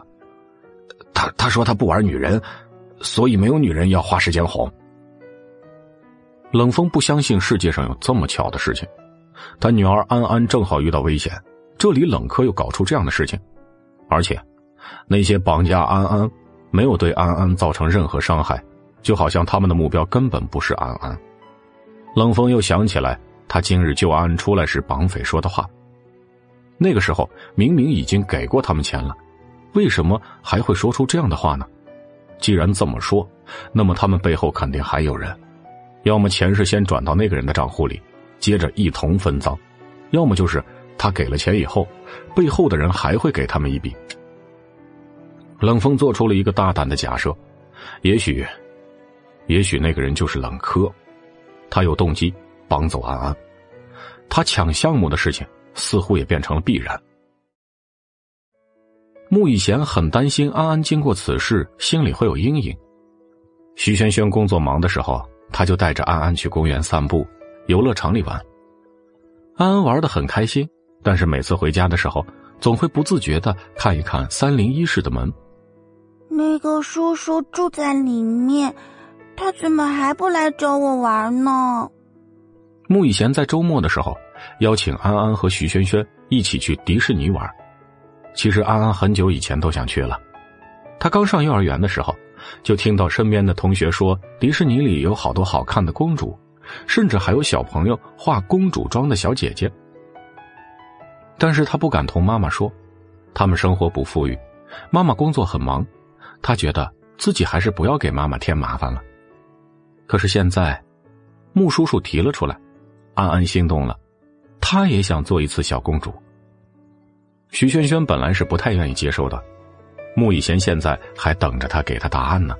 这个时候答应，似乎就是答应了做他女朋友的事情。徐萱萱觉得他们之间还是太草率了。可是看到安安一脸期待、期待着周末的样子，他还是同意了。三年里，徐萱萱没有带安安出去玩过几次，每次都因为他要写论文或者是赶设计。现在工作了还是一样，整天忙着工作。安安直接由他太姥爷照顾，他们母女之间的相处时间太少了。穆以前很兴奋，轩轩答应了，那是不是意味着他们的关系就可以有进一步的发展呢？那周日早上九点半，我来接你们，我们坐高铁去上海迪士尼。徐轩轩点了点头。周六晚上，徐轩轩把第二天要出游的事情告诉了安安。安安似乎兴奋的睡不着，徐萱萱哄了很久，告诉他，如果说再不睡觉，明天的活动就会取消，才把安安哄睡着了。第二天，穆以贤把徐萱萱和安安带到了高铁站，因为 A 市离上海比较远，如果开车去，在路上耗的时间太多了。他们抵达迪士尼的时候，先吃了一顿午饭，安安的食欲很好，不知道是因为兴奋。还是因为他听到徐萱萱说吃饱了才有力气玩。总之这一顿，安安吃了很多，比以往任何时候吃的都多，以至于走出餐馆的时候，安安捧着他的小肚子，有些走不动道了。乐园里，安安看到什么都很新鲜，看到米妮的时候，他双手张开扑上去，要求徐萱萱给他和米妮拍一张合照。照片里的安安很可爱，她面带笑容。也感染了徐萱萱。徐萱萱自从三年前就很少笑了，主要是因为她笑不出来。她的生活中，值得开心的事情越来越少了。站在一旁的穆以贤看着眼前的两个客人，感慨道：“但他们来这儿真是对的呀。”他们一直玩到了晚上，赶着晚班高铁。安安累得趴在徐萱萱肩膀上睡着了。脸上画的公主妆早就糊了，现在像是一个大花猫。穆以贤看到了他们这么累，本来想在附近订两间房间，可是徐萱萱却坚决说不要。他知道这附近的房间一定很贵，虽然说穆以贤不缺钱，但是他不希望穆以贤再为他们娘儿俩破费了。穆以贤想到第二天安安还要上课，也就没再说什么。嘿。早知道周六的时候去了，当时脑子不知道抽了什么风。不过穆以贤现在后悔也来不及了。他们到家的时候，徐萱萱叫住了正要往外走的穆以贤。关于你之前说的那件事，我想过了。穆以贤还想问是什么，但是他突然反应过来，是那天他提出让徐萱萱做他女朋友的事情，他不禁把心提到了嗓子眼甚至能听到自己心脏扑通扑通剧烈的跳动声。对不起。徐萱萱说出这三个字的时候，穆以贤就知道他失败了，他又被拒绝了。我很感激你，可是我的情况你也看到了。徐萱萱苦笑，这样的他似乎不配被人喜欢，也不配喜欢别人。穆学长，你这么优秀，我绝对相信，你一定会找到那个能配得上你的人。你就配得上我呀？徐萱萱愣住了。认识你这么多年，其实我一直都很自卑。我觉得应该是我配不上你才对。你是我们学校的学霸、女神，那么多男生都追着你，跟在你身后，我只不过是其中之一而已。穆以贤继续说道：“如果你回头，你第一眼一定看不到我，但是请你相信，我一定是那个会一直站在你身后的人。”一定不会中途离开。徐萱萱犹豫了，她承认，穆以贤对安安的好，他都看在眼里。当安安不见的时候，是他最伤心。他把安安的事情看作比天还大。无论手上有多么忙的工作，他一定会腾出一只手照顾安安。在他工作忙的时候，是他陪在安安的身边。穆以贤真的是一个值得有所托的人。徐萱萱拒绝，也只是因为担心自己给穆以贤带来麻烦。说些难听的，他是二手的，还带一个拖油瓶而且，他心里边还恨着那个叫冷风的男人，不然他也不会待在这个冷风永远找不到的地方。穆以贤见徐萱萱有些动容，趁胜追击：“ 我知道你在担心什么，但是人总要向前看的，不是吗？”我们永远不可能停滞不前的。徐萱萱觉得，穆以贤说的很有道理，他很想把冷风忘记，想把他从他心里边剔除。只有忘记了，他的生活才会继续。他想起了一句话：忘记一个人最好的办法，就是重新记住一个人。好，我答应你。穆以贤听到了认可的答案，他甚至有些怀疑自己在做梦。真的吗？徐萱萱笑出了声，她从来不知道学长是这么的可爱。他收拾了怀里的小花猫和自己，躺在床上。他的手机响起来，是一条来自穆以贤的微信。第一条：我到家了，一切顺利。第二条：另外，既然从今天开始你就是我的女朋友，那么每天互道早安和晚安是必不可少的。第三条：晚安，后面附带了一个害羞的表情。学长真的是很幼稚。徐萱萱看着手机笑了笑。穆以贤一直都睡不着，距离他发消息已经一个小时了，可是徐萱萱还是没有回复。说不定他们已经睡着了。穆以贤这样安慰着自己，他只好关了灯，准备睡觉。微信提示音响起，穆以贤倏地睁开了眼睛。他坐直身子，屏幕上是徐萱萱的回复：“晚安。”短短两个字，却让穆以贤这一晚睡得格外的香甜，并且做了一个好梦。Z 市，冷风在这里调查着冷科，他听着孙明向他做的报告，其中一句最为显眼的是：“我们查到的冷科是和袁梅认识的，他们在三年前见过一面。袁梅是三年前冷风找来照顾安的保姆。”本集。第一百四十二集，冷风的人竟然在他家照顾他的女儿，冷风甚至不敢想袁梅当初做过什么。要么是将他的行踪透露给冷风，这对于他来说无关痛痒。不过，让他心生惧意的是他第二个猜想：也许袁梅是借着照顾孩子的名义，对徐萱萱或者安安造成了伤害。孙明还说了关于上次安安被绑架的事情。他调查了他们的银行卡账户，但是没什么发现，账户干净的就像是被人特意处理过一般，而且，冷科的私人账户上没有任何关于财产转移的记录。冷风不禁想：难道是我错了吗？可是他那天分明听到了绑匪说收到钱的事情。冷风决定先等一等，也许过一段时间他就能抓到证据。他要求孙明加大力度调查，任何蛛丝马迹都不能放过。关于那几个歹徒，不能放他们走，但是又不能打草惊蛇。还有袁梅三年前在别墅做过什么，他一定要知道，一定要弄明白到底是什么原因让徐萱萱当初离开了他，想法那么坚决，又是为什么会选择在那个时候，不早也不晚。其实他完全可以去问徐萱萱，但是他们之间不是那么简单的。他没有勇气站在徐萱萱面前质问他当初为什么离开，他害怕听到自己名字。会被他从嘴里冰冷的吐出来，他害怕他听到的是徐萱萱的愤怒，都是你害的，我这辈子早晚会把你忘记，下辈子我希望我们永远不要遇见。自从这三年，让冷风认清了自己的心后，在面对徐萱萱的时候，他一直别无他法，他开始害怕，开始婆婆妈妈，开始为徐萱萱和安安担忧。短信提示音响起。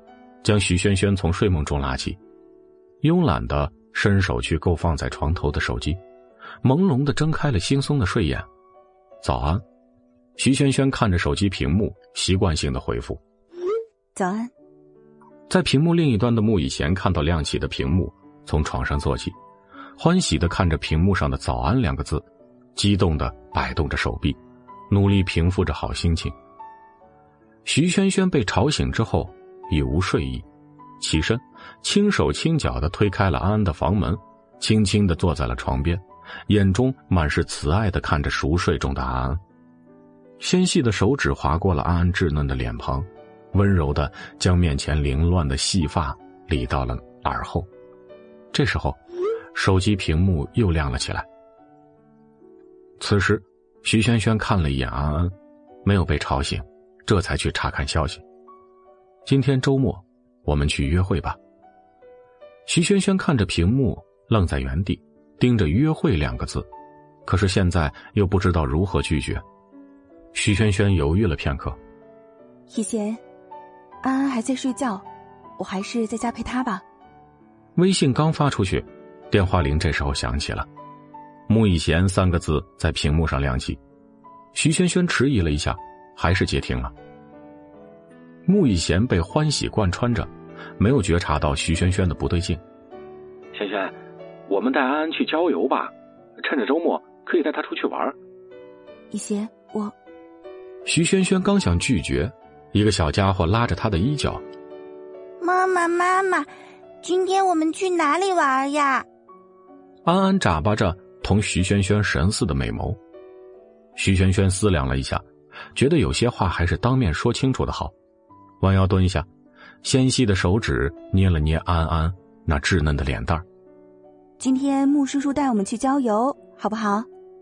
安安高兴的拍着手：“好呀，好呀。”另一头的穆雨贤听到徐萱萱同意了，咧着嘴笑：“ 我现在就去你家接你。”徐萱萱淡淡的发出了肯定的单音节。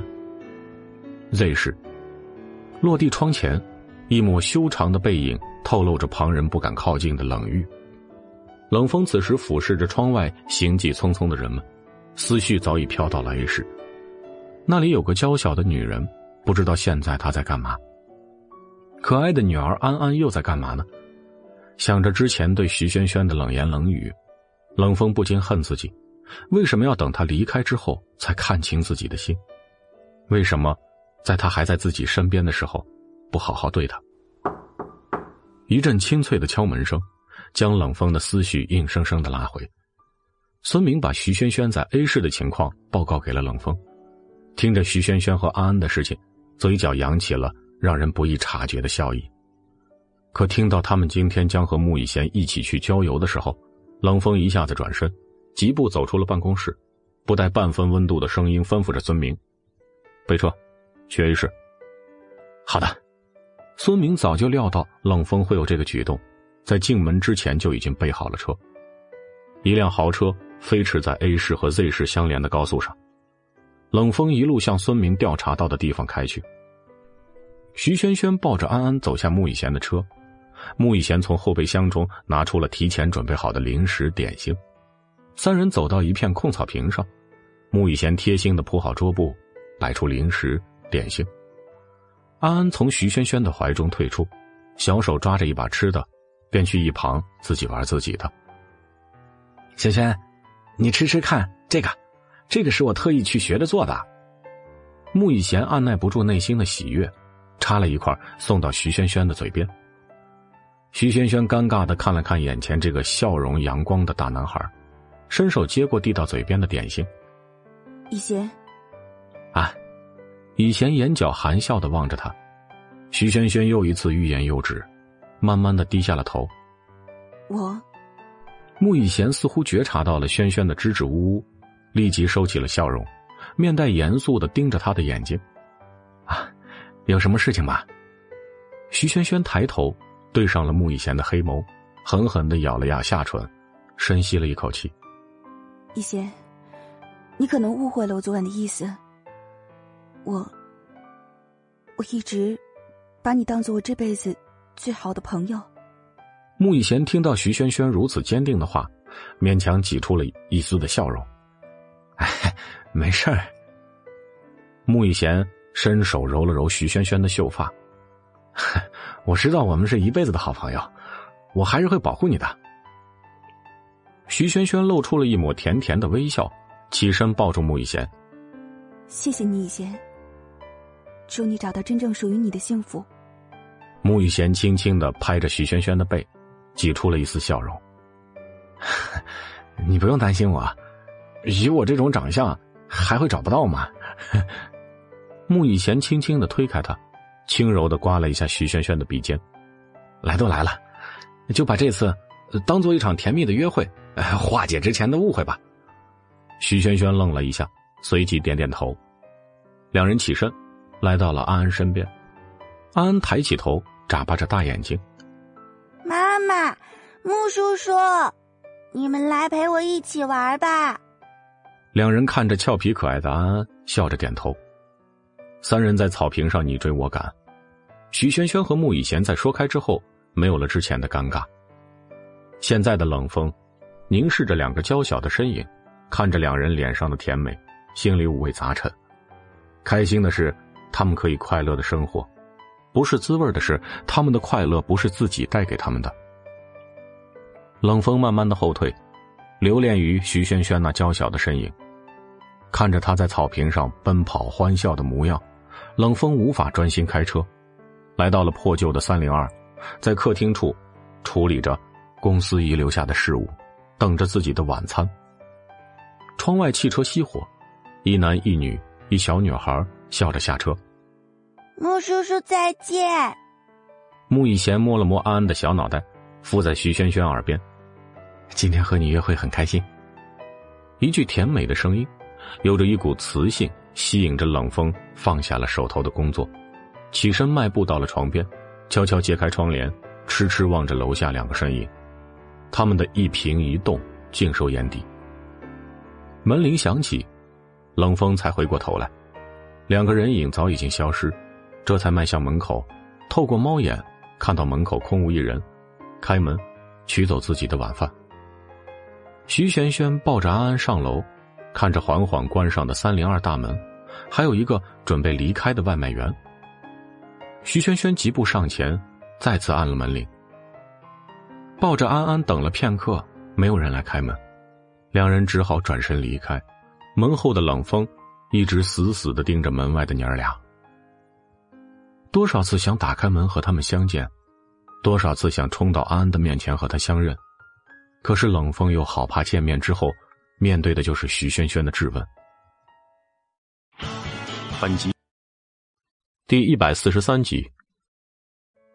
每一次只能眼睁睁的看着徐萱萱消失在自己的眼前，可是冷风再也不会允许他像三年前一样无声无息的消失在他的世界里。徐萱萱和安安回到了自己家中，安安紧紧的搂着徐萱萱的脖子。妈妈，那个三零二的人好奇怪啊！明明他就在家里，为什么不开门呢？徐萱萱也很奇怪，所以以后安安要离他远远的，不要给陌生人开门，知道吗？安安看着徐萱萱，一脸严肃认真的点点头。徐萱萱被安安的举动逗笑了。今天玩累了吧？我们该洗澡再睡觉喽。徐萱萱娴熟的帮安安洗好澡，把她抱到床上，安顿好。不知是今天过于兴奋，还是怎么的，平日里会乖乖睡觉的安安，今天却缠着徐萱萱不肯消停。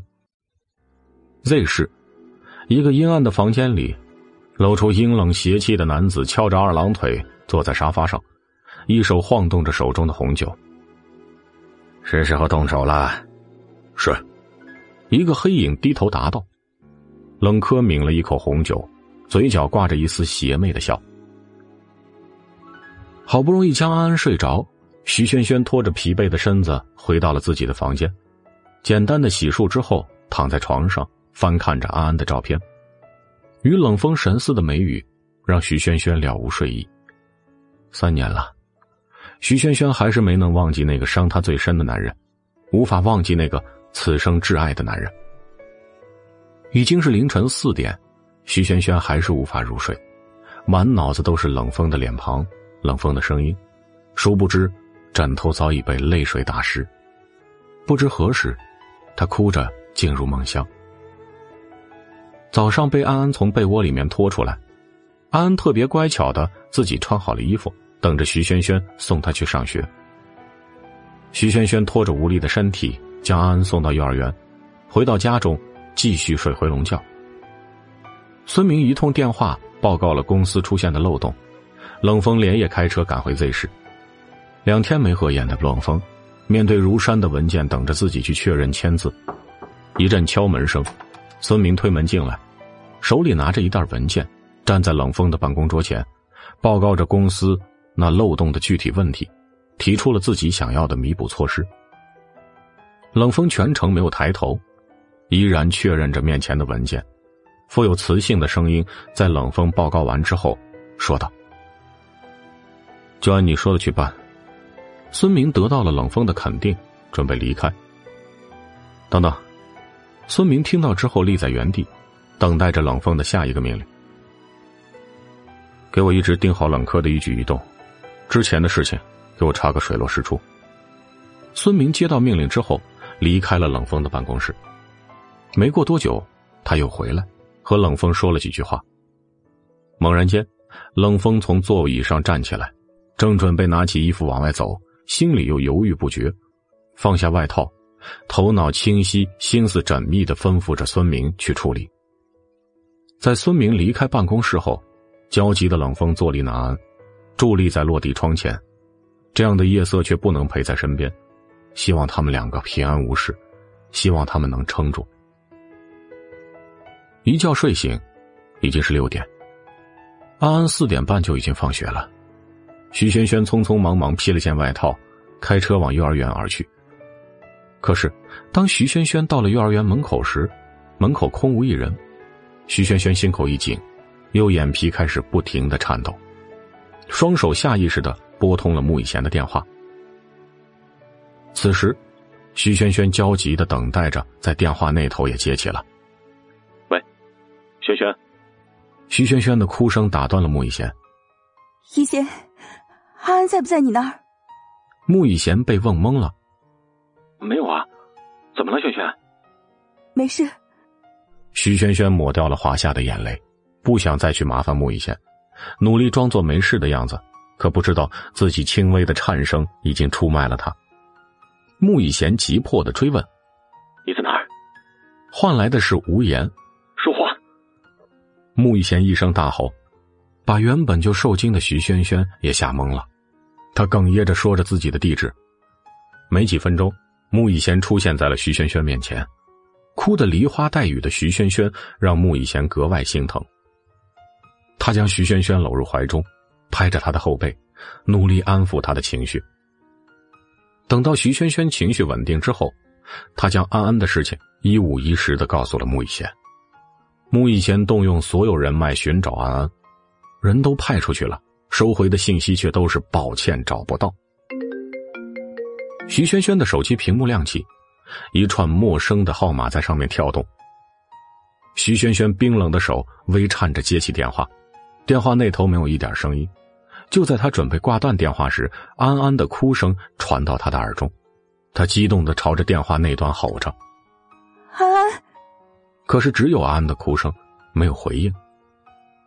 此时，徐萱萱不死心，双手紧紧的握着手机，一声比一声大的朝电话那头吼着，却还是没有回应。他歇斯底里的哭着，一个阴冷的男声从那面传了过来：“徐萱萱。”徐萱萱听见有声音，连忙抹了抹眼泪：“是，我是。”冷柯很满意徐萱萱这句肯定的话，喝了口红酒。不急不慢的说道：“现在，你应该知道你女儿安安在我手里，啊。”虽然早就料到是这样，可是听到了电话那端出现的男子说出这话，徐萱萱的身子还是微微一抖。他控制着自己的眼泪，也控制着自己的情绪，不想让对方看出自己胆怯。说，说吧，你要怎么样，才肯放了我女儿？冷柯听到徐萱萱不自量力的跟他谈条件，不由自主的冷笑了一声：“ 就你，你有什么资格跟我谈条件呢？”冷柯的反问让徐萱萱彻底懵了。那你要什么？他强装镇定的问着对方。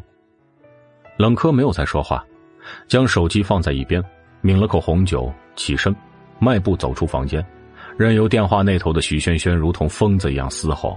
他仍然不予理会。冷柯回到自己的公寓，等待着冷风上钩。另一边，冷风也在办公室里站在落地窗前，焦急的等待着孙明的回复。时不时的抬起手腕，看着一分一秒时间的流逝，脸上面无表情，内心却是焦急万分。冷风心中有数，是冷柯在背后搞鬼，所以更担心安安在他手里会出事。冷风知道，现在冷柯为了打倒他，什么事情都做得出来。他也知道，如今的自己不再像以前那样没有软肋。现在自己最大的软肋就是徐萱萱，而徐萱萱内心最大的不舍就是他的女儿徐安安。房间里没有打开一盏灯，昏暗的房间里，一抹黑影翘着二郎腿，正在吞吐着烟圈，等待着肯定不是意外的结果。冷柯嘴角带着笑意接起了电话。失败了，冷柯的脸色立马阴沉，黑眸带上了一层寒气，一言不发挂掉电话，将手机扔掉了一旁。冷柯慢慢站起身，看着窗外，冰冷的声音回荡在空旷的房间里：“冷风，这次算你走运，下次他们就不会有这么好的运气了。”A 市。穆雨贤搂着无力瘫在他怀里的徐萱萱，不停的拍打着他的背，安慰着他。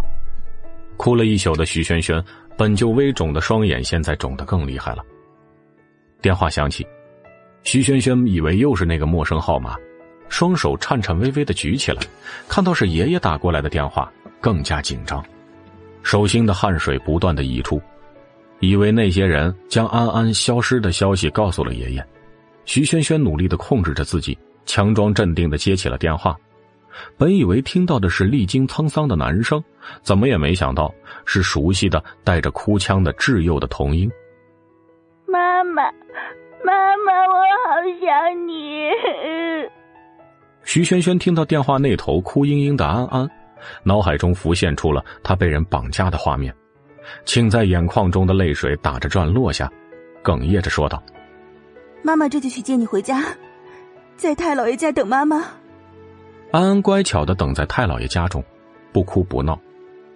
徐成红从安安的口中得知了今天发生的一切，气恼徐萱萱身为人母还不能照顾好安安。本集第一百四十四集。当徐萱萱赶到老家时，徐成红正和安安玩着游戏。他怕今天发生的事情对安安造成身心上的影响。安安，徐萱萱见到安安，激动的喊道：“妈妈！”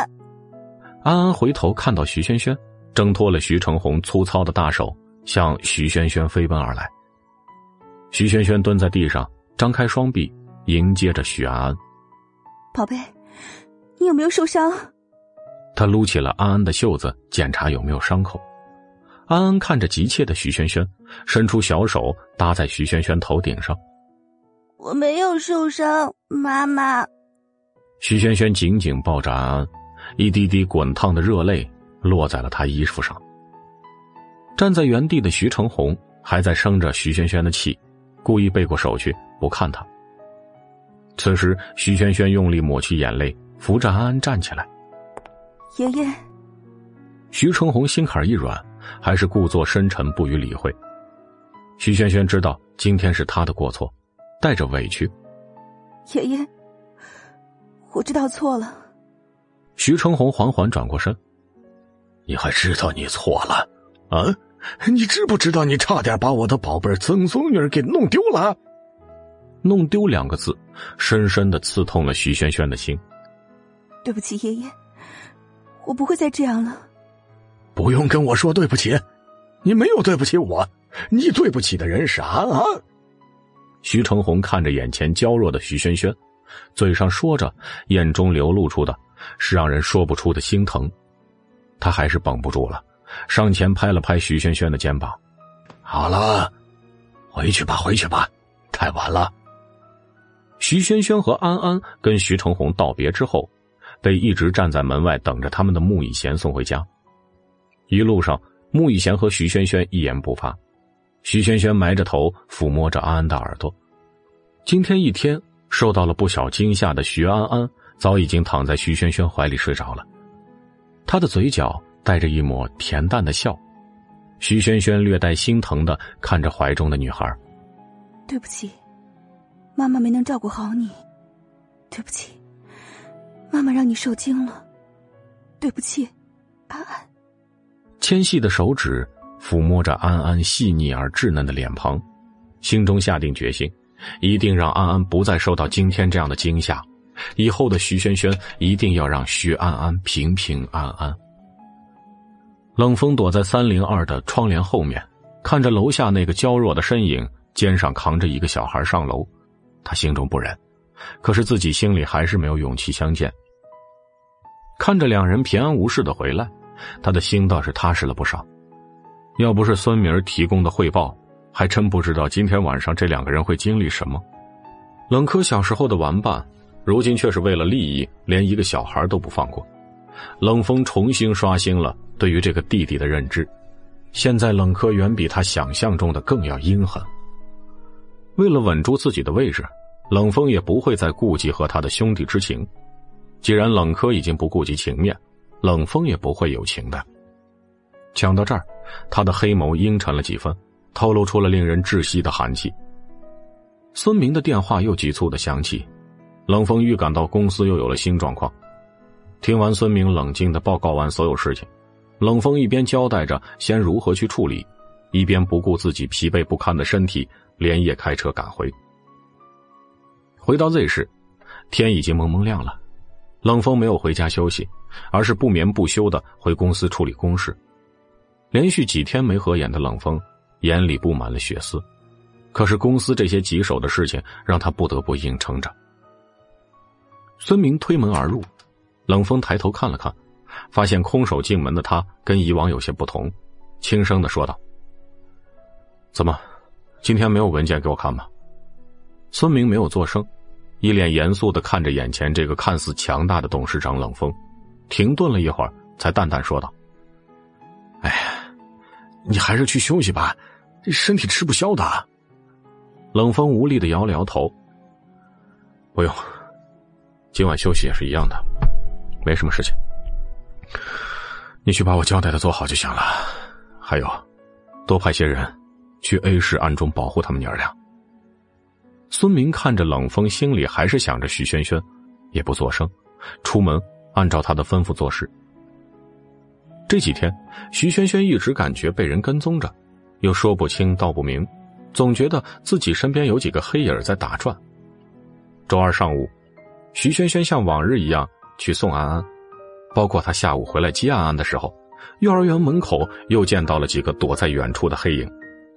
他追上去的时候。那几抹黑影早就消失的无影无踪，追寻无果的徐萱萱只好原路返回，接安安回家。总算将那些棘手的事情都处理好了，冷风也没有了那几日的疲惫。一段时间没有去 A 市看他们娘俩，内心的思念溢于言表。冷风拿起了外套，几个跨步前往 A 市。当他停好车，准备悄悄的溜进三零二时，在楼梯间遇到了从外面回来的徐萱萱，两人愣在了原地。徐萱萱看着眼前这个她深爱的男人，三年不见，还是不减当年的英俊，他的脸一瞬间就红了，却努力的硬生生把将要涌出的眼泪咽了回去。好久不见。冷风听到这个甜美的声音。愣了一会儿，忍着心中的欢喜，淡淡的说道：“好久不见。”徐萱萱突然想到了那个久闭不开的三零二，脱口说道：“你住在三零二？”说完就后悔了，他冷笑了一声，想想也不可能啊，身份高贵的冷风怎么可能屈尊住到这种贫民窟呢？冷风看着好像是瞒不住了，面无表情，发出了肯定的单音节。徐萱萱很意外，得到了冷风肯定的回答，呆呆的愣在原地。一旁的安安认出了这个叔叔，又对冷风有莫名的亲近感，快快的跑上前去，腻歪的抱住冷风的大腿。原来你就是那个住在三零二的叔叔啊！你是不是见我和妈妈太漂亮了，所以害羞的躲在里面不敢出来了呀？冷风难得的露出笑容。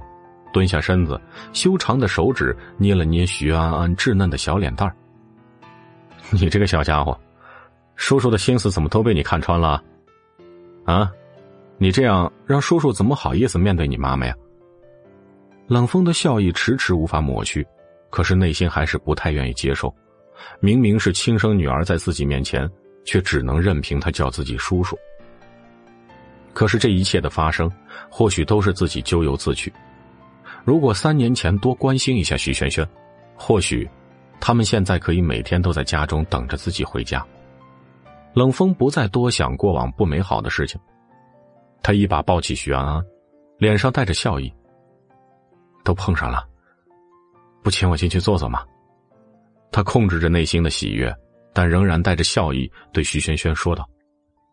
徐萱萱犹豫了一会儿，还是点头。三人慢慢走进了三零一。冷风抱着徐安安走进房间，看着破旧的家具、老式的装潢，有点不忍心让徐萱萱住在这么一个地方。可是他深知，徐萱萱是个自尊心很强的女人。虽然三年前的他答应他，可是要不是因为徐成红病重在床上，也不可能答应他的要求。所以现在冷风看到眼前的情况，没有吱声，只是和刚才一样和徐安安玩着。徐安安很喜欢这个修长又帅气的叔叔，很喜欢跟他玩。叔叔，以后你能每天都过来陪我玩吗？他甜美的声音让冷风的心坎都软了。在这儿说陪着自己的亲生女儿玩，有什么不可以呢？可是，一旁的徐萱萱在冷风还没有作声之前，就抢先一步：“安安，不可以无理取闹。叔叔公务繁忙。”哪有空余的时间来陪你这个小屁孩啊？徐安安很乖巧，知道徐萱萱说的也不无道理，所以暗自低下头，嘟着嘴不再说话。冷风看着眼前这个徐安安可爱的表情，委屈，可是又不说话，修长的手指轻轻夹住他鼻尖。你这个小家伙，叔叔答应你了，只要叔叔有空，就陪你玩，好吗？徐安安听到冷风答应陪他玩，虽然不是每天，但还是很高兴，小脸蛋一下抬起了头。此时，眨巴着眼睛看着他妈妈，咧着嘴笑着，拍着手：“好呀，好呀，只要叔叔肯答应陪我玩就好了。”本集第一百四十五集。冷风看着眼前心满意足的徐安安。脸上洋溢出了往日里不会流露的笑容。徐萱萱很吃惊的看着他们爷儿俩，三年没见的他们竟然一见如故，他感受到了血浓于水的亲情。他也会惊讶于冷风答应徐安安，可是转念一想，这肯定是为了安抚一下小孩子的把戏。冷风自己也不会当真，等他走出这间屋子，可能已经把这件事情抛之脑后了。天色太晚了，徐萱萱硬拉着徐安安进屋睡觉，可是徐安安就像一个皮猴一样挂在冷风的脖子上，不肯松开。两人无奈之下，冷风起身抱着徐安安走进他的卧室，温柔的对徐安安说道：“那今晚叔叔陪你睡，好不好？”徐安安嘴咧得更开。两手搂着冷风的脖子更紧了。真的吗？叔叔真的可以陪我吗？冷风望着徐安安期待的眼神，笑出了声。真的。徐安安这才肯进房睡觉。冷风陪徐安安挤在那张小床上，徐安安紧紧的抱着冷风，冷风那双大手轻轻的拍打着安安的后背。现在床边的徐萱萱反而觉得自己是多余的。本想着等安安睡着了，冷风就会离开，没想到过于疲劳的冷风反而比徐安安还要早睡着。当徐安安摇着冷风讲故事的时候，他已经像头猪一样睡过去了。徐萱萱心疼的看着眼前这个疲惫的男人，把安安哄睡着以后，纤细的手指轻轻的划过他的眉梢，他的鼻尖，他留恋着残存在指尖的余温。鼻尖充斥着冷风身上淡淡的薄荷清香。他痴痴的看着眼前这个三年朝思暮想的男人，这三年让他又爱又恨的人。他想到了之前安安能在自己什么都没做的时候被平安救出来。此时，他定眼望着这个熟睡的男人，不出意外，是他在帮忙。可是徐萱萱又迟疑起来，既然他舍不得自己和安安。为什么三年前他要让那个保姆虐待安安呢？为什么呢？这个问题在他的心里徘徊着。他回到了自己的卧室，脑子里还想着三年前发生的事情。明明是三年前冷风的保姆虐待安安，将自己和女儿逼走，为什么三年后又在暗中保护他们呢？他仰天躺着，双眼无神的望着天花板，慢慢的两眼涣散。缓缓合上了眼睛，深深的睡去。夏日的阳光透过窗户暖暖的照进了房间，冷风一个翻身就滚落在地上。从没如此落魄的他并没有发怒，而是揉着摔疼的腰部，急忙起身看床上的徐安安，生怕自己的动静会吵醒了熟睡中的宝贝修长的手指轻轻的抚过稚嫩的肌肤，万般不舍的离开，蹑手蹑脚的。走进了徐萱萱的房间，看着恬静的在大床一角的徐萱萱，冷风的脚步不由自主的向前迈去，俯身凝视着眼前的睡美人，克制不住内心的冲动，薄薄的、轻轻的在徐萱萱的红唇上吻了一下。徐萱萱的秀眉微蹙，向后转了个身，轻声的嗯哼一声。冷风看着徐萱萱有了动静，屏住呼吸，站在原地不动。确认他没有醒来，蹑手蹑脚的离开了房间。一辆豪车在楼下等着。孙明考虑到冷风这几日总是在 A 市、Z 市连轴转，这么疲劳驾驶，怕他出意外，所以提前来到了 A 市来接他。冷风知道孙明细心，没有对他自作主张进行批评，反倒是一句话也没说，径直坐进车里，闭目养神。冷风沉浸在方才的。那一早安吻上，熟悉的味道，熟悉的感觉，让他更加确定了自己的内心。孙明透过镜子看到冷风嘴角带着他都没有察觉的笑容，无奈的摇摇头。到了 Z 市，冷风又恢复到了原先的模样，冰冷的扑克脸，此时面对着所有人。哥，这么久没见到你了，你看看董事长就是忙啊啊！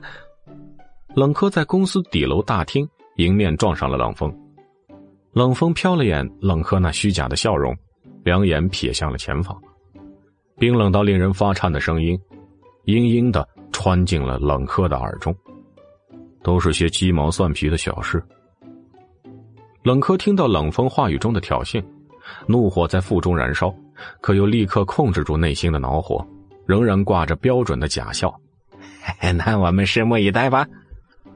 冷风淡定的跨步走进了总裁专属电梯，而另一边，冷柯坐在车的后座，气急败坏的用拳头捶打着座椅，鹰悚般的眼睛死死的盯着前方某一处，阴沉的声音在车中回荡：“冷风，董事长的位置，终究还是我的。” A 市，时近中午，徐轩轩才慵懒的起床，他蹑手蹑脚的推开了徐安安的卧房门。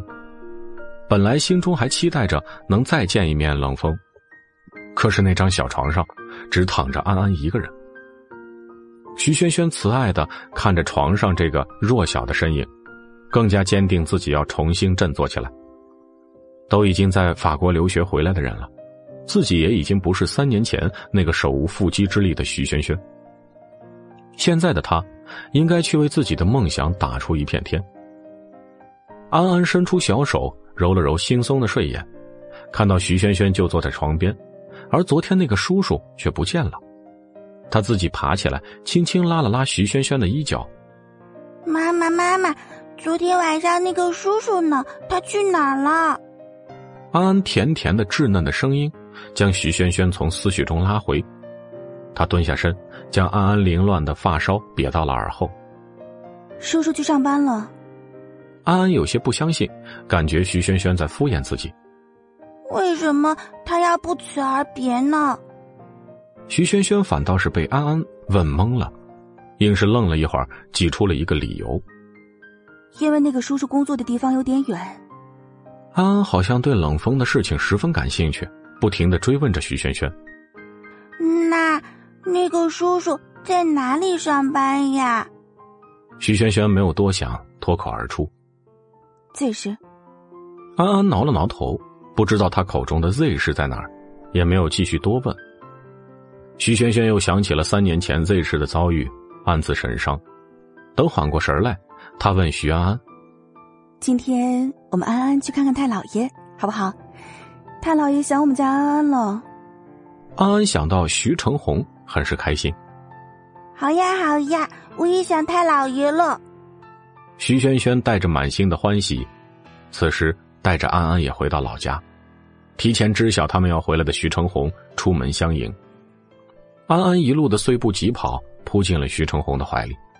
徐成红乐呵呵的笑着：“ 哎呀，这不是我的宝贝呃曾孙女吗？”徐萱萱听到之后，故作吃醋：“爷爷，看来有了安安，我就不是您的宝贝孙女了。”徐成红笑得像个孩子一样，你们俩呀，哎，都是我的宝贝儿。徐萱萱扑哧一声笑出了声，抬手看了看手表，时间不早了，简单的和徐成红交代几句，便开车离开了。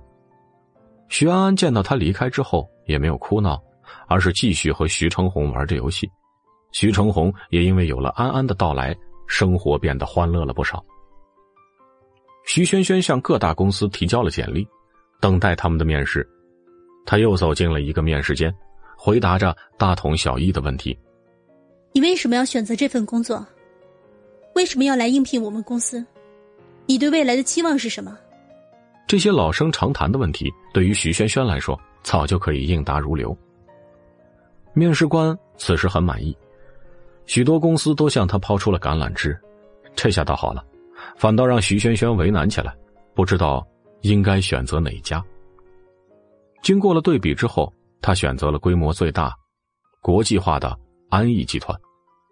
安逸集团是一家跨国企业，最大的特点不是它该界的龙头，更不是它世界闻名，而是这家公司的总裁无人不知。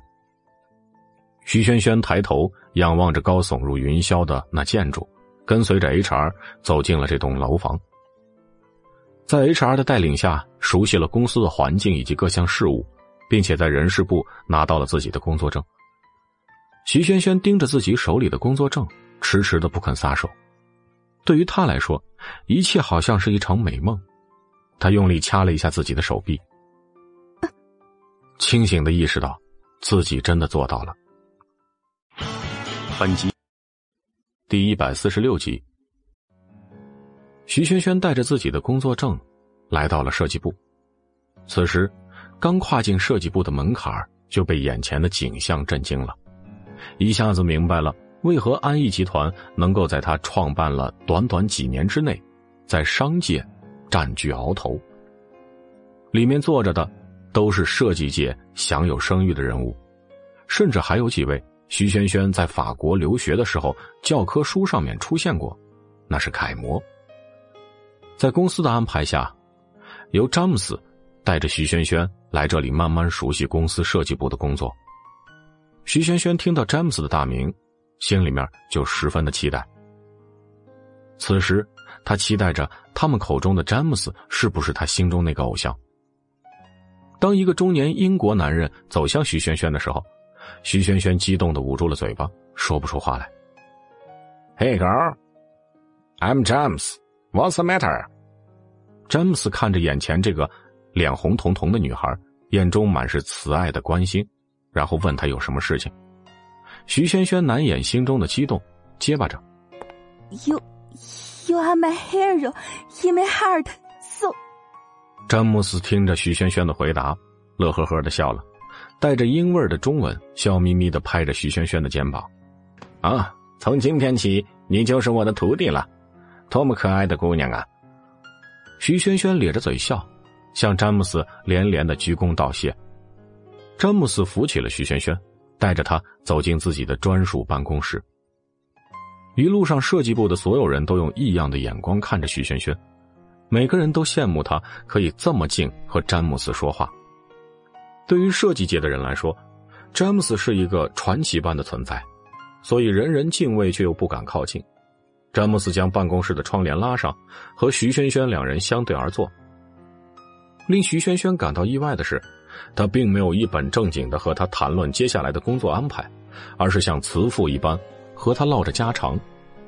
徐萱萱看着詹姆斯的眼眶中泛着的泪光，他不明所以，声音轻微的有些颤抖：“詹姆斯先生。”詹姆斯回过神来，用力的闭着眼睛，不想让眼泪流下来，可是。眼泪还是不争气的滑落了几滴。詹姆斯挤出了一抹慈爱的笑，“啊，抱歉，第一天见面就让你见笑了。”徐萱萱摇了摇头，“詹姆斯先生，您听了这么久我的故事，倒不如也给我讲讲您的事情吧。”詹姆斯破涕为笑，没有一个人敢跟他这么说话。詹姆斯更加确信自己第一眼没有看错这个人。他轻轻的抹掉泪痕。眼中满是慈爱，望着徐萱萱，忠厚慈祥的声音告诉他自己的往事。徐萱萱听到詹姆斯也有一个和自己一般大的女儿，刚想替那位女孩有这样一位慈祥而有才华的父亲感到高兴，詹姆斯才说，这两年前，他女儿和他母亲出去旅游，遇上飞机失事，两人都遇难离世了。徐萱萱看着低头捂着眼泪的詹姆斯。顿时不知道该说些什么。他想到了两年前的三月开始，有一段时间，设计界赫赫有名的詹姆斯突然间销声匿迹，不再有任何一个新作诞生，也有较长一段时间没出现在媒体面前。想着想着，他慢慢向詹姆斯跟前迈过去，伸出手，轻轻的拍着詹姆斯的背。他那粗糙的大手抹去泪水，抬头对上了徐萱萱满是担心的眼神。更是心疼眼前这个清秀聪慧的小姑娘，连连摆手说：“都过去了，没事。”徐萱萱怎么会体会不到失去女儿的心痛呢？怎么会理解不了现在她自己的内心呢？几句话一直哽在喉咙里，不知道该不该说，生怕自己是不自量力。詹姆斯看着徐萱萱几度哽咽，快要回到嘴边的话，突然间开口说道：“萱萱。”徐萱萱愣愣的望着眼前这个头顶掺着几根银丝的中年男人，脸上布满了岁月沧桑的印记。嗯，我刚到中国时，就听过这么一句话：“一日为师，终身为父。”詹姆斯此时看着徐萱萱，而徐萱萱也看着詹姆斯那清澈的眼睛，认真的点了点头。你和我的女儿有点相像，你愿意做我的干女儿吗？干女儿，徐萱萱一度认为自己出现了幻听，瞪大了双眼，满是惊讶的望着詹姆斯。詹姆斯似乎早就料到了徐萱萱的反应，却仍然不放弃。虽然我们今天第一次见面，我就如此唐突的说了这个话，可我这个年过半百的老人，只想有个人能将我的设计传承下去。徐轩轩思虑了片刻，望着眼前这位沧桑的男子，在这间办公室里，詹姆斯不再是外人面前那么坚强，而是需要人去照顾、去关心的中年男子。徐轩轩没有吱声，只是微微的点了点头。詹姆斯看到徐轩轩同意，高兴的像个孩子一样，激动的紧紧抱住了徐轩轩。徐轩轩脸上也是露出了甜美的笑容。转眼间。詹姆斯调整好了自己的情绪，又变成了一个专业的设计师，将自己的经验、设计思路全部都慢慢交给了徐萱萱，并将手头的一个任务交予他去练手。有着在法国留学经验的徐萱萱，很多次遇到过卡壳，只要詹姆斯轻轻一点拨，他就能明白其中的精妙，掌握整体设计的精髓。经过三个日夜的构思、修改。他的第一个设计品进入大众的视野，很多人看到设计师的名字之后，对于这么一个初出茅庐的新人很是不屑一顾，转眼就抛诸脑后。可是他的设计品却深深的吸引着大众群体，他用别样的构思，将作品放入了一个全新的视角，让人去认知。他并没有太过的去在意，反倒觉得这样挺美好。大家都在在意他的设计。而没有过多的关注他。经过这么一段时间的相处，詹姆斯知道徐萱萱是一个很低调的人，特别的踏实，不争不抢。可是，詹姆斯还是想把他捧成世界级的设计师。而在这之前，要做的就是让大众的眼中有这么一个人物。在很多次的采访中，詹姆斯都有一句没一句的提到徐萱萱的作品。可是当被问及和詹姆斯两人的关系时，他竟然玩起了文字游戏。我很希望他是我的徒弟。詹姆斯对于徐萱萱总是称赞有加，让媒体对于徐萱萱的关注度逐渐增大。可是行事低调的徐萱萱总是能躲过媒体的镜头，所以渐渐的，安逸集团又多了一个令人感到神秘的角色——徐萱萱。徐萱萱并没有受到外界的影响。仍然在詹姆斯的指导下，兢兢业业的完成着公司里面布置的各种任务。一项项任务被徐萱萱用他独特的想法构造出来，每一件设计品的入室都会引起一番轰动。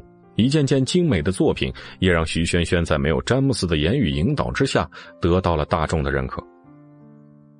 Z 市，难得得空的冷风翘着二郎腿，看着新闻中已经连续几天报道的女人徐萱萱。他还偷偷的命令孙明去花高价买下了徐萱萱的几件设计品。有这样一个匿名人花高价买下一个设计界新人的作品，又是在无形中将徐萱萱的身价再次捧高。他看着新闻中几张模糊的照片，虽然旁人无法辨识，但是那几张像素不高的照片还是被冷风一眼认出。照片中娇小的人，就是他总是魂牵梦萦的徐萱萱。冷风起身，跨步走到了办公桌前，拨通了孙明的电话。他想，现在的徐萱萱有了自己的事业，离自己的梦想越来越近，脸上不禁露出了淡淡的笑，简单的吩咐着孙明：“不要减轻对徐萱萱的保护，现在他的关注度越来越高，多派些人手过去。”孙明只是简单的发出了肯定的单音节，在等到冷风挂了电话之后。立马转身吩咐下面的人执行他的计划。可是冷风怎么受得了只在 Z 市看着徐萱萱的新闻呢？说来也有几个月没去 A 市看他们了。他想着他们的身影，心情大好，脸上淡淡的笑一直不肯散去。走出公司时，所有员工见到这样的董事长都不忍多看了几眼。平日里永远只有冰冷脸庞的董事长。今日却露出了如此冰山融化般的笑，还有几个甚至泛着花痴，抱着手中的文件，呆呆的站在原地，痴痴的凝视着冷风快步走出公司大门，不曾缓过神来。A 市，徐萱萱为了这份新上任的工作，这几个月几乎都泡在办公室里，已经好久没有回家陪安安了。本集。第一百四十七集。临下班，他简单的收拾了一下自己的工作桌，然后拿起包，开车向老家驶去。刚进门，徐成红和安安正在吃着晚饭。安安灵敏的耳朵听到了动静，急忙转头望向大门口。妈妈，他好久没见到妈妈，激动的扔下了碗筷，朝着大门飞奔而去。徐成红看到了自己的宝贝孙女，好不容易有时间回一趟家，也慢慢的放下了碗筷，慈祥的看着门口那个更加娇瘦的身影，眼中是藏不住的心疼。徐萱萱稳稳的接住了急跑过来的安安，一把把她抱住，迈步向坐在小板凳上又苍老了几分的徐成红走去。爷爷，徐成红微微点点头，缓缓站起身，拍着他的肩，掩盖不住的慈爱。回来就好，啊，饿了吧？徐萱萱看着日渐苍老的徐成红，自己却因为工作无法每天陪在他身边，眼泪又不争气的开始在眼眶中打转。徐萱萱用力的点着头，连连发出肯定的单音节：“哎呀，坐坐坐下，我们吃点嘿嘿嘿，都是你爱吃的。”徐成红示意他赶紧坐下。安安挣扎着从徐萱萱的怀里出来。一溜烟没了人影过了一会儿，他盛了一碗热腾腾的饭和一双筷子出来，递到徐萱萱面前。妈妈，你多吃一点儿。小孩甜美的声音触动着徐萱萱本就柔软的心房，请在眼眶中良久的泪水还是落了下来。纤细的手指此时轻柔的抚摸着安安的头。安安真乖。安安一个劲儿的撒着娇，往徐萱萱的怀里钻。徐萱萱简单的吃了几口饭，就陪着安安坐着玩游戏。夜深了，徐萱萱坐在安安的床边，轻轻拍打着他的后背，嘴中低声哼唱着睡眠曲。玩坏了的安安不一会儿就进入了梦乡。徐萱萱盖好了安安的被子，蹑手蹑脚退出了房间，带上了房门。徐萱萱看见徐成红就坐在庭院里边，手里摇着一把破旧的扇子，还没有去睡。徐轩轩快步走上前去，顺手搬了张小板凳坐在他旁边。爷爷，徐成红低声的答应了一声，继续摇动着手中的扇子，望了望消瘦了不少的徐轩轩，不再说话。徐轩轩将头靠在徐成红宽实的肩上，轻声的说道：“爷爷，我在公司遇到了一个人很好的外国人，他主动让我拜他为师。”他也教会了我很多东西。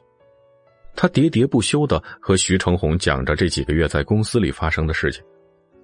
徐成红有规律的扇动着扇子，静静的听着他诉说着这几个月的经历，面上没有任何的反应。可是只有徐成红自己心里清楚，他是多么心疼这个宝贝孙女。小小的年纪就肩负着跟同龄人不应该承受的负担。在别人如花般的年纪里，本来该享受着青春，可他却因为自己的身体遭受着很大的痛苦。此时，徐成红想到这儿，不由得发出了无奈的叹息。徐萱萱朦胧间听到了徐成红的叹息，他缓缓睁开了已经闭上的眼睛，抬头对上了徐成红微微泛着泪光的眼睛，徐萱萱一时语塞。徐成红用扇子。故意用力的打着他的头，傻丫头，爷爷没让你过上好日子，你现在闯出了一片天了，就要继续努力，知道吗？徐萱萱盯着他的眼睛，透露着坚定，用力的上下摆动着头。徐成红被他的滑稽表情逗笑了，哈哈哈的爽朗的笑声回荡在夏季田野的上空，迟迟不肯散去。傻丫头，回去休息吧。徐萱萱嗯了一声，便拖着有些许疲惫的身子躺在自己床上沉沉睡去。庭院里的徐成红望着乡野的夜空，默默流下了眼泪。儿啊，你的闺女现在出息了，你看到了吧？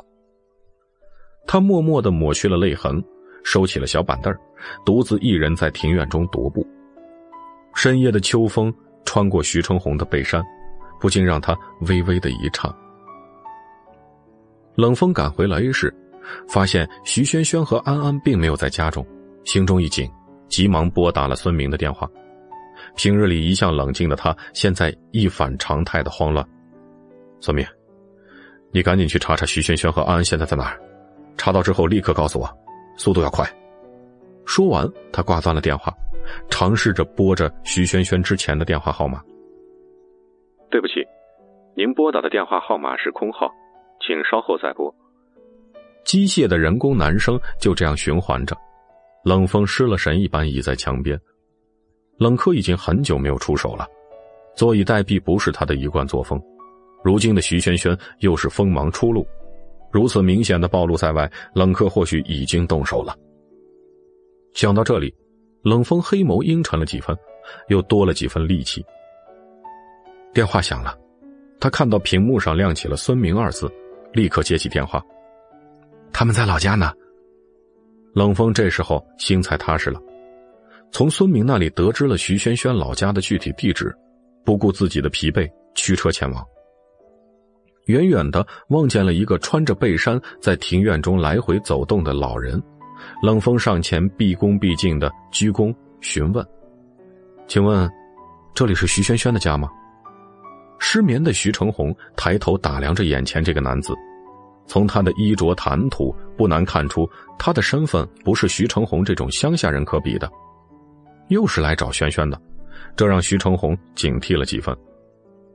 冷风定眼看了一下这位老人，认出了他正是徐萱萱的爷爷，耐着性子直截了当的说出了自己的身份：“我是安安的父亲。”徐成红听了以后愣了一会儿。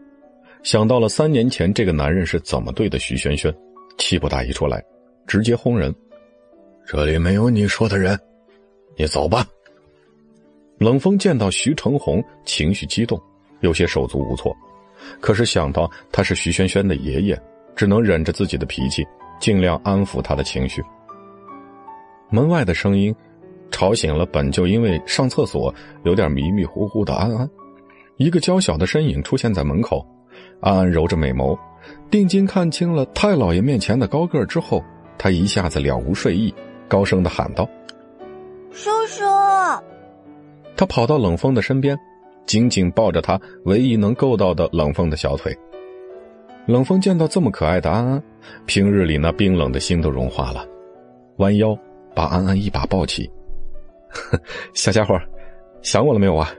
冷风说着。还轻轻的刮了刮安安的鼻尖儿，安安紧闭着双眼，再睁开时，趁着徐萱萱不在，伸出小手用力捏着冷风的脸颊。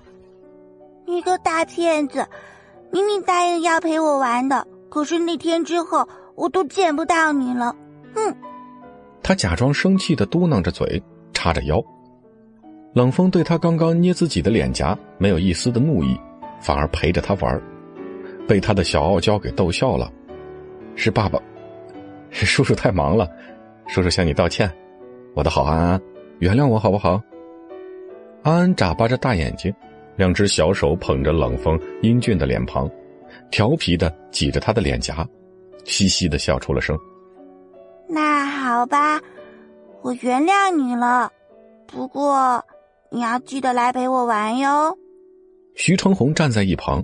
看着这父女俩说不出话来，他不再反驳，想着徐萱萱已经是个没有父母疼爱的环境中长大的苦命孩子，他不想自己的曾孙女又是踏一遍没有父爱的旧路。此时，他扇着扇子迈步回到自己的房间，躺在床上，此时想着那个男人还能来寻他们母女俩，有些心定的慢慢睡去。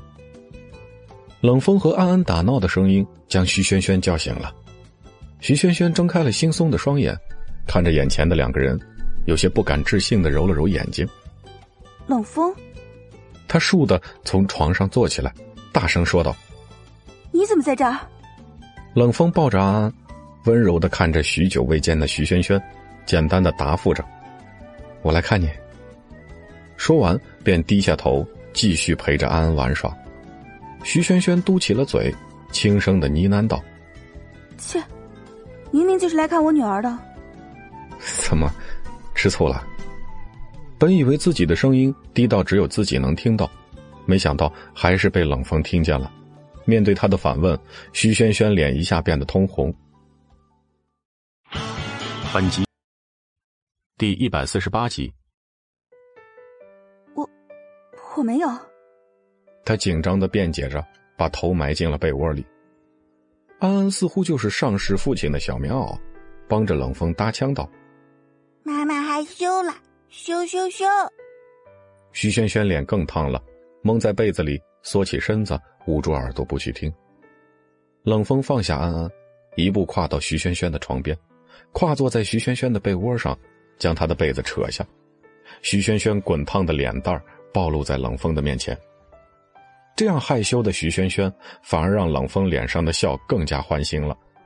不怕事儿大的小家伙在一旁故作捂住了眼睛，偷偷的透过指缝说道：“爸爸妈妈要亲亲了。”听到他的话，徐轩轩瞪大眼睛质问着冷风：“爸爸，你和安安说了什么？”冷风装作一脸无辜的样子：“我什么都没说啊，顶多就是实话实说而已啊。”徐轩轩恶狠狠的瞪了瞪冷风，可是他的话有一点毛病都没有。确实，徐安安是他冷风的女儿，现在告诉他，是他身为父亲的权利。徐轩轩气得撇过头，不再看他。冷风下床，将安安的鞋子褪去，把她抱进了被窝里。徐轩轩本能的把安安的被子盖好，不经意间，冷风自己也像泥鳅一般钻进了被窝。徐轩轩瞪着他的美眸，吃惊的问道：“冷风，你干什么？回你的 Z 市去！”冷风装作没听见的样子，翻了个身，伸出手臂将徐萱萱和安安都揽在自己怀里。徐萱萱本能的想要挣脱，可是力气实在抵不过冷风，只好作罢。他一直盯着近在咫尺的男人，这个他深爱了三年的男人，好想伸手去摸摸他的脸颊，可是他忍住了。随着冷风呼吸平稳的传来，然后徐萱萱也闭上了早就支撑不住的眼睛，在冷风的怀里，渐渐的消散了意识，不知为何，睡得格外踏实。早秋交杂着夏天的热度，昨日还穿着短袖，今天却要换上长袖。徐萱萱轻松的睁开了双眼，床上除了安安仍然在熟睡在一旁，没有冷风的身影。徐萱萱不禁觉得自己很可笑，昨天发生的不过是梦一场，冷风怎么可能出现在这儿？如果他会想自己和女儿，三年前也就不会通过保姆逼着他离开。他披了一件外套起身，帮助安安盖好了被子，走在庭院中，瑟瑟秋风让他不禁裹紧了外套。他远眺着金黄色一望无际的田野，大清晨醒来的徐萱萱闲来无事。不知为何来了兴致，径直走进田野里。迈步在田野中的徐萱萱，像在解放着这几个月过于紧绷的思绪，在田野正中央张开了双臂，用鼻子深深的呼吸着田野上空清新的空气。秋天丰收的气息，让徐萱萱的脑海中不断的蹦出灵感，这些灵感让她感觉到兴奋。她在田野中奔跑，来回往复。他连忙拿起笔，将刚刚的灵感草草的在素描纸上框出了一个轮廓，全身心的投入到设计中。殊不知，自己在田野中释放自己的样子，在田间奔跑的俏皮，工作桌前认真的模样，被一个人紧紧的盯着。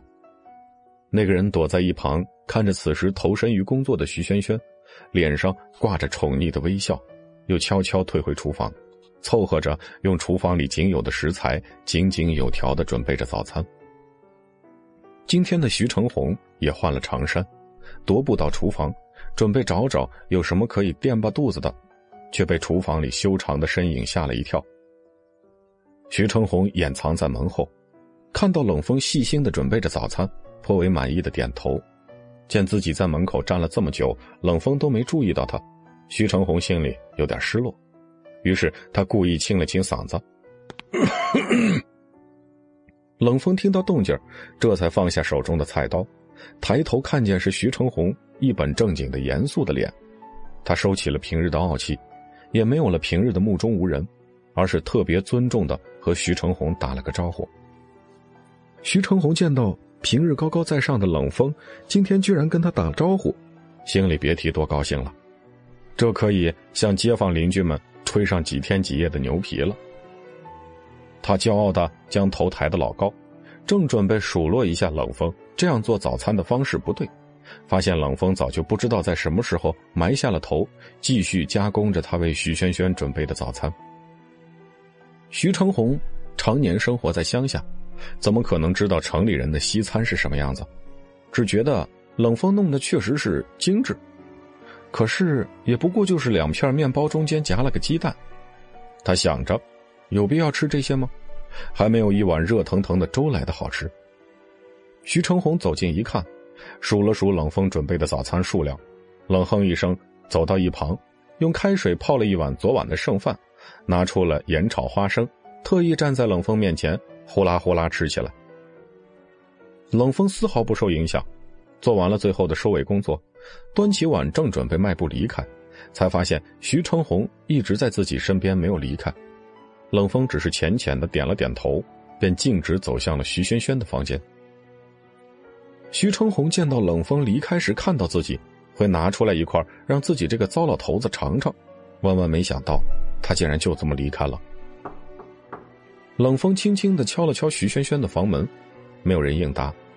他知道，铁定是徐萱萱设计过于痴迷，忘记了外面的世界，所以他直接蹑手蹑脚的推门而入。生怕自己的动静扰乱了他的思路。徐萱萱认真的描绘着每一笔，有时候对比着修改时，又会无意识的将铅笔咬在嘴里。这些无意识的举动，在冷风的眼里无法用言语形容的可爱。冷风将准备好的早餐轻轻的放在徐萱萱工作桌的一角，这时候徐萱萱才抬起头，发现冷风端着早餐在自己身边。他愣愣的咬着那根铅笔，冷风双手撑着桌子，身子微微前倾，离徐萱萱只有几厘米的距离，带着邪魅的笑容。早安。徐萱萱嘴里咬着的铅笔，在他发愣期间掉落在地上，眨巴着眼睛，愣愣的看着冷风。他缓缓的伸出手。冷风看到徐萱萱伸出手，心想这个小女人还是忍不住了，他的心里还是有自己的。脸上的笑意加深了几分。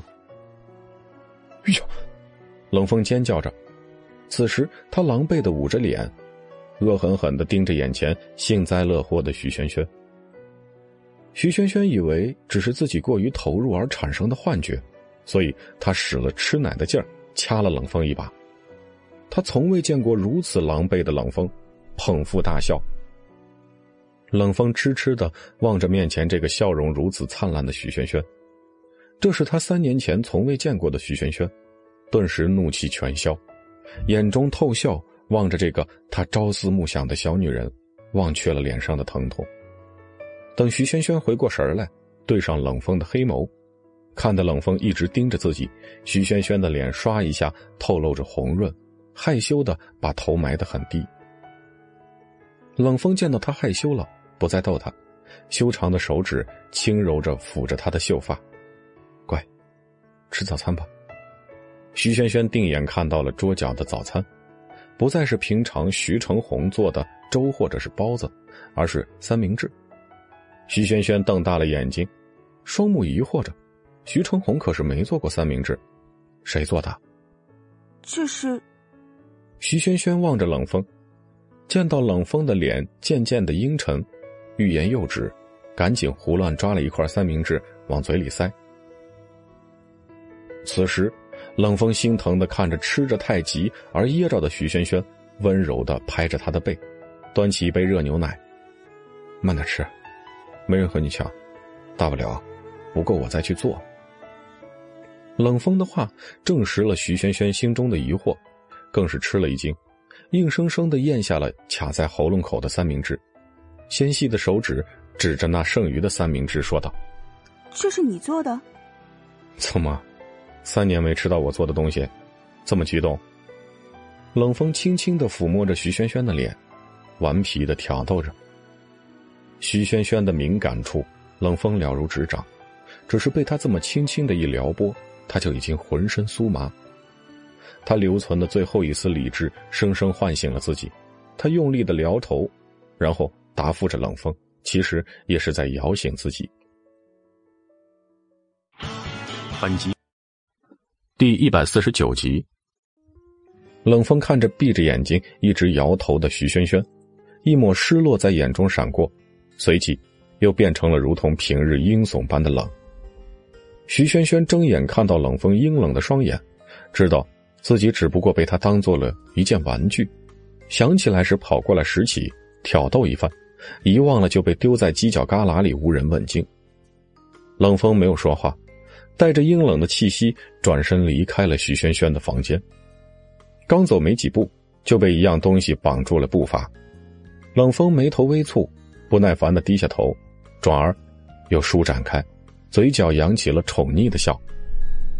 哎呀，你怎么今天就穿了这么点衣服呀？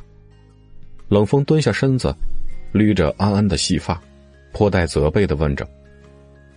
安安无邪的笑容，总能在一瞬间将冷风这座冰山融化。和徐萱萱神似的美眸，总是让冷风目不转睛的盯着他。爸爸抱抱就不冷了。安安说着，撒娇似的。往冷风的身上扑去，冷风此时被突如其来扑过来的安安有些重心不稳，身子向后仰了仰，平衡好身体重心，将安安一把抱起，紧紧搂在怀里，生怕秋日的凉风把他吹感冒。得知冷风是自己的亲生父亲后，安安在冷风怀里越发的调皮，在冷风的肩膀里边不停的上下窜动着。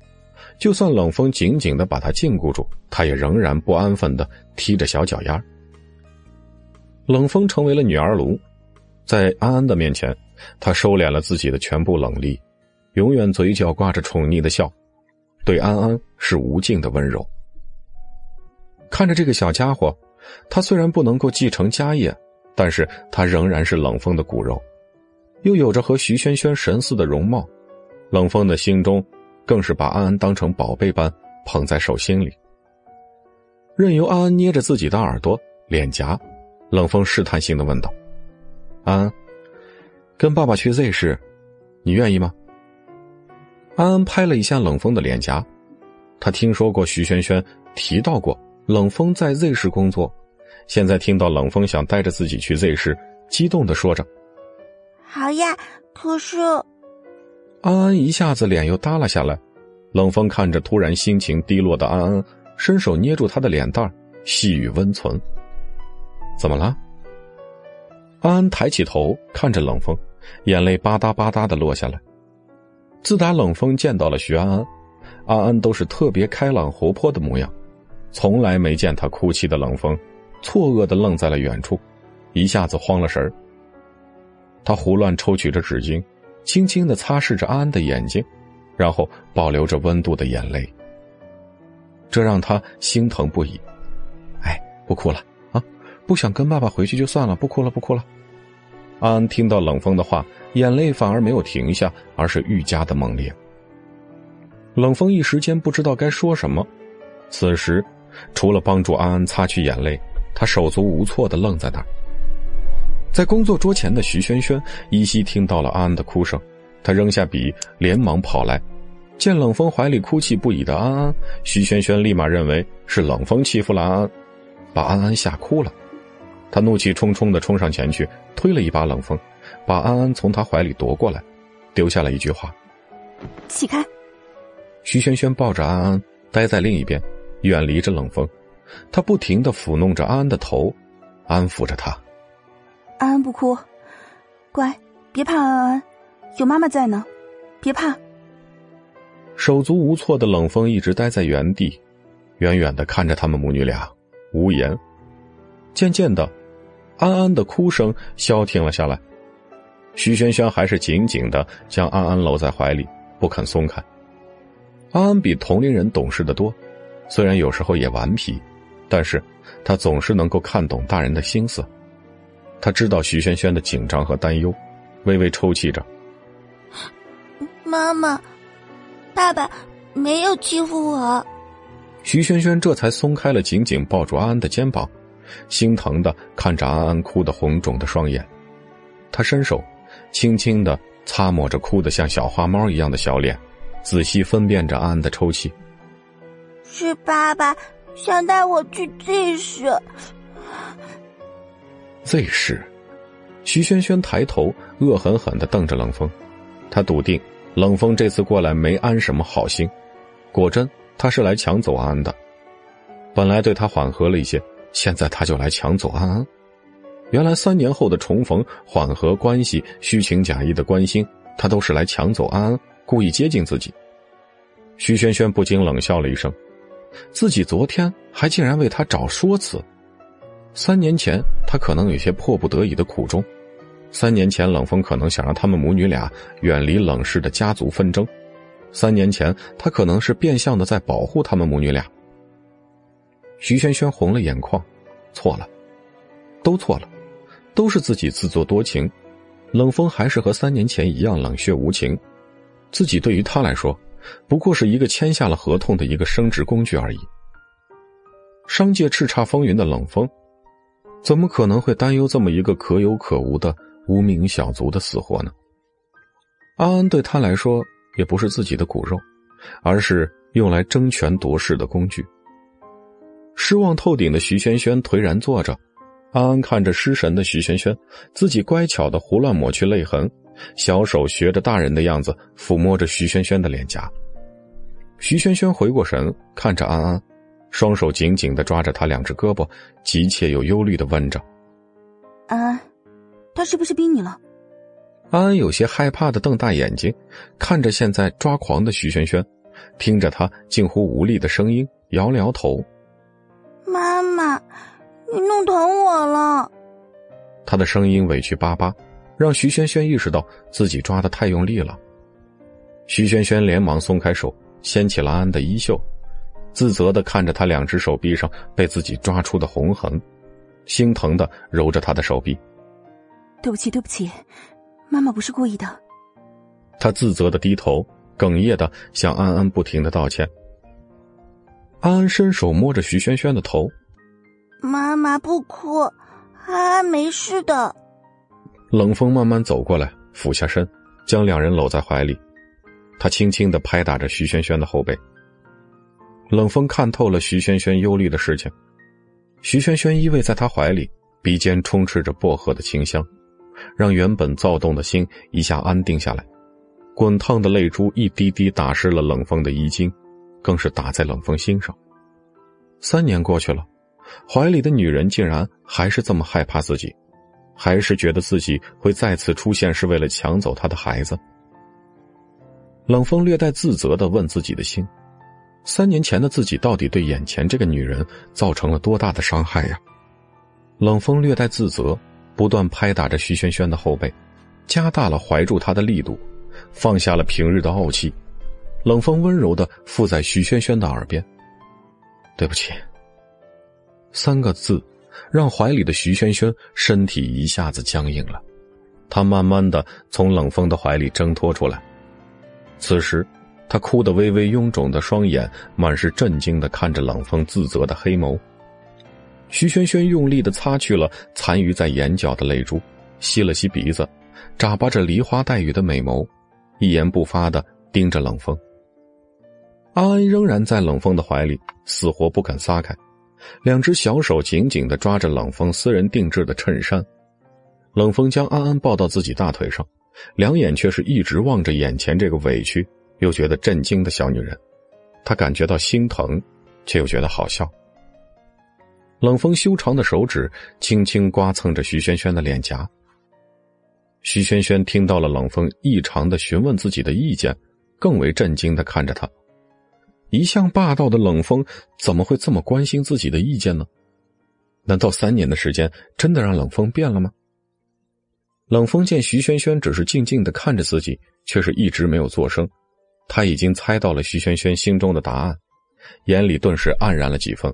划过了一丝失落，徐萱萱意外的看到了冷风眼中的失望，感受到他情绪变得低落，他的头慢慢的低下，余光扫到了冷风衣襟处湿了一片，隐约中透露着他那小麦色健康的肤色以及健壮的肌肉。这样的冷风对于他来说，无疑是最大的诱惑。他红着脸，支支吾吾：“对，对不起啊，把你的衣服弄湿了。”冷风收起掩藏在眼底的失落，低头看着他手指处被他弄湿的衣服。本集第一百五十集，他没有在意，心里在意的是徐萱萱见到自己，明明还会脸红。这样会害羞的徐萱萱，让自负的冷风还是不死心，仍然执着着。徐萱萱，你要去吗？生硬的语气。与其说是在询问徐萱萱的意见，不如说透露着威胁。徐萱萱推开了冷风搭在自己身上的手，冷笑着说道：“不去。”冷风的温情都是装出来的，他只不过是想利用安安的感情来骗自己回去。他的虚情假意只不过是想找自己回去，继续做生殖工具而已。在冷风眼里，徐萱萱只不过是一个呼之即来。挥之即去的玩偶，他心灰意冷，将安安从冷风的怀里夺过来。你走吧。冷风不知道为什么，前一秒还有些动心的徐萱萱，下一秒又变成了陌生的冷酷。冷风站起身，修长的身子居高临下的望着这个自己深爱的女人。徐萱萱抱着安安转过身，不再看他，他怕自己多看一眼，最后一层理智会被他击溃。三年前好不容易逃出牢笼，自己怎么会心甘情愿的走进去呢？见到徐萱萱此时心意已决，在原地静静的盯着他的背影，没再说什么。他轻轻的叹了口气，转身离开。听着冷风渐渐消失在门口的脚步声，徐萱萱默默的流下了眼泪。安安搂着徐萱萱的脖子，看着本就哭得红肿了双眼的徐萱萱，又开始流泪。他贴心的伸出小手，轻轻的抹去她的眼泪。妈妈不哭。徐萱萱忍住了眼泪，噙着，破涕苦笑。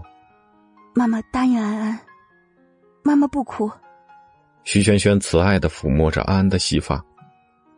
冷风坐在车里，满脑子都是徐萱萱哭泣的样子，可怜又叫人心疼。此时，将车停在路边。冷风走下车，倚在车边，远眺着隔着金黄田野的远处的一间屋子，痴痴的凝视。那里有他思念的人，有他喜欢的人，有他这辈子都难以割舍的人。只是背负着要查清楚当年母亲死因的冷风，必须要冷酷的面对这个世界。可是这个女人的出现，却将对结婚不抱希望的冷风。渐渐的改变了这个想法，徐萱萱却是带着安安逃离自己，让自己寻找了三年无果。现在，冷风好不容易找到了他，想要让他回到自己身边，却发现徐萱萱比自己想象中的还要害怕自己。冷风此时神情黯然，一直盯着远处的那间屋子。秋风瑟瑟吹动他的头发，凌乱的刮在眼前。徐萱萱无情的拒绝，让冷风体会到了一丝心痛的感觉。他低声的呢喃着：“徐萱萱，三年前的你的心，是不是和我现在一样痛？对不起。”一滴滚烫的泪珠打在他裤子上，溅起几滴泪痕，掩藏了心中的痛。冷风眼底恢复了平日如鹰隼般的冷厉。冷风转身，进入了车里。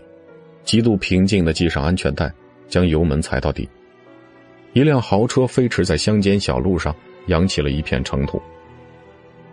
一直在屋子里的徐成红，看出徐萱萱还是喜欢那个冷风，却还是狠心的拒绝了他。他心疼的看着徐萱萱，知道自己孙女害怕了。他叹了口气，转身回到了自己的房间。徐萱萱调整好情绪。继续将安安交给了徐成红照顾一阵才刚到公司的他丝毫不敢怠慢。他知道，自己需要绝对的勿扰，需要足够的创作空间。告别了徐成红和安安，带着临时的灵感，此时他来到了公司里面，手里拿着草图，兴奋的奔向了詹姆斯的办公室。干爹，你看一下这草图。徐轩轩气喘吁吁的冲进詹姆斯办公室，将被有些捏得有些皱的草图交给了詹姆斯。詹姆斯看着跑着气喘吁吁的徐轩轩，乐呵呵的笑着：“哦，轩轩，你先坐一会儿，跑这么急干什么嘛？难不成我会跑了不成啊？”徐轩轩被詹姆斯的幽默风趣逗笑了，接着他打趣道：“我呀，还真是让你给跑了，我上哪儿去找这么好的师傅，还能教我知识的干爹呀？”詹姆斯听到徐轩轩的话，开怀大笑，随后。瞟了一眼他刚刚递过来的草图，脸色变得严肃，仔细的看着几张草图。他放下，默默拿起铅笔，想下笔，却又多次抬起。他微微蹙眉，用力咬着铅笔，认真的盯着徐萱萱的草图。徐萱萱看着他几次想要修改却又提笔的样子，有些忐忑的看着他。詹姆斯抬头看了一眼错愕的徐萱萱，低头看了一眼草稿。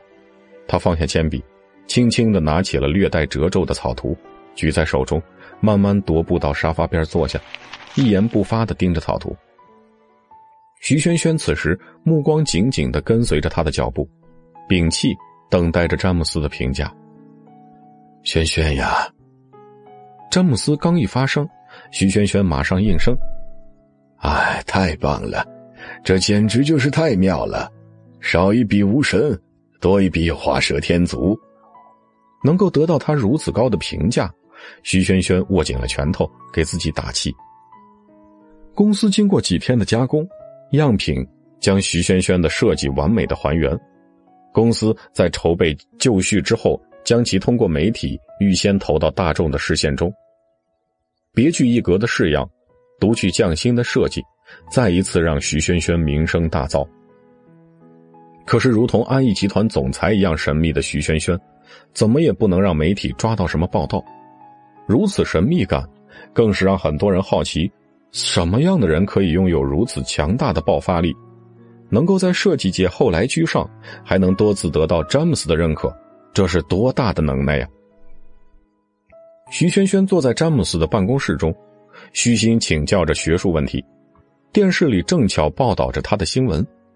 詹姆斯停下了手头的工作，走到电视前，倾听着媒体对他的评价。听到“神秘”二字时，詹姆斯更是开怀，打趣道：“ 哦，轩轩，你现在都能和严少秋媲美了呀！”严少秋，徐萱萱此时眨着那双清透的美眸，疑惑的盯着詹姆斯。詹姆斯这才反应过来，自己是知道严少秋的少数人之一。这小丫头是怎么知道的？詹姆斯言简意赅的和徐萱萱讲了几句：“安逸集团就是他创办的。”徐萱萱认真的听着，可见詹姆斯不再有继续说的意愿，也就没有追问。随后，徐萱萱就将严少秋这个名字抛诸脑后。对于他来说，严少秋将永远是个遥远的存在，自己和他是两条永远不会交集的平行线。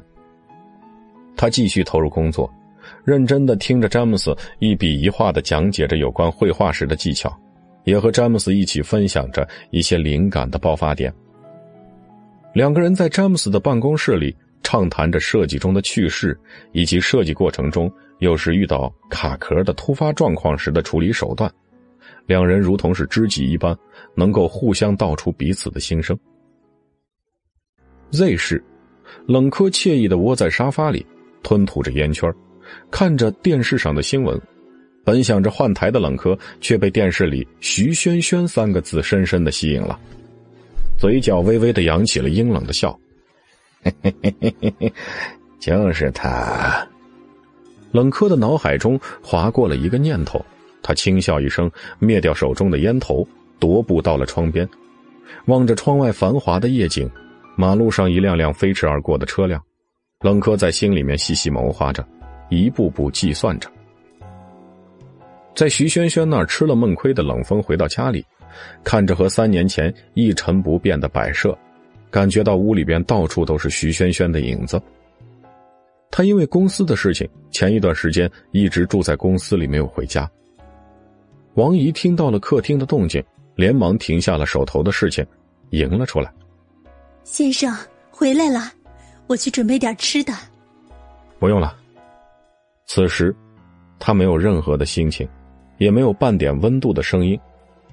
王姨早就已经习惯了，识趣的退下，继续忙着手头的工作。本集。